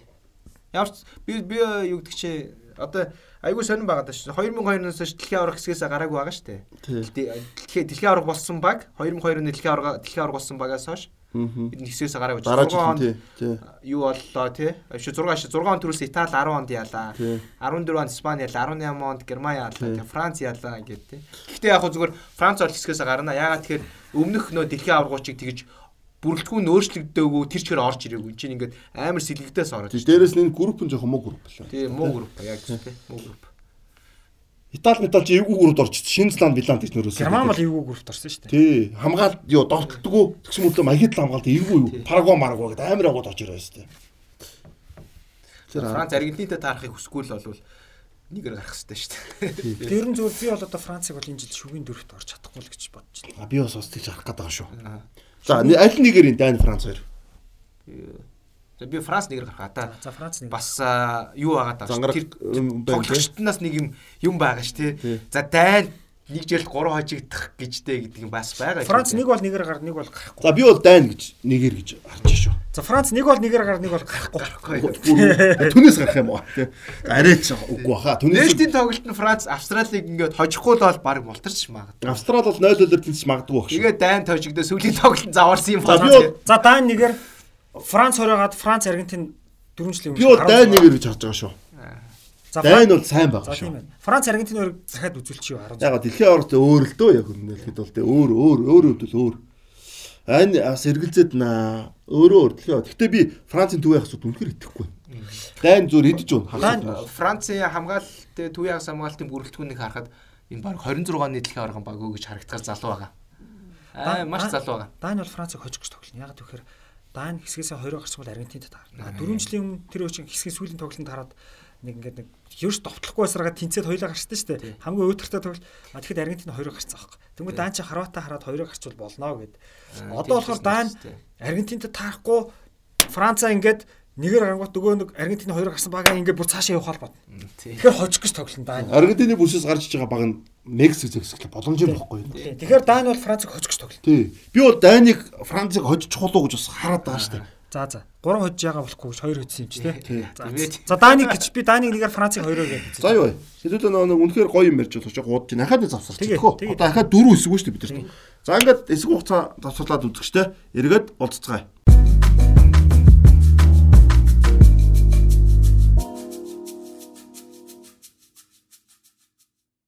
За ингээд эргүү болцсондоо баяртай ингээд үнэхээр урт дугаар олж байгаа учраас бид нар бас ингээд дундуур нь тасалж байгаа шүү үзэгчтэй. За ингээд юу вэ?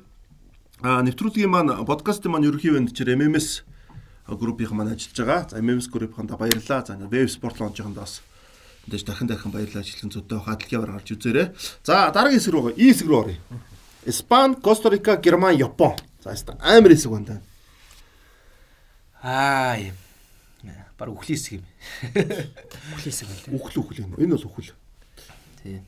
Гэтэ би бол Коста Рикаг бол өмнөх шиг энэ гурван урд бол орчин чимдэхэр харахгүй байгаа. Муу байгаа л да. Костарикагийн шгшөөг бол дэлхийн аврах шалралт тэмцээний эрхийг бол эцсийн мөчт плей-оффын тоглолт хийж авсан. Одоо CONCACAF буюу Төв Хойд Америкийн бүсээс анх удаа дэлхийн аврах шалралт тэмцээний ингээ дөрөв төхөг орж ирж байгаа. Костарика нэлээд тийм бүтлгүй орон гарan ер нь Кост Мекс Костарика ч гэлтгүй Мекс Костарика хоёр ч өөрсдөө маш бүтлгүй байсан болохоор. Канад, Америк хоёр ч ингээ дэшээ бүр цойлцсон. Тэгээ Костарикагийн шгшөөгийг харахад ер нь бүрэлдэхүүн бол их сайнгүй. Одоо 2014 онд гавья байгуулсан хүмүүсийн одоо баг үлдэгдэх юм уу те төгсгөл. Зав хэлсэн шүү дээ. За Тийм тийм. За. Үлдэгдэнд явж байгаа. ганц гэрэл гэгээ байгаа. Джеймсон Бенедикт залуу. Одоо ерөөсө Костарикагийн хөлбөмбөгийн гэрэл гэгээ болж одоо Английн Сандерленд клуб чемпионшипийн Сандерленд одоо сүүлийн өнгөрсөн удирдал одоо энэ зунаас эхлээд тоглож байгаа. Тэр тэр залуу ганц гэрэл гэгээ гэж байгаа. Гэхдээ одоо 1000 авьяастай байгаад энэ том багуудыг одоо ганцаараа дийлэнч гэж юу ах вэ? 14 он чинь Кострикос байсан шүү дээ. Брайан Брайан Рус чи эд гайгүй байсан. Хойл Кемпл гой гарч ирж исэн Арсеналд байсан тоглох шүү дээ. Хаалгач Бравогийн хувьд Кедер Навас чинь өөрөө Испани лиг миг таадаг ус үе шүү дээ. Тэр чинь бас хоосонгүй баг байсан шүү дээ. Тэр бол мундаг баг шүү. Тий, тэгээ зарим тоглогчны Испани, Мексикээр тоглодог. Дуарте Борхес Яцэн тэгэхээр за яг нэг тийм Акоста яг нэг тийм яг яг үнэ Акоста баг зүүн баг шүү тий. Одоо нэг энд одоо Эквадор шиг багхгүй ер нь бол. Аа яг яг. Тий, яг Эквадор шиг багхгүй нэг тийм ганц гайгүй касадо өдр шиг нэг ганц гайгүй өдөртөө бусдын тэгээд нэг гоё нэг эвгүй эвгүй эвгүүд тоглодог тий. Нэг тийм баг битүү байсан тий. Стоп битүү байсан. Стоп битүү байсан. Тэгтээ би бол Итали Английн дундуур гарч иж дүнгээр бодоогүй тэр. Итали Англи Уругвай 3-ыг хаяа гарч ирнэ гэж боддог. За, Япон гэдэг баг яг үндэ ингээд статус арах бол яг Герман, Испани, Япон гороос Японыг муу гэж хэлэхэд бол хэцүү шүү дээ. Одоогийн бүрэлдэхүүн харах юм бол Японы шиг 4 жилийн өмнөхөөс илүү сайжирсан бүрэлдэхүүн. Амар багт орж. 4 жилийн өмнөхөөс илүү сайжирсан ба. Гэхдээ 4 жилийн өмнө бол харьцангуй сул хэсэгт орсон. Харьцангуй сул хэсэгт орж хэсгээс гарч ирсэн. Амьдралын хэсэгт орсон шүү. Тийм тийм. Ер нь бол их баланстай хэсэгт орсон. Одоо юу гэдэг чинь Герман, Испантай нэг хэсэгтэй харьцуулахад бол шал өөр хэсэг байсан тий. Тэгээд гэхдээ 4 жилийн өмнөхөөс сайн Япон орж ирж байгаа. Баг нь туршлагаж туршлагажаад ороод ирчихсэн. Одоо тэгээд Азийн багуудын хувьд төвийн хамгаалалт нь ер нь хамгийн том асуудал шүү дээ. Том топ багуудад тоглоход. Тэгээ тэрийг нөхөх хэмжээний хоёр төвийн хамгаалагч байгаа. Yoshida-га баг Томиясуг төвийн хамгаалалт тоглуулна. Такурагаараа Томиясу баруун гарах байгаа. Би бол тэгж харж байгаа шүү. Тийм тэгээд Такура сайн байгаа шүү. Олимпиад айгүй сайн тоглосон. Сая өнгөрсөн үнэ. Тэгээд би бол Томиясуг байх гэж боддог. Томиясу гэж болно. Гэхдээ Томиясугийн тоглолт нь баруун айгүй хэрэгтэй байгаа тоххой. А ер нь бол тийм довтгоондоо илүү найдвартай. Довтгооноос гадна нэг одоо юу чин хоёр нөө юу чин Испани өөр чин жигүүрээр тоглоно шүү дээ. Томьяс сая саалахыг гаргаагүй. Юун дээр Ливерпул дээр зүүнд гарч байгаа зөвхөн зүүнд гараад. Зөвхөн саалах дээр а арганд Арсеналын бус тоглолтууд Томьяс гарахаар яг өөрийнх нь жигүүрийг алдахгүй байхгүй. Тэгэхээр би Итакурагийн сонголт байгаа юм чинь Итакура Май Йошида гэж гараад Томьясыг баруунд гэдэг юм шүү дээ. Зүүн дээр Накаямаг авсангүй л дээ сая. Тэгээд би бас гайхаад байна. Бүр болохгүй тэгээд Нагатомог л Селтикийн мэрэгэн буч Фрихасууг авсангүй. Селтик дэнжил үнээр гайхалтай тоглож орё хатаатайг авсангүй. Селтикийн 3-аас 1-ийг авсан тийм.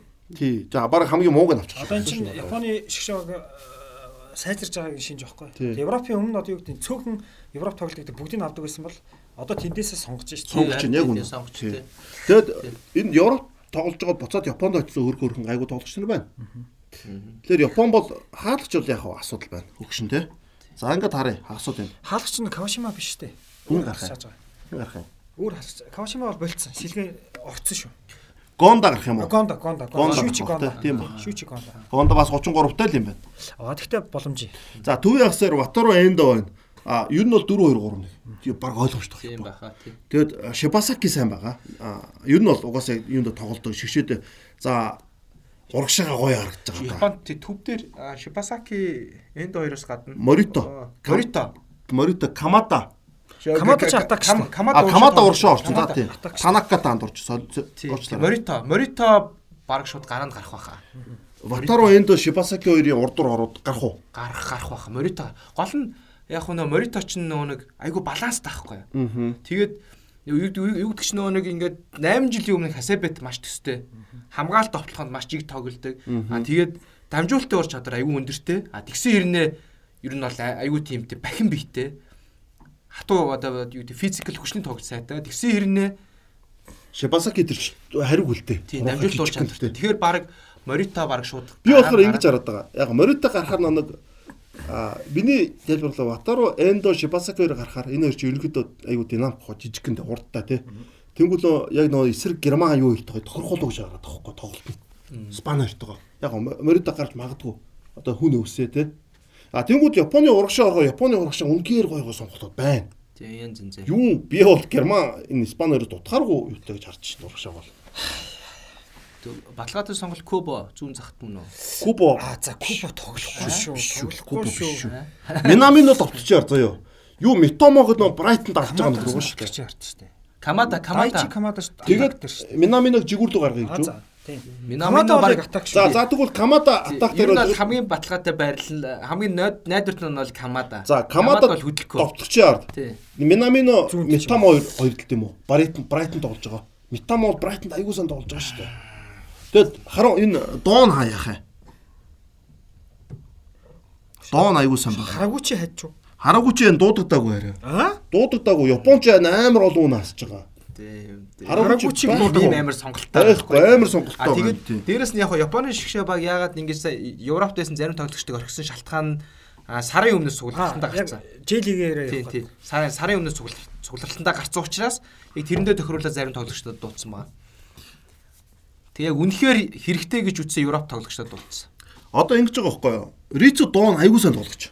Фрайбург тоглодог. Өнгөрсөн лив яагаад бол Олимпиар Японы шоуг тайлбарсан байхгүй юу? Энэ бол амар тесрэлтэй тоглож. Яг Доон сууж болно. Одоо Кубо гэдэг шиг заяа. Яг Кубо шиг тийм жоо хий гарч магадгүй. Тэгэхээр за Камада, Минамино, Митомогоор бол золтой байгаа байхгүй юу? Тэр нэг Ито гээд Ит- Ито юу?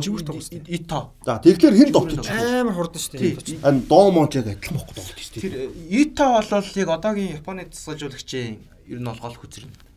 Ито за тэгвэл Итог нэмэхээр Минамино баруун Куба дээр тар байр байхгүй болчихсон. Кубад бол байр. Ито баруун Минамино зүүн юм биш үү? Минамино баг төвийн тоглогч юм шүү. Камадад найруулагчтай тоглоод Митомо ч юм байгаа шүү дээ. Митомо гарч Брайтонд ямар сайн Томоо зүүн юм уу те? Митомо ч зүүн тоглоо. Тэгвэл та Минамино тоглогч юм. Минамино тоглогч юм шүү тэгвэл. Минаманы ороо тоглогчор гарах байхаа тий. Өөр байрал баг байхгүй. Бүртгүн айгуу сайн байгаа шүү дээ. Митомо Брайтонд үнэхээр сайн байгаа. Одоо энэ сүүлийн тоглолтууд чинь Митомо ч голын юм дээр энэ Макалистер Тросарт өдөртэй зэрэг явж байгаа шүү дээ.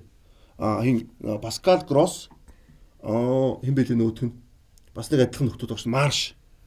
Жисэн марш. Тий, эдгээр чи ирэхэд ингээд- Сали марш үү? Соли марш. Соли Марш Марш. Марш, Гросс, Тросар, Митомо, Макалистер, Кайседо энэ итгэхгүй. Велбек урдлан тоглолт. Тийм эдгээр ингээд одоо ингээд 7 хүн шүү дээ. Тэгэхэд энэ 7-оос Митомо гараанд гарч байгааг боддоо чи. Тросарта зүг. Тэгэхээр Митомог бол би ууса шууд зүүн зүгүүрийн юу гэж хараад байгаа байхгүй. За тэр Селтик хоёр хатаатай Фрикас хоёр горигч тий. Митомо зүүн зүг за Камада бол яг за төв заяа. Айнтрахт болж байгаа шүү дээ тий. Төвд гарлаа. Баруун дээр нь Ито гараад тэгээд Минамино хоёр довтлож байна. Би хоёр довтлож чинь бол үнэхээр энэ хоёр гарна гэж юусэн харахгүй гоё довтлож үлээ энэ бол.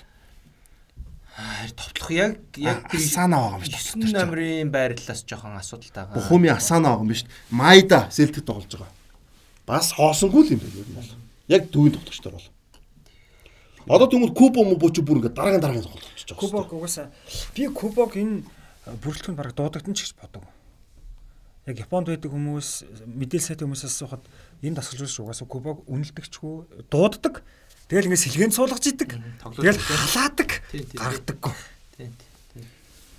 Тэ сонирн байгаа хэвээр. Кубоч маш тогтворгүй Хасайдар. тогтворгүй байгаад байгаа шүү дээ ер нь бол. Тэ хараагүй чи дээр дуудах бол амар баасан бүрэлдэхүүн.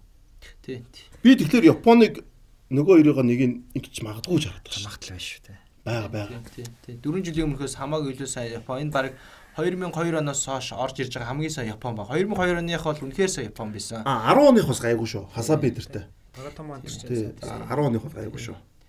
Тийм. 2 оных 2 оных бол мундаг байсан. 2 оных Тотоши Наката. Тийм, үнэхээр мундаг байсан. Шинжи Оно. Тэрнээс хойш хамгийн сайн баг гэж би. Тэгээ Японч одоо ингэдэг гардаг гардаггүй гардаг гардаггүй одоо гардаггүй нэс тий. Тэгээ одоо гардгүй таарчаад харамсалтай харин тий. Уг нь бол Яг тэр бол зүүд багт. Яхаа зүүд тий. тэгээ хэсэг юугаа таашлаа. Өөр Япон өөр хэсгээс бол гарна. Энэ гарна. Өөр хэсэгт бол Өөр зурх хэсэгт бол найдвартай байсан. Даач. Би тэгээд бодсон энэ одоо. Хараагучи хатаатай дээр дуудаагүй шалтгаан нь ерөөсөө Испани Португал хоёрт тоглох дээр л бүх юм Герман хоёр дээр. Герман хоёр дээр энэ хоёр дээр тоглох дээрийг бүрэлдэхүүн яг энэ энэ Зориулчлаа. зориулчлаа гэж би харсан юм бол. Яг гоо Селтикийн 3-аас 2-ыг нь үлдээдэг нь гол шалтгаануудын нэг нь байрлалын давхардлаа нөгөө тэгүүрээс аргуудын лиг жоохон тааруу тоглосон зүйл Селтик. Тий, Тэр бас- аваад лиг тэгтээ Тэр бас жоохон нөлөөсөн тэр хоёр их сайн доо- яг яг хувь тоглолчид бол агуун дажгүй тоглосон шүү дээ. Эцсийн үр дүнд л байхгүй байсан тий. Харин тий. Тэгээ Япон бол ихтэй амар үнэхээр сайн сонгож. Би бүр хатаатай ч бүр гарааны төвийн хагас гэж харж байсан шүү дээ бүр. Шибасаки энд хоёрын нэгийг суун гэж хараад байсан бохгүй юу? Тэгээ Шибасаки энд хоёр гарч ирэх нь Япончонд урдлын хэдэн динамик гэхэлэр Япон, Испани, Герман хоёроос яг хоо ур чадвар мадар жоохон дутагдсан юм дээр хуурд тэр юу савлтын санаачлаг дээр бол нэг холгоцрохгүй гэж л алийг марталж болох юм. Герман бол бас зөвүүн л үлээ. Германы хамгаалт гэхдээ сул түү хамгаалт сул тэл. Шлоттерберг Юу за Рудигер нэг нь байгаа. Рудигер- Рудигерийн хажуу тоглох хүн бол хэцүү л шүү. Юулээ. Тэгэл тэгэл хэцүү болчих. зүйлээ юу Шлоттерберг Шлоттерберг Тэр хоёрыг хинж. Статербек. Дортмундын хоёроо хинж байсан. Тэгээ баруунд Керрер юм уу зүйлээ ахаад байгаа сте. Баруун болохоор Зүйлээ тоглож байгаа шүү дээ бас. өө Нөл Керрер А төвд Матиас Гинтер байгаа бас. гинтер гарахгүй. Матиас Төв Гинтер. баруунд Гюнтер нь баруун билүү юу лээ? Зүүн талд бол яг рам. Гинтер гинтер өөр чи хоёлаа яг тэгж тоглох байхгүй. Танд ирдэж зөхгүй юм бол. Германы хамгаалт жоохон яг хамгаалтын шугам Клостер маань баруун талд байхгүй. А Клостер. Клостер маань нэгдүгээр сон. Лукас Клостер маань тийм. Клостер зүүн биш үү? Баруун гэж санаад. Баруун, Би би зөөр рам клостер маань хоёр андуураад тийч магадгүй. Рам бол Рам Би- зөв, би- би зөв. тэр Клостер бол баруун зөв, зөв, зөв. Хоёр жигүүр нь бол ойлгомжтой байна гэж харагдсан. Рам клостер маань хоёр найдвартай юм байна. маань зөв зөв зөв. А төвийн хамгаалтан дээр харин Рудиг Рудигрийн хажууд харин хинбэ гэдэг юм. Шлотер Амар Шлотер хэцүү. Хөө тэр айгүй хэцүү хүмүүс. Баггүй эсвэл хин үү? Зүйлээ юу? Тэгээ гинт Матиас. Гинтер байна тий. Гинтер мэтэр. Хойдлын дөрвийн 3 нь бол тодорхой байгаа. Хойдлын дөрвийн 3 нь. Тэгээ Надерсэн цоорхоо гарах нь дээ. Герман бусдаар бол амар үлээ. Гоё. Амар үлээ. Герман гоё гоё. Төвийн асмаас гоё штэ. Кимих гүндэг нөр ороод. Болохгүй Горецкос байна. Аа, Горецкаг шууд гарах баха. Горец гарах уу? Тий. Ажлахаараа Горец гарахгүй үзсэн штэ тий. Гэхдээ би нөө юун дээр тэгсэн шүү дээ. Баярн дээр тэгсэн шүү. Баярн дээр Грецко Ким Грецког хинтээс солиодсон шүү дээ энэ жил чинь. Сабисертэй солиодсон байхгүй. За би тэр сайн л да. Угаас э, Германы төвийн хамгаалтан дээр Горецкотэй төсдөөр тоглож байхгүй. А Горецкогоос бусд нь орлуулж чадна. Юу нь бол тий, юу нь бол юу нь бол тий. А, тэгэхээр- Гүндэг нь кимих өөр чин төстэй дүү штэ. Тэр хоёрын нэг нь Горецкотой хамт тоглолт. Тэгэхгүй бол талбайн төвд нөгөө нэг биеийн хүчтэй бусад бол илүү тийм хөл. бол Горецко ч нуруутай, Тий. довтлохонд хурдан шилждэг, гоолтой, хамгаалж чаддаг. Юм юмтай л да. Тийм тэгэхээр Горецко бол найдвартай гарна. Би болохоор яг хоо Горецкош кимих хин хоёр гэж харж исэн. Гүндэг нэр гэж. Жохон. Тэгэхээр нөгөө нэг хурдтай хурдан магистрээр тоглоход Дийлч болох юм шүү. хурдан юу зүйлтэй. яг хоо яг цэнгэл хэлж байгаа үнэлдэ Горецкогийн юу дутна л да. Тэр нэг тоглолтын нэг балансыг хадгалах мадгалаа тэр төвний зодоо модон дээр оролцох хэрэгтэй л дээ. Тийм талбайд үж хатуу юм дот. Тэ. Герман урагшаа бол амар байлээ. Гэхдээ Испани дээр дээр бол тэгш бас шаардлага алга шүү дээ. Япон хоёр дээр. Төвд Горецког хэрэг байгаа юм уу бас. Илүү гүндэг нь шүү. гүндэг нь кимих хоёрын байвал болох юм шүү. Адилхан жижиг асуудал болж тандаа. Тэс одоо яах юм бол те. Тийм үстэй. Яг юу агаад аа Герман дэр их юм бол дасгалжуулагч Ханс Флик Ханс Флик 2хан жилийн өмнө 2 жилийн өмнө өстэй одоо 2 жилийн өмнө юм байна. Яг одоогийн байгаа одоо энэ Германы шишэд маш олон тоглогч Баерны тоглогч байгааг тэр тоглогч суур болоод аргуудын лигт маш идсэн шүү дээ. Аа. Тэр тэр байдлыг юу надад хадгалж тоглоод байгаа. Тэр одоо ингээд талбайн хамгаалтаас урагшаа ингээ харах юм бол тэр чигээр энэ Баерн л харагдаад байгаа. А тэнд тэнд гарч байгаа Баерны тоглогчдыг 2 жилийн өмнөх аргуудын лиглөө авчих юм бол яг тэр чигээрээ. Мюллер тэгээд Грецка, Кимих, Набри, Зане Мусега За. жоохон байсан тий. тийм Мөсэлэ жоохон байсан. Тэгэхээр яг хоо ингээ харах юм бол Одоо л хаваарц лимэгж байгаа юм шүү дээ үндсэндээ. Уг нь Вернер байсан бол тий. Тэгэхээр э, юу байгаа яг хоо Левандовски байхгүй бол Баерн тоглох гэдэг гэсэн үг байхгүй За юу? урагшаага яхан тэгвэл. За би бол ерөөсөө хаваарцыг бол үзүүрийн тоглогч юм гэдэг тэр бат итгэцэн байсан Европын үндэсний лигт Англитэйсэн тоглолтын дээр ч гэсэн тэгж тоглосон. Тий. Хаваарцыг бол тоглогч хийлгэнэ гэж бодож байна. Би чамтай санал нийлж байгаа юм дээр бол. Тийм тийм. Кай юм Тэр Хаварц. Мюллер атак хийгээд Гнабри Зане хоёр юм шүү. Би тэгж л. Мусега биш үү? Аа. Мусиала гэж гарахгүй, занаа гарахгүй шүү. Ямар амар юм бэ те. Харин тий. На занаа ч гарахгүй э, шүү. Юу байгаа жигүүрт э, бас нэг X factor байгаа. Карим Адеми байгаа. Адеми тий. Адеми. Аль ч жигүүрт нь тоглолт тэр тэр хүүхэд. Одоо бас Вернер байсан бол энэ айгүй айгүй өгөх тоглоомор бол. Тэгээд бас Германы шишэд одоо орж ирээгүй нэг э, залуу байгаа. Энэ зүгээр шидтэн. Тэгээ Флорен Вирц. Хэрвээ Флорен Вирц байсан бол Вирч дуудаагүй тий. Гимтэлтэй. Харин тий, гимтэл форум Фордол дөнгөж юу ачаад буцаад бэлтгэлээ ичгэлж байгаа. Айгүй харамсалтай Вирц байсан бол Их удаан гэмтлээ. Тий, Вирч байсан бол Германы шишээ Мюллер яг тоглож чаардуу. сонголттой. Тий. Тэгээд дуршлага юм бол Мюллер Мюллер ер нь бол гараанд гарах байхаа. Мюллер орж ир тэр багч гой баланстай болно шүү дээ тий. Тэгвэл баахан шинкод гарч ирэх нь шүү дээ. харин ширээ Мөсөлө хаана вэ гэдэг асуу. Мөсөдө зүүн рүү орно шүү дээ. Яг үндсэн зүүн санаас юм биш үү? Занаа харин суух байгаа. Тэгээд Набри занаа өөрөө нэгээс бол би бол занаа суугал гэж боддог шүү дээ. Эсвэл бүр бүр үнэхээр шаардлага гарах юм бол Мюллерч төвөнд товтлогчоор тоглуулж маа. Кай Хаверс ардна. Мөсөлө хоёр жигүүрт хоёр баяр. Ер нь баярны 4 5 6 гарах гэдэг шүү дээ тий. Хаваарц гэхдээ Кай Хаверс Жоохон гарна шүү. Яг Жоохон хоо- форм. Кай Хаверс Герман сайн Челси зүйл тоглохдоо муу байсан л та. Гэтэ одоо түүнээс хойш чинь ингээд Мэдээж өөр болно тий. Сайжрал. Германд бол гарна. Тий. Тэгээд Тоглолтын стил нь Кай Хаверс угаасаа яг тийм тоглож хэрэгтэй байхгүй. Дандаа хурдан болохгүй байхгүй. Одоо Мусиала Мусиала Набри хин төр бол бас зүгээр нэг сайхан бужигч тэг Кай Хаверс чинь яг бужигчд тоглож байхгүй. Яг том тоглогч Тий. Том тоглолтын тоглогч. Тий. Тэгээд За бүр юм болохгүй юм бол тэр full crook гэдэг тэр Наа чи бол зөвөн шүү. Наа чи зөвөн шүү. full crook юуны Werder Bremen-ийн Болохгүй бол ингүүл яа төвийн 3 агас нөгөө Петербургийн нэгээ сулах гэсэн 3 ч байв яа тэ. Гёндөг нь Горецка энэ Кимих 3 байв яа тэ. Хин атак хийх юм. Атакку тоглохгүй тэгээ хавл. Герман ч 4 3 3 гэж тоглохгүй шүү дээ. 4 2 3 хаас билж 4 2 3 1 4 2 3 4 2 3 1 гэж тоглосон. Угаасаа Баерн ч тийм, Герман ч тийм. Тэр тэгээд аа, тэгэхээр яг уу одоо юу гэдэг чи 2 жилийн өмнөх аргууд лигт Баер Мюнх яаж тоглолоо, ямар формтой байлаа. Тэр байдлаар нарах юм бол Германы шигшээ аа бас хол явж магадгүй байх. Оо Герман эвгүй. Герман хол явж Герман бол магадгүй. энэ жил бол бүдрэхгүй. Өмнө 18-нд бүдэрсэн шүү дээ. Одоо Герман 2 бүдрэх баг биш. Герман бол хагас шир бол орох байх гэж бодож харж байгаа би. яг яг төрүүлэхгүй гэвэл аа, арай үгүй бах. А зүгээр ямар ч байсан тэр нэг 2010 оны э, Германы шишээ баг байгаа шүү дээ. 2010 оны Герман 6 оныхоос бүр шал өөр Герман орж ирсэн.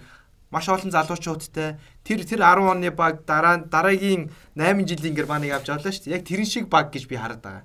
Тэр багийн дараагийн зөвүүн баг орж иж байгаа. дараагийн Хүний анхаарлаас гадна тий дараагийн 8 жилийн Герман. Дараагийн 2 дэлхийн аваргын Герман одоо орж иж байгаа. Гол тоглогчд нь гэх юм уу та. Тэр довтлооны гол тоглогчд. Тэгээ Рүдигэр тэр гоё байна л да форум. Тэр Рүдигэр сайн. Хаалч тэр ноёр уу? Хоёр. Штег нөө? Ноёр тэр штег. Би бол тэр штеп гэж хэлмээр. Германы шгшээ огт ноёр байсан цагт шүү дээ. Ноёр л тоглоно. Өөр юу ч байхгүй. Энэ дунд Ялангуяа Ханс Флик байна. За ноёр шгшээ огт байсан цагт ноёр л тоглоно. Ноёрыг суулгана гэж байхгүй. За за Германы гараа тэгээд юунд оторхоо болчлоо. Герман за хэсгийн эсэс гарах уу баг да. А Испани хэрэг үү? За Испани хэрэг за. Гэхдээ одоо хүмүүс ингэж байгаа юм зэ. Хүмүүс бол Испани ста муу байна Би бол суулж харж За байгаа. том нэр байхгүй. Тий. Наач аюултай баг шүү. Наач нэг бол бүр хэсгээс гарахгүй а нэг гарах юм бол зүгээр Алан гэж. алан баг шүү. За Испани гэрээ. Испани шишээ хүмүүс бас нэг тогтвортой зүйлийг ерөөсө олж харахгүй байгаа. Энэ юу гэхээр Луис Энеркиг удирсан баг өнгөрсөн жил Европын арга шалралт тэмцээний хааш гişи тоглолтод болсон. За тэр үед ч гэсэн хүмүүс Испаниг муу тоглоно л Тий, гэжсэн. Би заяа хэлжсэн, Испани сайн тоглоно гэж би Хэлжсэн. Испани ч Италиг хожинго алдсан шүү дээ. За Испани өнгөрсөн жил Европын үндэсний лигийн хагас гişэд үлдсэн.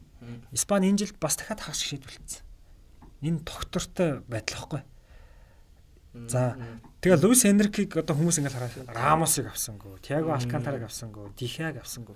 За уушлараа Испани өмнө яадаг байсан бэхээр Испани хөлбөмбөгийн түүхийг үзэхэд бид нар мэдэн шүү дээ. Сайн клуб сулхан шиг шоу гэдэг. Яа тэгэхээр Испани тэр клубүүдийн тэмцэл өрсөлдөөн гэдэг юм бүр ингээд бүр амар хол. Идэр шиг шоу тэрэд нийцдэггүй, баг болж чаддаггүй байсан. Энэ би зөндөө бол нийтлсэн. А тэнгуут Испани хизээ баг болсон гэхээр ерөөсөө нэг баг л нойлно. Барса дээр л суурилсан. За уушлаараа ингээ Барса дээр суурлахаас арга байхгүй. Тий тий ойлгомжтой. За тэгээд яваад төрүүлсэн. Одоо Луис Энрике дээр ерөөсөө Реал дээр суурлах уу Барса дээр суурлах. За Реал гэхээр яг үндэ сайн Испани тоглогч нар бас цөөхөн байна. А тэгээд үнэхээр Барсад залуучууд нь байна. Одоо Барса дээр суурлаа. Энд чинь багийн уур амьсгал. Үнэхээр Рамосыг тоглоулахгүй. Рамос чинь зөв Парис, Марист ингээд байгаа болохоос бас яг хуучны Рамос биш болцсон. Тэгээд тэр багийн тоглох Рамос хэрэгтэй болохоос тоглохгүй Рамос сэлгэнч байх хэрэг байхгүй. Одоо тэгээд баг Луис Энрик гэж баг яг Барсагийнханд ярьж байгаа. За Реал сайн нэг ах уу. Хин хинтэн ойлголцоо. Хин хин баг багийн уур амьсгал ивдэхгүй. Баг тэн дээрээ тулж байгаа шүү. За нөгөөдөл хэлж байгаа. За Карвахал гайгүй. Өөрөө Барсагийн хүн шүү дээ. Энрик гэж тий. Тий. Асенсио давгүй. Үнэхээр тэр хоёрыг авч байгаа. Одоо нэг баг дээр суурлахаас өөр арга байхгүй. За Испанийг бүрэлдэхүүнийг харсан зөв би арай илүү мэддэг болооч тэр нь надад бол их л давгүй бүрэлдэхүүн харагдаж байгаа. Гэхдээ олон хүн бол ингээд пупа гэдэг байгаа. Гэхдээ ингээд сая бодсон чинь Испани нэг бол эсгээс гарах юм бол маш хол юм. Ер нь хааш гişээ хурчин. Хурчин шүү. А Испани нэг бол Япон дээр өвдөх шорот. Би бол Японд өвдөх шороод гэж. За гарааг нь гаргав Испани. За Испани хаалт Унай Симон ойлгомжтой. Ойлгомжтой тий. За баруун зүгүрт Дани Карвахал. За зүүн зүгүрт хэн болсон Жорди Албаг л тоглуулна л да. За төвд бол хамгаалж жоох муу байгаа нь үнэн. За гэхдээ мань хүн бол Эрик Гарсиад их дуртай юм. Эрик Гарсиа гарна. Эрик Гарсиад бол жоохон хэцүү л дээ. За тий. Торсын тоглож байгаа унтсан байгаа. Лапорт байгаа. Унтсан байгаа. Лапорт тэр байгаа. Хор жоохон сул байгаа шүү. Спорт угаасаа ер нь баг гарч байгаа мó? Ситид айгүй цөөхөн тоглосон. Энэ энэ намар их цөөхөн тоглосон. Хоёр жилийн өмнөх лапорт биш Юу н гэмтэж имтэж байгаа шүү дээ Лапорч юм бол. Одоо чи бодлоо. Рубен Дэш байн гарч байгаа. Натан Аки их гарч байгаа шүү дээ. Тэгээд Мануэл Аканжи байгаа. Аканжи бас Аканжи муу тий. лээ. За за. Тий. Юу. Испани ярьж байгаа Аканжи. За Эрик Гарсиа тоглон. За тэр хоёрын нэг тоглон те За. зөв л та. За би одоо нэг л юм хүсэж байна. Юу гэхээр Бускетс тоглох юм бол Японыг дийлэхгүй. Яг үнэ. Яг үнэ. Сал нийлж байна. За одоо ш Барсагийн тоглолт үзэх юм баг. Барса динамик байгаа. Юу гэхээр Барсаг ингээд хамгаалтын шугам, хагсын шугам, хамгаалалт буцсангууд хагас нь буцахгүй байгаа байхгүй. Тэгээ энэ зайн дээр чи гол орчод байгаа байхгүй. Энэ зайн дээр нөгөө Бензема ойсон бөмбөг нэмж юм зөхөд энд Бускетс л буцахгүй байгаа байхгүй. Родри, Гави, Педритэй За гэсэн. одоо Родри тоглох хэрэгтэй байна. За Гави Педри хоёр тоглох хэрэгтэй байна. яг гараад ингэж авах уу те. За довтлоонд бол зүүнд Фати, Баронд Ферран Торрес, урд Мората. Тоглох л дүр зураг. Би болохоор яг Гавиг Кокеогоор сольчих гол байна л да. Байж болно. Тий байх тий. Бусд нь ер нь бол ер нь хэлж байна. Ферран Торрес дээр харин яат юм бол. Өөр одоо тэгээд Луис Энрик гэж мэддэг. Эрик Гарсия, Ферран Торрес үнэхээр дуртай. Даны олмоосоо дуудагдсан байсан те. Даны олмо айгүй форм уутаагаа. Тэгээд өнгөрсөн жилд Оёр Забал лидерс үнэхээр гоё ирсэн шүү дээ. Өнгөрсөн жил Испани шгшөөгийн довтлооны 3 тоглогч одоо 2 нь байхгүй байна л да. 2 нь байх. Жирар Морено байхгүй шүү дээ. Морено. Морено тэгтээ бас яг юугаар бас амар тоглоогүй шүү дээ Европын оргоор те. Өнгөрсөн жил бол Дани Олмо 2 Сабол 2 бол үнэхээр сайн. Байсан. олмо үнэхээр. Одоо Нансу Фати гоё тоглож байгаа. Жохон энэ жил формгүй байна. 2 Сабол гимтэлтэй болчлоо. За би бол нэгээр Япон гэж бодож байгаа шүү. За Испани нэг бол хэсгээс мулт явна. Нэг бол гараа цаашаа явна. гэж За нэг юм ярья ч одоо дандаа ингүүл нэг за, тэг. Испани яг За, тоглолт. Испани ихтэй тоглолт Кострикад болохоор айгуу даваатай юм байна л да. 3 оноо авчин. На Костарикач Испанид цэвэн тоглох. Харин эвгүй Испани харин хамгийн бүдэрч юу Кострика Испантай хийгүү тоглох юм шүү. Япон Герман хоёроос илүү те. Адилхан Испани хэлтгэнгөт юу лээ? Костарик Испаниг нухаа цаашаа явуучих юм шүү гэдэг байхгүй. За Герман бол гарны ойлгомжтой. Герман бол би нэгээр гэж харж байгаа. За за за. За би Испан дээр л. за Испани нэгээр явъя Герман хоёроор гарыг. Аа, Герман, Испани хоёр чинь сая сүүлд э, хидэд тоглосон. Тэгээд Испани а, жил хагасын өмнө 6-0-оор эцсэн шүү дээ Германыг. 2 жил 2 жил. Тэгээд 20 оны яг үдээд нөө ковид 10 а 18 тэгсэн тий. Тэг чин дүнгийн Ханс Флик ирээгүйс ирсэн байсан байх. Дүнгийн ирсэн Гэхдээ байсан. нөгөө лоб байлгүй вэ? А лөө бос юм. А тийм ээ тийм тийм. Ханс Флик ирсэнээс ч тоглоогүй. Тэгэхээр би бол ингэж бодож байна. Герман нэгээр гараа Испани хоёроо гарах байх. Би бас би Германы Тий. Япон шүү. Би ягаад Испаниг Японы доор оруулж юм тэр Испани надад хамгаалт үнэхээр сул харагч байна. Үнэхээр сул харагч байна. Жоо бодолтой. Форм формутойгоо Пау Торрес. Пау Торрес амар өсөн шүү дээ Европын оргаар. Лапорт Европын оргаар сайн байсан. Энэ хоёр хоёулаа форм. Төв хамгаалсан шүү дээ. Тэгээ чи Хави Гарсия ямар хүн тоглож илээ. Яг класс зэрэглэлийн төвийн хасан. Хамгаалагч биш шүү дээ.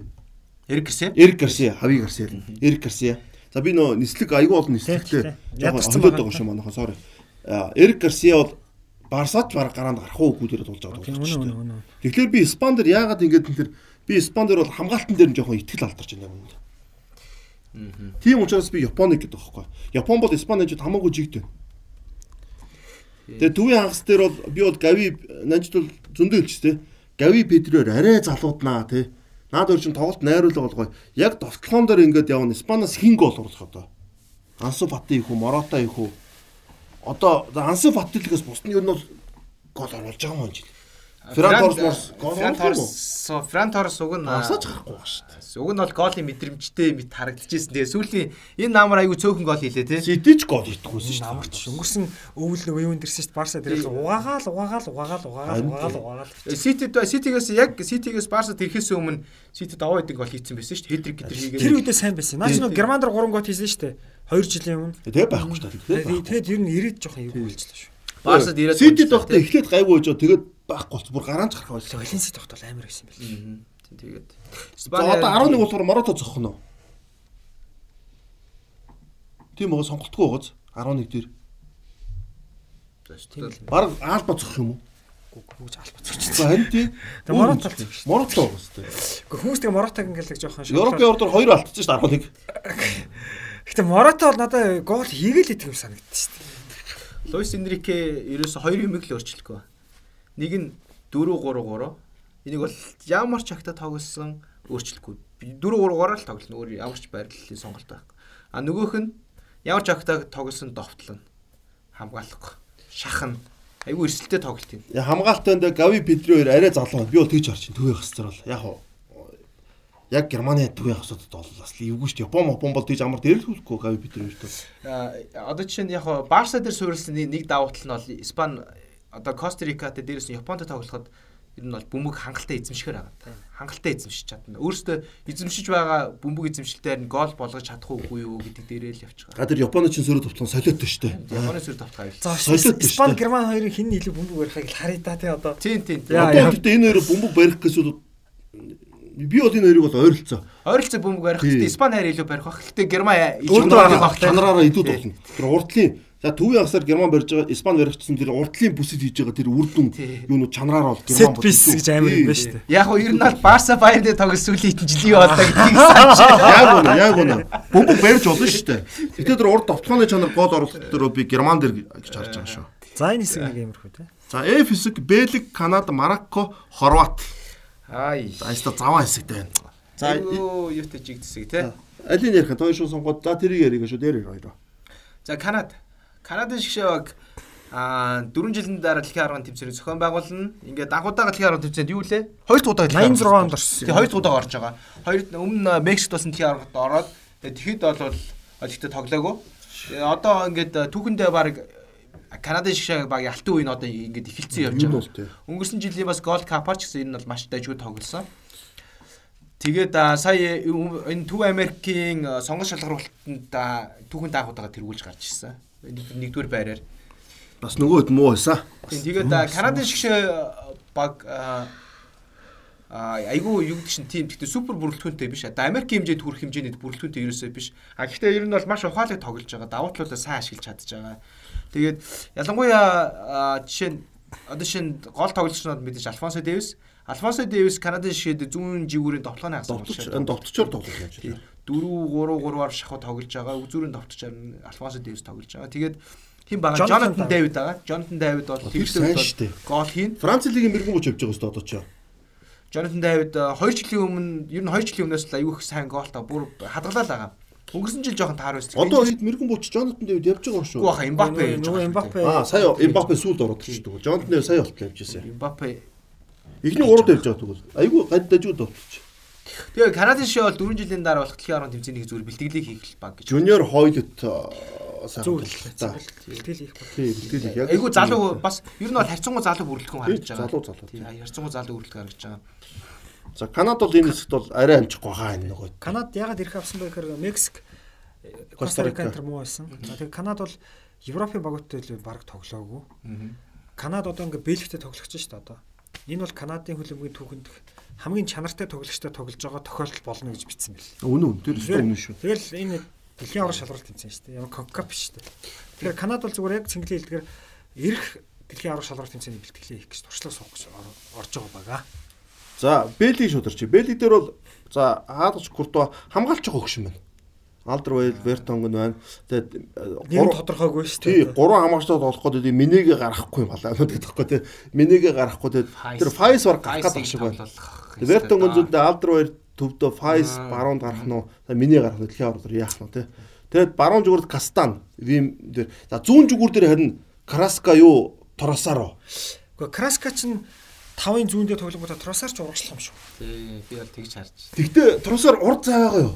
Байгаа шүү. Эди Азарыг суулгах шүү. Азарын Азарын орондоо. Тий. Тэгэхдээ Мартинес чинь чадахгүй болов. Азарыгаа тоглох. Азар чи шигшээд айгуу сайн тоглолт шүү дээ. Аа, гэхдээ Өнгөрсөн Европын ордоос санаж байна уу?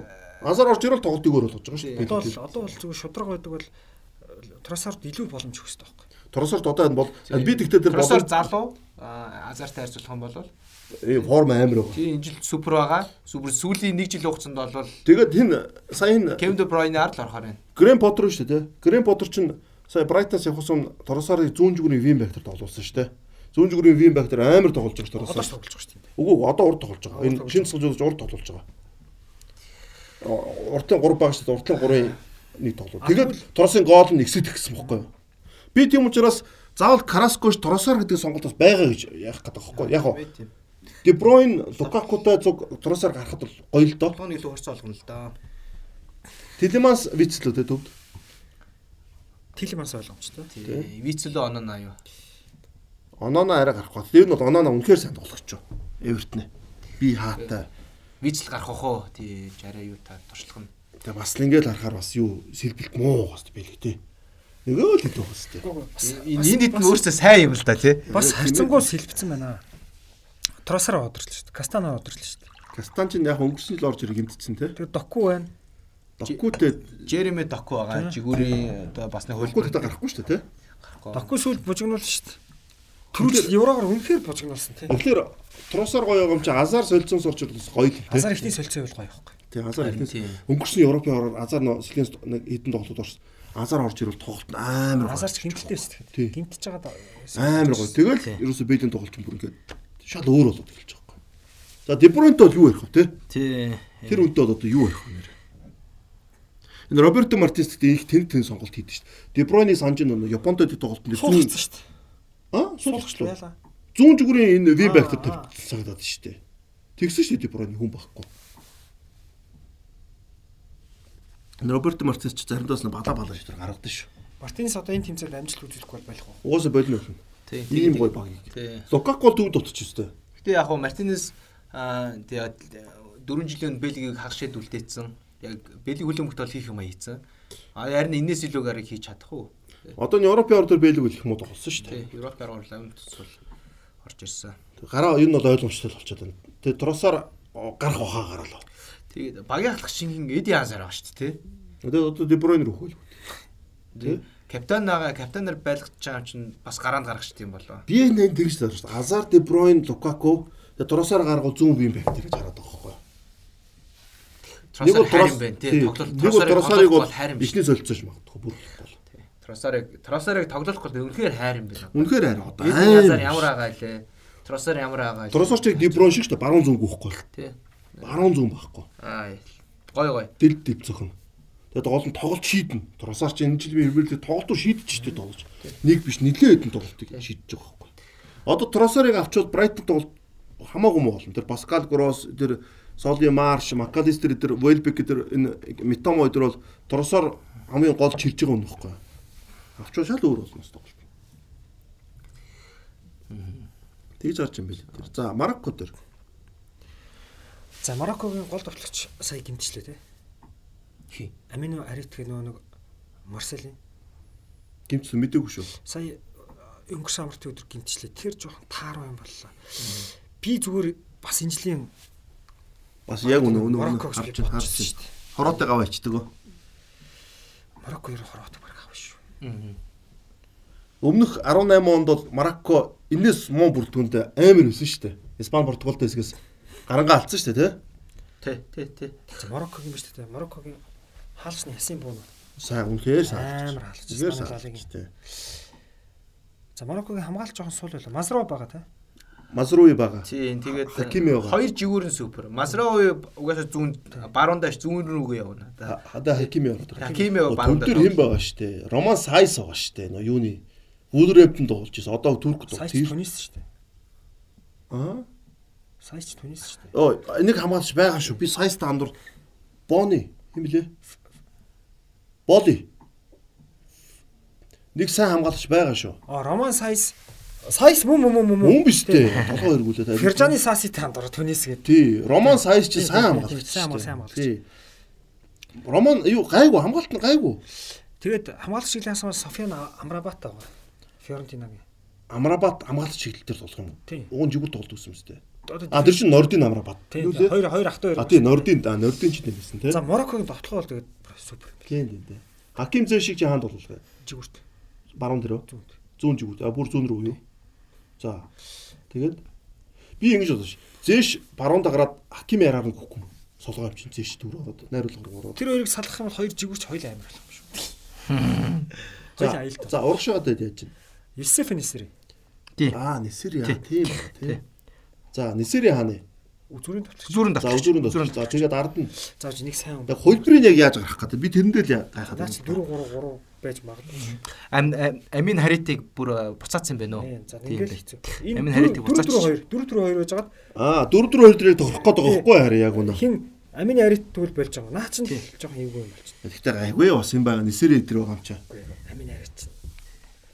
Заавч энд гой гой нэрс байгаа. За. Сайс айжуудаар нь хин зогсох юм бол төвийн хамгаалтанд бас. Ой, Наиф Агуэрд гэсэн хамгаалагч байгаа шүү. Аа. Тэгээ Наиф Аа Агуэрд. сайс бол үнэхээр сайн юу. Аа юу штэ. Агуэрт чинь Вест Вест хэмдэ юу л байгаа лөө. А мэдэхгүй шүү. Лиг. Мэдэхгүй шүү. Тэгээд бас Сэлгэнд байгаа хаа. Лалиг тоглог Жавад Эл Эмик гэсэн хамгаалагч байгаа. Хамгаалт гайгүй. Марокко хамгаалт бол асуудалгүй шүү. Наад Хорват идэр Бэлэг идэр чинь ямар гол хийхгүй Мароккод. Буногийн алганд бол. Марокко бол 4 4 2 гэж тоглодог сайн хамгаалдаг баг байсан. Тэгээ одоо Амины арит байхгүй болохоор жоохон доголтчлаа л тоо. Тийм тийм тийм. Энэ Сэрит ам тоглох. 4 2 3 1 юм бодвол. Гэхдээ одоо яаж өөрчлөх вэ? Тий. Игч таарах. Би бол Хаким зэ шиг бодож байна. Баруун тоглоод угаасаа Хакими бол яг үндэ баруун жүгнөө товтгоод юмштэй. Дэлхийд бараг номер 1 гэж яригдахаар амтэн шүү дээ. Тий, тий, тий. Хакими баруунаар угаасаа товтлож болж ороод Хакими баруунаараа явна тий. хоёр дефенсив мэдүүлэлтэр айгүй чухал байх хэрэгтэй байхгүй тэгэхээр. Хоёр жигүүрээ сайн юм чи. Тийм үстэй. Хоёр жиг төвийн хагасаар хоёр дефенсив мэдэр Софиан Амрабат идэр чинь үнэхээр сайн тоглохгүй бол тоглож ижил Марокко товтлоо хамгаалт гоё болох байхаа. Хакими идэр тэггүй тэгэл Хаким Хаким Амала гэж стандарт лиж тоглодог нэг хагас хамгаалагч байдیں۔ Өө тэгээд хамгийн нэг эвгүй зүүн тоглох олчлаа олчлаа. Абдэ Изал Зули гэдэг түрүүл Барсад нэг удирдлагчаас Абдэ гэдэг нэг зүүн жүгүүрийн товтлооны барилдаг тий. зүр илгэлдэг залуу байгаа. Мазруи. Тэгтээ Марокко бол тэгж байгаа шүү дээ. Яг үндэ энэ хэсэг дээр Хорват Бельгийн эсрэг сайн тоглодог тоглогчгоос илүү сахилга баттай хамгаалтнаар алдаа хараад тоглож гарах хэрэгтэй. Зөв үү? Тасгалжуулагчийн асуудал байгаа тий Марокко. Тий. Томилсон шүү дээ. Одоо энэ Мароккын шиг шиг ингээд Валид Ригра гэдэг нөө нэг Халил хожид чинь гол хоёр тоглогч. За нэг нь бол Хаким зээш. Нөгөөх нь хэн байлаа да авахгүй гэж тэр бөө юм болоод. Тэгээ нөгөө хоёр нь зодог тайлаад. Тэгсэн. Буу дараа болсон. Тэр хоёрыг авчрахын тулд Халил хожид халаад Тэр хоёргүй ч дэлхийн авраг ирэх авчиж байгаа шүү дээ. Харин тий. Гэхдээ тэр чинь Марокко айгу гайгүй хэсэг төсөө дадна. Тэр авдаг. Суглаанд юу шүү дээ. Юусээ таарлаа. цаа чи Конгтод харлуу да. Тэгэд Марокког бодлоо. Тэр хоёргүйгээр ирэх авч чинь чи айгу сайн баг. Угаасаа Мароккогийн хамгаалт айгу сайн. Тий. Марокко сайн. Тэгээ би бодож за зээш байхгүй, зээш байхгүй болоод тоглоом дээр найруулга, тэгээ чөлөө цогт айгу ол юм дээр Марокко жоохон суларж байгаа мэт зээшийг аваад одоо энэ бол яг шинэ цогцолж багийнхаа учрыг олж тул Марокко гоё баг шүү. За за. За Араб ертөнцид болж гин, Катарт болж гин, Марокко, Хорватын оронд гарна. Хорват за яхаа. Гарааны бүрт Хорватын гарааг ярьчих. Хорватын гараа бол гоё л байлээ л дээ. Гэхдээ юу гарна. Би Хорватыг нэлээд үтсэн. За хаалгач. Ливакович. Доминик Ливакович. За Ливакович гарлаа. Хамгаалтан дээр Гвардиол Лаврен үү? Лаврен зүг. Гвардиол Лаврен төвийн хамгаалтнаар баруун зүгүрт Версалког байхгүй байгаа ш тийм. Версалко байхгүй байгаа. Баруун гэхдээ Байерны Станишич Станишич шүүл хин нөгөө Борно Сосо юу? Сосо ч зүүн. Зүүн. А Сос баруун биш лээ. Сосо зүүн. А зүүн. А за зүүн зүүн гарааны зүүн. Станишич баруунд. За хоёр зүгүүр бол надад сунс сонсож байгаа юм даа. За төв дээр бол Ковачич, Модрич, Брозович. зүүн. А зүүн зүүн зүүн тий. Зүг энэ гурав. Тэгээд довтож Крамарич. Крамарачиг одоо тавихаас өөр арга байхгүй. Тэгээд хоёр зүгүүр нь Перишич. Перишич зүүнд байгаа. Тэгээд баруунд нь Антребич байхгүй байгаа шүү дээ. Ребич байхгүй байгаа. А хин Оршич биш магадгүй. Оршич сэлгээ сэлгээ. сэлгээ. За сэлгээнд Пашалич байгаа. Влахович дээр гарахгүй те. А хин Левая гэдсэн. Хороо тань жоох сул байгаа юм ба. Төвийн гурван хагас нь гоё бол. Гоё бол. Талбайн төвдөө болол угаасаа супер яа. Тэгээс бол яг тэр жигүүр мигүүр бол жоох надад бол энэ жигүүрийн тал бол эндээ сор. Яг гоо Европ Nations League-т бол хэсгээс гарсан л да. Гэхдээ л хамгийн гол давуу тал нь талбайн төвд л байгаа да ерөөсөө. Талбайн төв бол бүр ингээд солилцоо молцоо дээр нь Модрич дээр байгаа болохоор Марокко гаргалч магадгүй бас эвгүй те. Тий, Модрич, Брозович, Чи Ковачич гурав эвгүй те. Тий, тэгээд За би нанжтай санал нийлж байна. Бэлэг Марокко. бас Басалич, А Басалич сайн штэ. Басалич байна. Тий. Басалич Бас юу аа Зальцбургийн Лукас Сучич гэж залуу байгаа. Тэр ер нь бол За Бэлэг Марокко миний. хувьд. За миний хувьд ч гэсэн Бэлэг Марокко. Бэли нэгээр. Марокко хэсгээс нь гаргач бараах ээ. Хорват бол Гордел өөрөө бол гайгүй л дээ. Хаалч малч муу байгаа байхгүй л. Харахаар. Модрич байгаа болохоор эвгүй л дээ Мароккоч. Харин. За. Би бараг Хорват нэгээр гараад Бэлэг хоёроор гэж. За Хорват 1, Бэлэг 2. Битээр адилхан. Бэлэг 1, Марокко 2. За сүүлээс хоёр тусаг. Бразил, Серб, Швейцар, Камерун. За энэ сте бас зодон болно доо. Аа. За шууд Бразилээс ирчих те. За Бразил хаалгал дээр айдсан ойлгомжтой. Төвийн хамгаалтан дээр Маркинес, Тега Силва. Милитао юу тэгээс лөө. Тэ Тега Силва, Тега Силва. Ягаад тэгэхээр Тега Силва шин зүүн талдаа тоглоно шүү дээ. Зүүн талдаа ахгүй юу? А Маркинес Маркинес баруун талаа Яа, тоглоно. Милитао тим амир формт суух нь шүү дээ. Тэгээд Эдер Милитава Аа юу ах Эдер Милето ихэвчлэн баруун талаа тоглож. Маркинес хай нэг зүүн тал тоглож. Мартинес юу нь бол баруун баруун талаа. да. Би харин Бразилийн шгшээ дээр шээ төвийн хамгаалтан дээр нэм сонголттой байгаа хэрнээ. Зүүн захын нөгөө нэг Тиаго Силвагийн солилцоо байхгүй хат ягаад Габриэлг орхиж гэж бодод байгаа байхгүй. Габриэл байна Тий. Арсеналын тий. Габриэл чи яг зүүн хөлтэй төвийн хамгаалагч байхгүй. Тэгээд хэрвээ Тиаго Силва болох байх юм бол Габриэл орж ирэх бол нөхөр байгаа. Зүүн зүгүүр дээр Алекс Сандроё, Алекс Телис үү? Александр бол их муу баг шүү. Тий, Сандро гарах уу? Алекс Телис нөө? Александро, Александро. 6 дугаараа өгцнийг бодоход тэгээ гарах юм байна. Тий, Александро. гарна. Александр. За баруун дээр хий. Баруун дээр Данило гарах шүү. Данило, Юу Данило. Суул байгаа. Юу н хоёр нь зүгээр Бразилийн зүр зүр өөл гэх юм бол хоёр зүгүүр хамгаалал. Бус байр Бразил хоёр энэ Данило Манило уршаа довтлогоо баг дэмжиж зүв байж магадгүй ч. Яг бол довтлого нь угаасаа хамгаалтанд боцсон зөндөө байхгүй юу? Уртлын дугаас асуудлаа шийдчих. Тий, уртын угаасаа гол бол оруулна. Би бол Бразилийн гол дээр саан зовхгүй байна. Венесус зүүн дээр гарчин. Неймар довтлчоор гарчин. Тий. Түүн довтлчоор баг кин гарах бах. Ричарлисон гарах. Ричарлисон гарна тий. Тэгээд зүүн дээр энэ Барсагийн нэг. Рафиня гарчих бах. Тэгэхээр энэ ч юурээс дан хамгаалгүй нөхцөл байгаа сте. Ричарлисоноос бусдна. Тэгэл Касемиро пакет хоёр л гарах нь шүү дээ. Пакета гарах уу? Кэтэй Бруно Гемараш шүү. Үгүй камераш гарахгүй шүү. Аа. Пакетаг тасалж байнг гаргадаг шүү. Фред гарахгүй юу? Фред Фред тотлоо. Фред байхгүй. Пакетаг багт Фред. Фабиньо. Каземиро хотлаа тий. Удаан болчихно л тоо тий. Пакета юу? Вестхэм тим сайн байгаа юм. Пакетаг бол сайн байгаа. Бразилинд бол дажгүй байгаа. Бразилийн шгшөөрөнд салжуулагч нар нэг тийм айгу сонир хүмүүс шүү. Нэг итгэдэг үндэ. Нэг Агустин. Риберо гэж нэг 4 жилийн өмнөөс тэрийг дандаа л гаргана. Тийм тийм тийм. Паулиньо хятад очсон ч гаргана. Луис Густаво гаргана. Тэр үеийн а, 14 оны Бразилийн төвийн ас хамгаалтаас одоогийн Бразилийн төвийн ас хамгаалт хамаагүй сайн л да. Оо Каземиро өдөр орж Тэгээ 18 оныхоос ч хүчтэй. Гол талбай төв болоод. Пакета. Пакета Райс хоёр тэгээд Фестхэм чинь сүүлийн тоглолтуудаар гайг байгаа шүү дээ тий. Тийм пакетаас дажгүй байгаа. Аа Пакета бол өөлгөр биш надад бол. би Бруно Гемараш шиж магадгүй л гэж боддог. Би бол Бруно Фредерийг нэг гэж хараад байгаа шүү дээ. Пакета биш. Манчестер Юнайтед Фред үү? За байж байна. Яг бокс то бокс дээр тоглодог баг ганц тоглогч чинь чих харагдаад байгаа шүү дээ. Пакета бокс то бокс хэр вэ? Хэр вэ? Гэхдээ тийм хөдөлгөөнтэй биш. Бруно Гемараш бол явна. Бруно Гемрайс бол бас айгу дажгүй сонголт байгаа шүү дээ. Ньюкасл. За Бразилийн бүрэлдэхүүн бол ингээ ойлгомжтой. За нөгөө хэд ч нөгөө л айхтар багууд байна. За Швейцар бол эвгүй орж байна. Швейцар нэг хэнийг авах суперыг авах л шүү дээ. Швейцар уу? Тий. За Цүбэр гайгүй хөө. Үгүй супер чин хөдөлгөгч шүү дээ. Цүбэр гайгүй л юу тэгтээ гараа биш штэ бас. Үгүй. Супер чи өнгөрсөн жилийн Евроор хамгийн гол ассист өгсөн шүү дээ. Тэр супер шүү дээ. Аа тий штэ тий. Стивен Супер гэж зүүн Тий тий тий тий тий. Тэр тий, байхгүй. Тий тий тий. Стивен Цүбэр. Я Швейцар уран хамгаалсаа тоглоно. Аканжи Элведи э, Видмер үү? А? Ви- Видмер үү? Видмер биш нөө хин Рикардо гарах юм мэлээ. Нөө. Рикардо Родригес. Рикардо Родригес. Рикардо 5-ын зүүн шүү дээ. А энэ 5-ын төвийн ахсын зүг шүү дээ. Төвийн хамгаалалт. Одоо супер авахгүй 5-ын зүүн юм шүү. А Рикардо одоо олчих уу? Яг юу Фабиан Шарч бас сонголт байгаа л да. О Фабиан Шар гараад байгаа Фабиан Шар тий. Фабиан Шар Элведи Тий. Аканжи юм шүү. тэр гурав. Аканжи айгу удаан болцсон байна. Одоо Аканжи гарна гарна. Аканжи чинь гарнаа. Швейцарт гол шүү дээ. Фабиан Шар гарна. Энэ жил Ньюкасл сайн байгаа. Шар би ямар. Фабиан Шар гарна тий. Зүүн дээр дүүл Рикардо Родригес юм уу? Тийм байна. Ихэл удаан. Рикардо Родригес. Баруун зүгүрд нэ Баруун зүгт нөгөө хин вэ? Имбабу. Имбабу байхгүй. Яг хоо хим бас байгаа ш. Аа Челсид ирдэг чинь хим бэл. Денис Закари яг Закария төвлөлтөө төвийн ахс. Тэс нөө заримдаа баруун лун Төвийн ахс дээр Швейцар Шака Фройлер хоёр гарах бах тий. Тэр боломжтой. Тэр бол баг ойлгомжтой баг. Шака Фройлер гараад урагшаага Ширдан Шакири а хин нөө оо нөө довтлогч юм блэ. Им болоо. Имболо. Тэгээд Сеферович. Спров сэлгэ болсон. Аа. Гарахгүй юу? Аа, Швейцар одоо ботхоор бас их гоё сонсогдохгүй шүү. Хамгаалт бол гоё л байна л да. Аа нөгөө хим баг. Хаалган дээр бол нөгөө юм хിവэрэ өстэй. Зомер. Зомер. Зомор номер 1. Тийм үдээр ярих юм байна. Э, Би нэг харч Швейцарт. Швейцар дээр Рубен Вар гэсэн. Аа тийм бах те. Тий. Рубен Вар гэсэн. Тоглосон.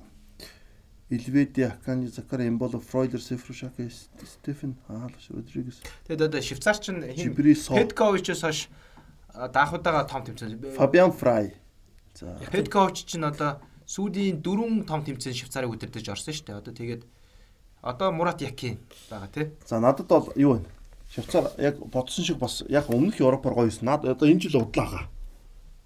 Би бол яг яг сенсац тарих хэмжээний амар хуучин хөгшин бүрэлдэхүүн байгаа тоххой Швейцар. Тий? домог болсон уу? Тэгээ цөбөр мөбөр тэр цооржил тэр эсгээс гарч юун дээр бол Франц далуулж байгаа тэр Шаканы эдэн гоё юу ичдэн шүү дээ тий. За Швейцар тийм байна. За Ган яаж байгаа? Серб шүү дээ. Серб Камерун. Серб. Оо Серб юм. Оо. Серб энэ Камерун хоёр байгаа шүү дээ одоо. Энэ хоёр нь тий. Сербч бас яг бүр тийм сүттэй бас байгаа мó. Серб сайн байлээ. Довтгоон сайн байгаа шүү дээ энэ бол. За энэ нь бол хоёр довтчоо тоглосон тэр бол ойлгомжтой. 3 5 2 уу? Серб төвийн 3 хамгаалагчтай юм байлээ. Тий 3 5 2. Тэгэхээр Влахович энэ хоёр тоглож байгаа хөөе довтч нь. Митрович хоёр. Ард нь таадаж тоглож байгаа. Тэгээд тэрний ард хин тоглож байгаа гэхээр төвийн хагас нар Миленкович, Савич, Савич. Миленкович, Савич. Заавж байгаарай. Нэг хүнтэй байгаа. Гүдэл биш үү? Имани Гүдэл. Гаа тэс гүдэл тоглодог шүү дээ. Уураа Шрачич гэж амар хүн байгаа шүү дээ. Аа. Миланков Савич. Тий. Сааш. За төвийн хагас хамгаалт дээр Настасич бол байхгүй байх шиг байсан. Яракович, Миленкович. Миленкович, Миленкович Якович, түвэн хамгаалт. Велкович. Тий. Тэгэж бод баруун 200 вин бэкийн. Наач гайгүй хүн байгаад шүү дээ. Би бол Сербиг урдаал Оо төвийн хагас нар Костич байгаа шүү дээ. тий Костч угаасаа гарааны юу шүү дээ төвийн хамгаалагч гол тоглогч шүү дээ. Костич, Миленкович, Савич хоёр тоглоод атактер таадаж тоглоод урд нь нөгөө хоёр тоглоод. тэгээ Йович сэлгэн суугаад Тий. Серб бол товтлоо гоё л доо. Серб бол 3 хамгаалагчтай. Энэ нөгөө нэг Драган Стойкович орж ирээд шууд 3 хамгаалагчтай болсон. Аа. Тий. Драган Стакович өөрөө төвийн хагас байсан юм шүү дээ. Айхтар хүн шүү дээ. Тий амар тоглож байсан шүү дээ Драган Стакович. 2000 оны юм ихээр. Аа, Серб яг нэг уучраа олоод тоглох юм бол. Серб эвгүй л дээ яг ч юу. За Камерун машинд нь. Матипиг аваагүй. Угаасаа шгшээ байгаас өөрөө болон болон Матипиг угаасаа аваагүй. Тив ч өөрөө юу Тий. Африк төрүүлэхт нь ч Тий. нэг шалтгаан хэлээд За сүүлд одоо орон борно гэдэг Иточ нь тийм байдаг гэстэй. Сүүлд орон тий, орно тий. гэдэг. Камеруны бүртгэний би бас юу хатгах. Сэргээ гэдгийг. Хаалгач нь бол ямарсан ононо. А тэр ойлгомжтой тийм. тий. За энэ Замбо ангиас энэ сайн шүү. Наа үнээр гол гол. найруулагч. Гол бол Чубо Мотинг, тоглогч. Абу Бакар хоёр. Абу Бакар ална гэж байгаа. Энэ хоёр ч урд тоглох юм байна. Абу Бакар нэг ярьслаа гэж. Бразилаас бид айхгүй ч шиг. Африкч ус дандаа л хийдэж штэ. Гоё формтайгаа нэг давтагч очиж байгаа. Чопо Мотинг орж очиж Аа, байгаа. 8 10 дугаар сард Чопо Мотинг ч 8 тоглолтын 6 гол хийсэн байгаа шүү. Энэ ангиас бол Наполид наач алж байгаа шүү. тий. Ангиас үнэхээр. Камерун. Карл Токо, Камби гэж бас нэг сайн давтагч байна. За аль хэл нь гарах юм. За Бразил нэгээр. Бараг санал дийлэх те. Тий. Хоёроор Серб. За Серб, Серб. Серб Серб Швейцарын тоглолт бас амар юм бол. А би Швейцарт өрөх гэж. Серб Швейцар бол амар юм бол. Швейцарыг би бол жоохон эргэлж байгаа. Гэтэ Швейцар яачих واخа. 4 жилийн өмнө энэ энэ 3 нэг хэсэгт орсон шүү дээ. Тий. Камеруны орнд Костарика. Тий, тий, тий. Э Жака ч албан штэ. Тий. Жака гол хийж нэг албаны гол хийж гэж брэш өгөлдөг тий. Одоо энэ ч ахад орно тий. Бас заваа юм болох юм байна да. Тэгээ наад юу ярьчих хэсгийн сүүлийн тоглолт. За хэсгийн сүүлийн хэсэгт хамгийн миний хувьд бол таамаглахад хэцүү хэсэг байна. Юу? Португал, Ган, Уругвай, Солонгос, Сүм Солонгос. Тий. Бас үхлийн хэсэг. Маш маш жигд юутай. Энэ өстө жиг гэж хэсэг байна. Тий. Айгүй жигд. Португал ч явна шүү энэс бол. Аа. Тийм, мултрал мултрал. Эвгүй шүү энэ өстө эвгүй хэсэг. Ган маань чинь баахан нөө Европ тоглолт хэдүүд аваад Ганы гарааны бүгд эвгүй болсон. За Ганаас хэлээдэг бол. За Ганы шиг шог бол юу байсан л да. Ер нь бол яг жилийн өмнө бол форм маш муу байсан. Африк үндэсний цомын тэмцээн мултраад нөхсөг тоглолтууд бултраад. За тэгээд э, Ганы шиг шог бол цэцгэлжүүлэгчээ сольсон. Плей-оффын чухал тоглолт юм. Тэгээд Отто Аддо ирээд маш олон залуучууд боломж олгосон. Одоо Мохаммед Кудус тэргүүтэй. Бүр шиг шог ингээд дөрвөн гой залуу гаргаж ирээд. Аяксын гүтүсийг ярьж байгаа шүү дээ тий. Тэгээд энэ хүмүүсийг нээж гаргаж ирээд Ганч плей-оффын тоглолтод хожиж дэлхийн 10 шалралт тэмцээний ирэх авсан. А үүний дараа Ган гаралтай өмнө Ганы шиг шоуг сонгодог байсан Тарик Лампти, Калум Хац нь одоо. Одоо ч байхгүй юм жил тий. Яки Уильямс гэсэн хүмүүсийг багтаа авсан. Тий. Маш хүчтэй Урилга байсан. өгөөд авцс тий. За хэн бол гимтэлтэй байгаа те? Хац нь одоо бүртгэн байхгүй юм те. Байхгүй. Хацсантай байхгүй. Хац одоо байхгүй. Би гайхаад. За Ган бол эвгүй баг болсон. Эвгүй, эвгүй, өстө эвгүй. Энэ а, 2010 оны дэлхийн орон тэмцээнд шүгэн 8-д үлдээд Уругвайг хожих шахаад тэгээд хагшид үлдэж чадаагүй. За тэднээс илүү баг баг шүү одоо тэ бүрэлдэхүүн тий. тий. Тий. Энэ бол дутхгүй л тий. 6 хоног бол 6 10 хоног арай барахгүй. Барахгүй юу? А 10 оныхыг 6 онд чи юу л та Таган чинь. Майкл Аа. Стефен Апиа, Джон Асамаа тийм Океан. Аа, яг он 6 онд амар байсан тий. Стефен Апиаст амар байсан тий. Яг Яа. Бразил Эссен ч тэгтээ гимтэд нэг тоглодгүй шүү дээ. Исиан чинь зөв Бразил дээр хууцсан хүмүүс тоглолтгүй. Тий энэ а, энэ энэ жилийн Гана шигшээ багийн ялангуяа энэ довтлогооны тоглогчд бол а юм дуулгана. Инаки Вильямс байгаа. За тэгээд а, би төвийн хамгаалтан дээр Мухаммед Салисус үнэхээр сайн байна. зал а, довтлогооны залуучуудаас их юм бол а Кемелдин Сулеймана гээд одоо Рен тоглож сүүлийн 2 жилд үнэхээр сайн байгаа. Энэ залуу тесэрхээ хүлээгээл байгаа.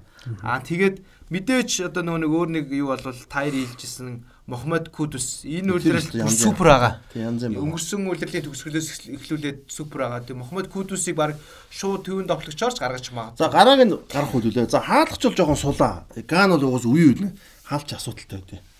За хаалгач бол жоохон сул байна. За хамгаалтан дээр бол хин. Саутемптон цаанд тоглож байгаа Салису төвд гарна. Бараг Лестрийн амартай гарах. Амарти төв. Тэгээ ламптай шүү дээ. Тэгээ лампте баруун зүгт ламптай. Тэгэхээр дөрөв хамгаалагчин гурав нь аюу гоё байхгүй. Даниэл амартай тэгтээ юу юу ад тий. Яг төвийн хамгаалтаар жоохон намтах нөө энэ Эрик Гарсия шиг байхгүй. Заримдаа жоохон Тий нэг бол дефенсив мидфилдер лөө энэ парти руу орж магадгүй Амарти Арсенал. тоглохосоор харахгүй тий. Тий. Өөр сонголт авах. Амартай ихэн хоёр гарах бах одоо энэ Салис бол үнэхээр сайн байгаа шүү. Мохаммед Салису. Нөө бид нарыг чи суугаад байгаа чинь тэр шүү дээ бас тий. Салису а хин хоёр гараад өө хин блэ. Амартай. Амартай тэгээд лампти гэж гараад зүүн зүүн зүгүрв шүү. Лампти баруун шүү. Баруун, дээр энэ. Сая сүүлийн тоглолт дээр зүүн зүгүрв. Зүүнд ч тоглоноос Тарик ламп. Гэхдээ яг үндсэн баруун л та. зүүнд ч тоглоно. За би энэ зүүнд хэнийг гарч магадгүй гэж бодлоо. Баба Хоёр Рахман уу? Тоглоно. Чеси дэсэн. Рахман байна уу? Бага шүү дээ. Баба Рахман бэлгүй хөө. Аа за зүгээр. Тийм ээ тийм ээ. Гэхдээ Баба Рахманы формыг үнэхээр мэдэхгүй. Челси дэсэн. Тий. Энэ бол Тэгэхээр Баба Рахман Рахмад энэ дөрөв айгүй айгүй дөрөв байхгүй. Тэгээ урд нь чи бодолт Арсеналын төвийг бацж байгаа юм байна шүү дээ. Лиг тэргүүлж. Парти өөр нэг сайн хагас байлээ. Партид суух юм байла. За тэгээд урагшаага Иняки Уильямс Кудус а хин орж иж байгаа. Хоёр аюу орж иж байгаа. Шорт нэг аюун л гарна. Ах аюу зүүнд баг. Юуны аюу? Суух юм уу? Кристал Палсын аюу гар. Нэгийг л гаргах. Кристал Палс Катарын аюун суух уу? Ахан суух юм байна. Ахас ахас ахайг одоо суулгахгүй бол болохгүй Аа, хаа. тэр Сулейман айлэр гарах. Паласын аюу чи хаан тоглолт. Баруун зүгт. А тэгвэл тэр баруун тоглоо Иняки зүүнд гараа Кудус урд гарна. Күдүс бар түүнд. Тэгвэл ах нь довтчийн ард бас тоглоно шүү дээ. Аа за бас байж. Бас байж болно тий. За тэгвэл эн чи 4 2 3-1 болох гэдэг юм да. Тий. Тэгээд энэ Томас Парти гэдэг амар. Партиг хажуудыг цэвэрлэгчтэй юм да. Би бол цэвэрлэгчтэй өмнөхөө сонголт алга. Энэ одоо энд хамгаалагч гэж битсэн байгаа байхгүй. Энэ Жозеф Айду гэдэг байгаа. Аа. Энэ Селтаг энэ ч юм хамгаалагч шиглэн хамгаалагч юм байгаа шүү дээ. Тэгвэл наач юм шүү. Тэгээд болчихж байгаа. Жозеф. Айду бол их сайн шүү дээ. Тэгэхээр Ганас эвгүй үлддэг. Ган гой тоглолтно. Би ялангуяа энэ довтлооны тоглогчт нь тоглогчдыг бүр ингээд яаж тоглох юм бол хүлээгээд байгаа. Одоо Инаки Вильямс, Камилдин Сулеймана, Мохаммед Кудус энэ энэ гурвыг одоо Европын том багууд бүгдээрээ сонирхож байгаа шүү дээ. Энэ гурвыг бол За бүгдээрээ сонирхож одоо Иняки Вильямс их сонирхоог байгаа. авах. сонирхож сонирхож. Энэ Инаки Вильямсээс Барсад гол хийж байгаа шүү дээ. Өнгөрсөн хавар Тэгээд Барс дандаа л хийчихдээ шүү дээ. тийм тэр чи Барсад гол хийдэг хүн Барсач одоо юу бэ Тий. дээ. Харин тий Барсад гол хийдэг хүн ч шиг тий. гэж сүттэй биш ээ гэж шүү дээ. Тэгвэл Иняки Вильямсийн хувьд бол энэ нэг тийм юу биш шүү дээ. Нэг тийм. Нэг тийм байнга л хийдэг юм шүү дээ. Байнга хэн цаашаа. Гэхдээ ер нь бол үе үе хийдэг юм нөхгүй. Тэгээ нэг тийм Тий, Мохаммед Кудус, Мохаммед Кудус бужигнуулна. Тий. За Ган юм бэ. Кудус бужигнуул. За дараагийн бага арчи. За Португал. За Португал бол ерөнтэй ийм гараа ойлгомжтой шүү дээ. Руи Патриси юм уу Жозе Савери нэг нь хаалган дээр. Диего Коста Яа, шүү. Би бол Диего Коста Португал амар халж шаардсан шүү дээ. Коста гарах юм уу? Тий, би би бол Диего Коста гарах хэрэгтэй. Коста, Коста, шүү. Диего Коста. Жозе. Саа ч сайн байгаа шүү дээ хоёроо. Үстэй баруун зүгт Далато канцел аяа гэж юу? биш биш. Довтлоонд Довтлоонд одоо баг Феликс, Жо Феликс, Ляо хоёроо гарах гэдэг юм шиг Роналдын хоёр талд. Бернардо Силва. Бернардо хагас биш үү? Ер нь яг ингэж байгаа. Португал ингээд янз янзаар үзэж байгаад энэ дээр айгу тохирчод байгаа. 4 2 3 дээр болчиход байгаа байхгүй. Яг бол 4 2 3 дээр тоглохоор Бруно Фернандеш яг өөрийнх нь атак уу? Тий. Тэнгүүд л Бернардо Силваг төвийн 3 хагас дээр тоглож үзсэн заяа. Болоогүй. А тэгээ баруун болоогүй. Тэгээд баруун дээр тоглосон чинь баруун дээр аюу гой тоглож байгаа. Бернардо Силва. За тэнгүүтээ зүүн дээрээ уг нь Жото бойл аюу хэрэгтэй болж байгаа. Диего Жото гимтэлтэй. Рафаэлио гарах. Тэгээд Роналдо төвдөө гараад тэгээд Бруно Фернандеш хоёр төвийн хагас дээр энэ Уильям Карвалио өөрөө Рубен нэвж Рубен байгаа. Нэвэж. Палини авахгүй. Палина арай гарахгүй хаа. Палина сайн та. Карвалич муу баг шүү дээ. Уильям Карваличийн гэхдээ хамгийн идэвхтэй цэвэрлэгч За шүү за дээ. тийм байна. Цэвэрлэгчдэр бол ч одоо нэрөөсөө номер 1 сонголт. Уильям Карвали бол. Фернандо Сантш одоо Фернандо Сантш. За түүний хамгаалтан дээр энэ Рубен Диашта зөв Пепе юу? Тийм байна. Тэгээд зүүн зүгүүрдөө нөө хин гарна. Парис Сен-Жермэний нөө зүүн зүгүүрийн Нуно Мендш. Нуно Мендш. Эсвэл гэрээрээ. Гэрээр гарахгүй хаа. Нуно Мендшийг л тоглуулах юм бол. Тэгээд Кансело. Тэгээ гэрээр нарай найдвартай л да айгундаа бол. Тэгээ баруун талд болж бас Диего Далот та бүр бүр болохгүй бол Канселог зүүндөө. Жо Кансело зүүн Диего Далот баруун чиш магадгүй. Тэгээд Португалийн жишээ бас Пепег орд хин хэн байж магадгүй. PSG-ийн Данило Жигүүрийн. биш төв- бас зарим нураадыг Данило Перера гэдэг. А тийм байна. Тий. Данило Данило Перера. Перера байж болно. Тэр тоглож магадгүй. Тэгээд Пепег гарна. Дөө гарна. Тэгэхээр одоо 39 настай Пепег төвийн хамгаалтанд тоглуулахаар Португал хаана өрх юм бол Одоо хүмүүс ингэдэг байхгүй. Португалийн ингээд лаг лаг гэдэг. Яг өндөө Португалийн Роналдогоос бас товтлогч гол хийдэггүй байхгүй. хицөө хицөө. Одоо ингээ харъя за товтлогчдын нэрлэе заяа. Та нар гол хийдэг өнө хараар. За позишнээр нь ялгаж агаад. За. Гонсало Рамос, Рикардо Орта, Рафаэл Йо, Жо Феликс, Андре Силва, Матиус Нүүнэш, Отавио за хагасууд нь нэмчи те. Витиня. Гол оруулахгүй хүмүүс шийдэр чинь. Роналдо л байгаа байхгүй гац те. За сэдгээр номер 1 сонголт нь энэ байхгүй. Жо Феликс байгаа байхгүй. Андре Силва Мило гэсэн бас яг гол дээр бас сайн биш те. Том тоглолтын дээр те. Сайхан царайлагцлог гүгүүд идэг. Э, Хийхгүй хийхгүй хийдгүй. Рафаэлио хайрнастай жигэн голууд нь хийж магадгүй шүү. Жото байсан бол Португал бол эвгүй байгаа. энэ солонгос хэрэг байгаа. Солонгос сайн байгаа. Солонгостой сайн байгаа шүү. Солонгос нөө Ким Инжэгээд Наполигийн юм болж байгаа. Ким Минжэ. Тий одоо энэ А- Азаас одоо сүүлийн хэдэн жил гарч байгаа хамгийн шилэг Хамгийн су- супер төв юм болж Ким байна. Ким Инжэ орж ирнэ. Шидаг гүцэх юм. А? Шидаг гүцэх. Яшидаг бол гүцэхгүй дээ. Яшидаг чинь пирамидыг баха. Ким Минжэ ч орчин үеийн Одоо хамгаалагч. залуухан гарч ирж шít Ким Инжэ. За энэ И И Канин орж ирж байгаа. И Жэсун орж ирж байгаа. Тэгээ мэдээ Сонто юу арах вэ те? Аа Хава хийчэн байгаа. Хваки чан байгаа. Тэгээд а энэ бол юу төвийн хагасууд төр байж. Төвийн солонгосч муу байгаа юм шүү. төвийн аггүй аггүй. Товтгоо мотлоо сайн байгаа штэ. Солонгосын лигч өөрөө айгүй сайжирсан байхгүй хамгийн гол. нь. Тэгвэл тэгээ сон муу байгаа. Тэгээд сон явах сонгоос өөр хийх юм байгаа мó. Хванки чан За, кан За би аль би бол солонгосыг нэг сайн мэдэхгүй л байна л. мм. Яг би энэ хэсэг тоо солонгосыг бол яг бүр хэсгээс гарна гэж бол харахгүй. Гэтэл муу бол биш шүү солонгос бол. Муу баг бол ирээгүй шүү. Кан и кангийн юу юм хэлдэг. Энэ өнтөө мундаа залуу орчиж байгаа. Иканин тий. Хванки чан зүүндээ гараад нэг бол төвийн дотор ч юм уу? Сон зүүн рүү ч юм уу? Тэгээ кан кан оо и Иканин. баруун руу орж ирэх үү? Иканин ч яг жигүүр лөө гарддаг юм да. Товтлогчийн ардл тоглолт юм да. Тэгвэл сон жигүүрлөө нөгөө хэдэг гарах нь шүү дээ, тэ? Солонгос шиг Төв ягас жоох асуудалтай Тий, солонгос.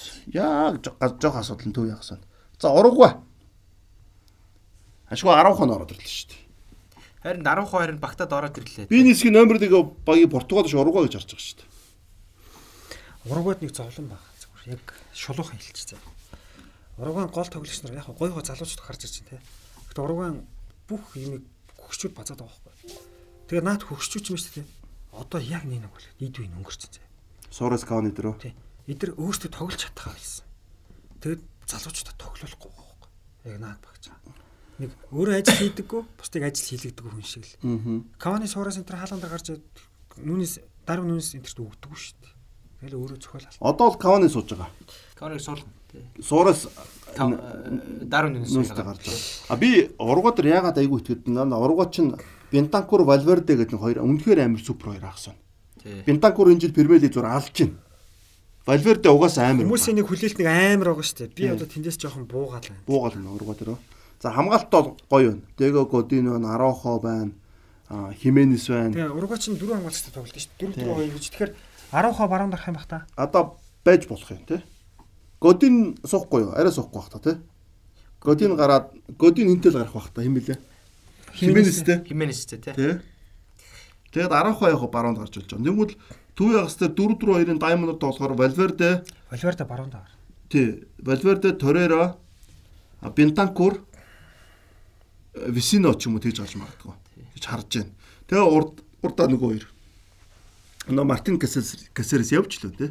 Кесерс гараад гарахгүй баха. Хөгшин хөгшин 5 дөрөв дэх дэлхийн арга шалралт тэмцээн. Би яг хуу ягаад юуны энэ төв ягсууд Валверде Бентанкур хоёр үнэхээр амар байна л да. Тийм Бентанкур сайн байгаа. Үнэхээр супер надад орч. Тэгээд Лукас Торерас мууг байгаа.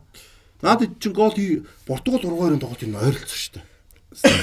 Замбраагүй хамгаалт. Тий, тэгээд өнгөрсөн жил өнгөрсөн жилийн өмнөх дэлхийн аргаар тар дургу хоцсон шүү дээ Португалыг. Португалыг багилж байгаа л аваа хийцэн. Тий, Португалыг хөдөлгөөгүй байж байгаа л аваа хийцэн. Урууга чи эвгүй бах л да. Португал ч Европын аварга болцсон байсан. Одоогийн бага бүрэлдэхүүнээ сайн бүрэлдэхүүн байсан шүү дээ 4 жилийн Португал. Тэгэхэд бол эвтэйхээ очсон шүү дургу. Португалийн төв ягс ч муу шүү дээ. Рубеневш, Карвалио хоёр бол энэ угаас л. Тэ. Тий. Уругвай Ган. За энэ хэсгээс дөрүлэг нь ярьчлаа. 1 2 нь. Би бол солонгосыг бол үлдээж байгаа. Тий. Би бол бүр баг Португалийн шигшээр гарах юм бол яах юм бол Би бол. Португал дээр эргэлзээд байна үнэхээр бол. Би баг шууд энэ Уругвай гэхдээ сүүлийн үед айгуус хэрэгцсэн байгаа. Одоо өнгөрсөн жил нэг балраад эрхээ алдах шах- шахаж байгаа шахаж хагаад Табараас халдсан шүү дээ. Тийм. Табараас ажиллаа өгөөд яг хаа бүр эрүүл мэндийн шалтгаанаар ажиллаа өгөөд оронд нь шин тасгалжуулагчтай болоо тэгээс хэрэгцсэн Уругвай. Тэгээ одоо энэ айгүй шин шин залуучууд бас орж ирсэн байгаа Уругвай дээр. Муслера хаалган дээр байж л байгаа. Тэгээд э, би бол Уругвайг нэгээр гарна гэж. Би бас ургуу нэг гэж байгаа. Уругвайг нэгээр гарна гэж бодож байгаа. Аа Тэгээс тэгээд Португал уу? Тэгэхээр Гану харин э, ихэн Португал уу л гэж бодоод. Хүмүүс болохоор Португалыг ингээд Роналдо эдрэг айгуу сайн гэж хараад байгаа байхгүй яг үнэндээ тий. Португал бол а- асуудал их байгаа байхгүй тий. Ган Португалаар эхлээд тоглоно те. Шууд тоглолт тийм эхлээд байгаа. А тийм үү. Баг тэр хоёрын хоцсон хэсгээс хоёр гарах юм шүү. Тийм. Тэр хоёр гарч бурхан. Хамгийн сүүлд Португал солонгостой үзэх гээд байгаа байхгүй. Тий. Ган урагваар алцах гээд байгаа байхгүй. Тий, тий, тий. 10 оны Хэсгээс үлийн тий. Энд ган урагваа чинь дандаа зандалтуудтай байгаа байхгүй. 10 онд ялж солонгостойгоо 10 онд ялж ирсэн урагваатайгаа тэгээ нөгөө Португалтайгаа. Аа тийм ээ тийм ээ. Баахан даага нь эхэлтэд явах юм биш Уругвай эсрэг. Уруугач юм бол солонгосыг хожиж сурцсан баг шүү дээ. Тэгээ солонгос нь гай болж нөгөө ганыгаа бас эвгүүтүүлэн шүү те. Ганы Ган ч солонгосоор магадгүй. Нөгөө хоёроо эвгүүтүүлдэг хөртлөө. Яг бол тоглолтын стил нь Ган эвгүй байхгүй нөгөө эсрэг. Би бол за баг за одоо тэгээд Хүмүүс уурлах баг. тий тий би Ган бол чи- Ганыг гарна гэж бодож. Ган чи 2014 оны дэлхийн арга шалралт тэмцээнд Германд хожигддог байгаа цаг шүү дээ. Ган альжир хоёр шүү дээ. Альжир амар байсан тий. Альжир аланга алдсан шүү дээ. Альжир Германд хожицсон шүү дээ. Явах явуулах шахсан тий. Биш яах юм бэ? Энэ энэ хэсгээр амар Би хэлээд байгаа шүү. Наад эхний хэсэг сүүлийн хэсэг өөр чи юу вэ гэдэг нь энэ. Суглаа гарсаа дараа за за Португал шууд ийм амарх хэсэгт ороод нэгээр гарч байгаа байх гэж бодож исэн байхгүй. Тэгээд Тэгээ Португалийн тоглолч өөр одоо явахгүй шүү. тийм юмнуудыг хараад тахаар За Португал гарах уу хөө арайч тээ. За би урууга нэгээр Португал хоёроор. Португал Nations League-ийн сүүлийн дөрөвт үлдлээ сая. Үлдэнгээ алдаад хамгийн сүүлд Испани Испани аа яг үнэ. хожигдсан. Хожигдсан тий. Испаноос 2 онооны илүү байжгаад хожигдоод хожигдсан, хожигдоод яцсан. Морото гол хийсэн шүү дээ энэ дэр. Хожлын гол хийсэн тий. Би Жото Мото Португалийн нэг Португалийн нэг залуу байсан. Би шинэ нойронд үзсэн сайн мэдхгүй. Баг Отава Матио байсан баг. Бүр хамгийн сүүлийн минутанд унж татаад ийм штангийн 90 градус оноо гараад цаг дууссан шүү дээ. Тэгээ Роналдо ууралж юугаа хайж Отоо яж шгшээдээ сайн тоглолт юм аа. Тий. За за за. Уругвай нэгээр Португал хоёроор гээл таа да. Ганыг элэнж гаргасан гоо тий. Тэгээ Португалч хоёроо Бразилтай юм шүү дээ. Хоёр хоёр но- но- За ч Ган яамаар юм бит. Ган эвгүй хөөц. Ган гарах юм бол Уругвай болторно. Португал гарах байх уу? Урууга гараа дээш нь шидэд өнөдөлээ. Одоо нэг хөөс яваад байгаа байхгүй. Гэхдээ Уругвай тоглолт бүрэлдэхүүн амар болохоос тоглож чадахгүй байх шүү дээ. Уругвай би өнгөрсөн 100 үетэйс Уругвайс жоохон зууралдж За байгаа. Уругвай Америкийн тоглолтыг Португал ч Зуур байгаа шүү зууралж дээ. тоглож байгаа. Тэгэхээр Португал ч сонирн байгаа шүү дээ. тий Португалаас сайн биш байгаа. За за за Португал нэгээр Ган хоёроор гээл таачдаг. Урууга мутаж байгаа юм тий. За би урууганы Португал хоёр. Цэгэд адилхан юм байна тий. Би юу аа Ер нь бол тий Уругвай нэгээр гарна. Тий Португал хоёроор гарах. Тий Ган харин арай дийтгүй юм болоо. Тий нээлтийн тоглолт дээр Португалыг хожчих юм болоо. Юм бол хэсгээс гарч Португал ч нээлт их муу гэдэг баг шүү дээ. Үеийн үед шүү дээ Португал. Тэгвэл Уругвай Ган. Санаж байна уу? Португал нээлтийн тоглолт нэр хэр тоглолт вэ? За за за Уругвай. Тийм. Ган боли. Португал нээлтийн тоглолт нэр үнэн муу тоглолт шүү. Португал 2002 онд юунд очигдсан? Америкт очигдсан. 4 онд Грект очигдсон. Тийм. 6 онд яг хоцсон. 6 онд очсон. Анголыг хожлоо. Ираныг хожлоо. А тий 6 оны хэсэг ч угаас Португал 6 оны үнэн муу хэсэг эхний тоглолтод Деку нэг голыг хожиж исэн юм аа. Шо хоёр тэгэрчл хожиж исэн. Анголын 1-0 үлээ. Тэр Ангол дараа Анголыг Мексик. 1-0 Деку пенальти. Тий. Яадаг ч илээ. Анголыг 1-0. Тий 1-0 Анголын 1-0 орчдөг баг. Санаад тий. байна. 8 онд ялаа. 8 он чихтэй хэсэгт орсон шүү дээ. Хоёр дахь тоглолт чигээ гэж дээ. Эсгээс Хождог үлээ тий. Португал хожино л доо. За за тэр ч яах вэ? 10 онд 14 онд 14 тоглолт Герман Германд болсон шүү дээ. Герман дөрөвт. Тэгээ Португал ч Ганта ялаад ихэд Ганагаа хожсон санагдаад байна. хожигүй. Хожигүй. А Ган хожоогүй. Ган хоёр тэнцээд нэг хожигдчихлоо. Португал тэгээ 4 оноотой эсгээс. Ган ч Америк хожигдсан билээ. Америкт хожигддог байхгүй. Аа тийм ээ. Ган ч Португалийн өөртөө тэнцэж байгаа Тийм байхгүй. Португал Германтай тэнцэмгүүтэй малтарч тийм. Наа чи эвгүүлтэй хараа. Тий. За би бол урууга Португал гэж. Эндээ Португал гарч ирээ барьцэл тавилах юм байна да. Сүүл рүүгээ таван төвшүүлээ. Одоо ингээ болий те. Тэгэхээр 4 5 цаг яа. За за за Португал за би энэ бодлоо бодлоо. Урга За, Португал юм байна л. За арай Португал ах юм байна. Урга Португал. Португал нэгээр. нэгээр ургаа хоёроор л. За за. За тийм. За за ингээд За одоо дуусгаад тааж дуусахгүй бол манай найруул юу продюсер уурлаа. Тэгээ дээрэс нь угаасаа ойлгомжтой арай л утчлаа. Бараг 5 цаг хэдэн цаг хүн ч амар удаан юу боллоо. Тэгээд яг гоо дэлхийн аварга спешиал гоё ингээд манай үз- үзэгчний дэлхийн аварганд бүх ингээд багуудынхаа мэдээллийг сайн авчиж байгаа бох. Тэгээд э, өнөөдрийн интролд байсан Нэг мөч юм болох юм. За тэр минут тэр хэцүү хоо. Тий. Тий. За Цэнгэл Нанжид хоёртой баярлалаа. Тэгээ Расти маань 20 дэрнэ. 20 дээрээ бид дэлхийн аваргын дундуур бас дугаараад бол тэрийг өтөд би шууд явуулчул яа тийш бодоод байна. Угаасаа дэлхийн аваргын өмнө өдрийг дараа нь хардч угаасаа нэг хонд дэлхийн аваргын 3 4 тоглолт явуулсан байна шүү дээ. Тэр баг шууд дэлхийн аваргаар хэд хэдэн дугаар фэйсбүүкээр ч юм уу ютубер явуулчих. Тэрийг манай тулгаар Расти хоёр одоо мэдэх бах, шийдчих бах. Тэгээд өнөөдрийн юунд өрөлцөрсөн Цэнгэлдээ баярлалаа. Нанжтай баярлалаа. Маш гоё юу болоо тэгээд MMS манай ерөнхий спонсорт маш их баярлал талархаж байгаа шүү. Бид нэрс PR тусаад MS MMS дээр очиж бас ингээд MMS-ийн ажилтай танилцсан лайв хийн бас өөр ямар ямар юмнууд байна те. Тэр талаас нь мэдээлэлүүдээ та бүхэндээ хүрэх болно. Тэгээд мэдээж Wave Sport Lounge дээр та бүхэн дэлгүүр мэлхийн аварга ирж үзээрэй манайхаа. Баяр та. Дараагийн дугаар хүртэл дэлхийн аваргаар уулзцгаая.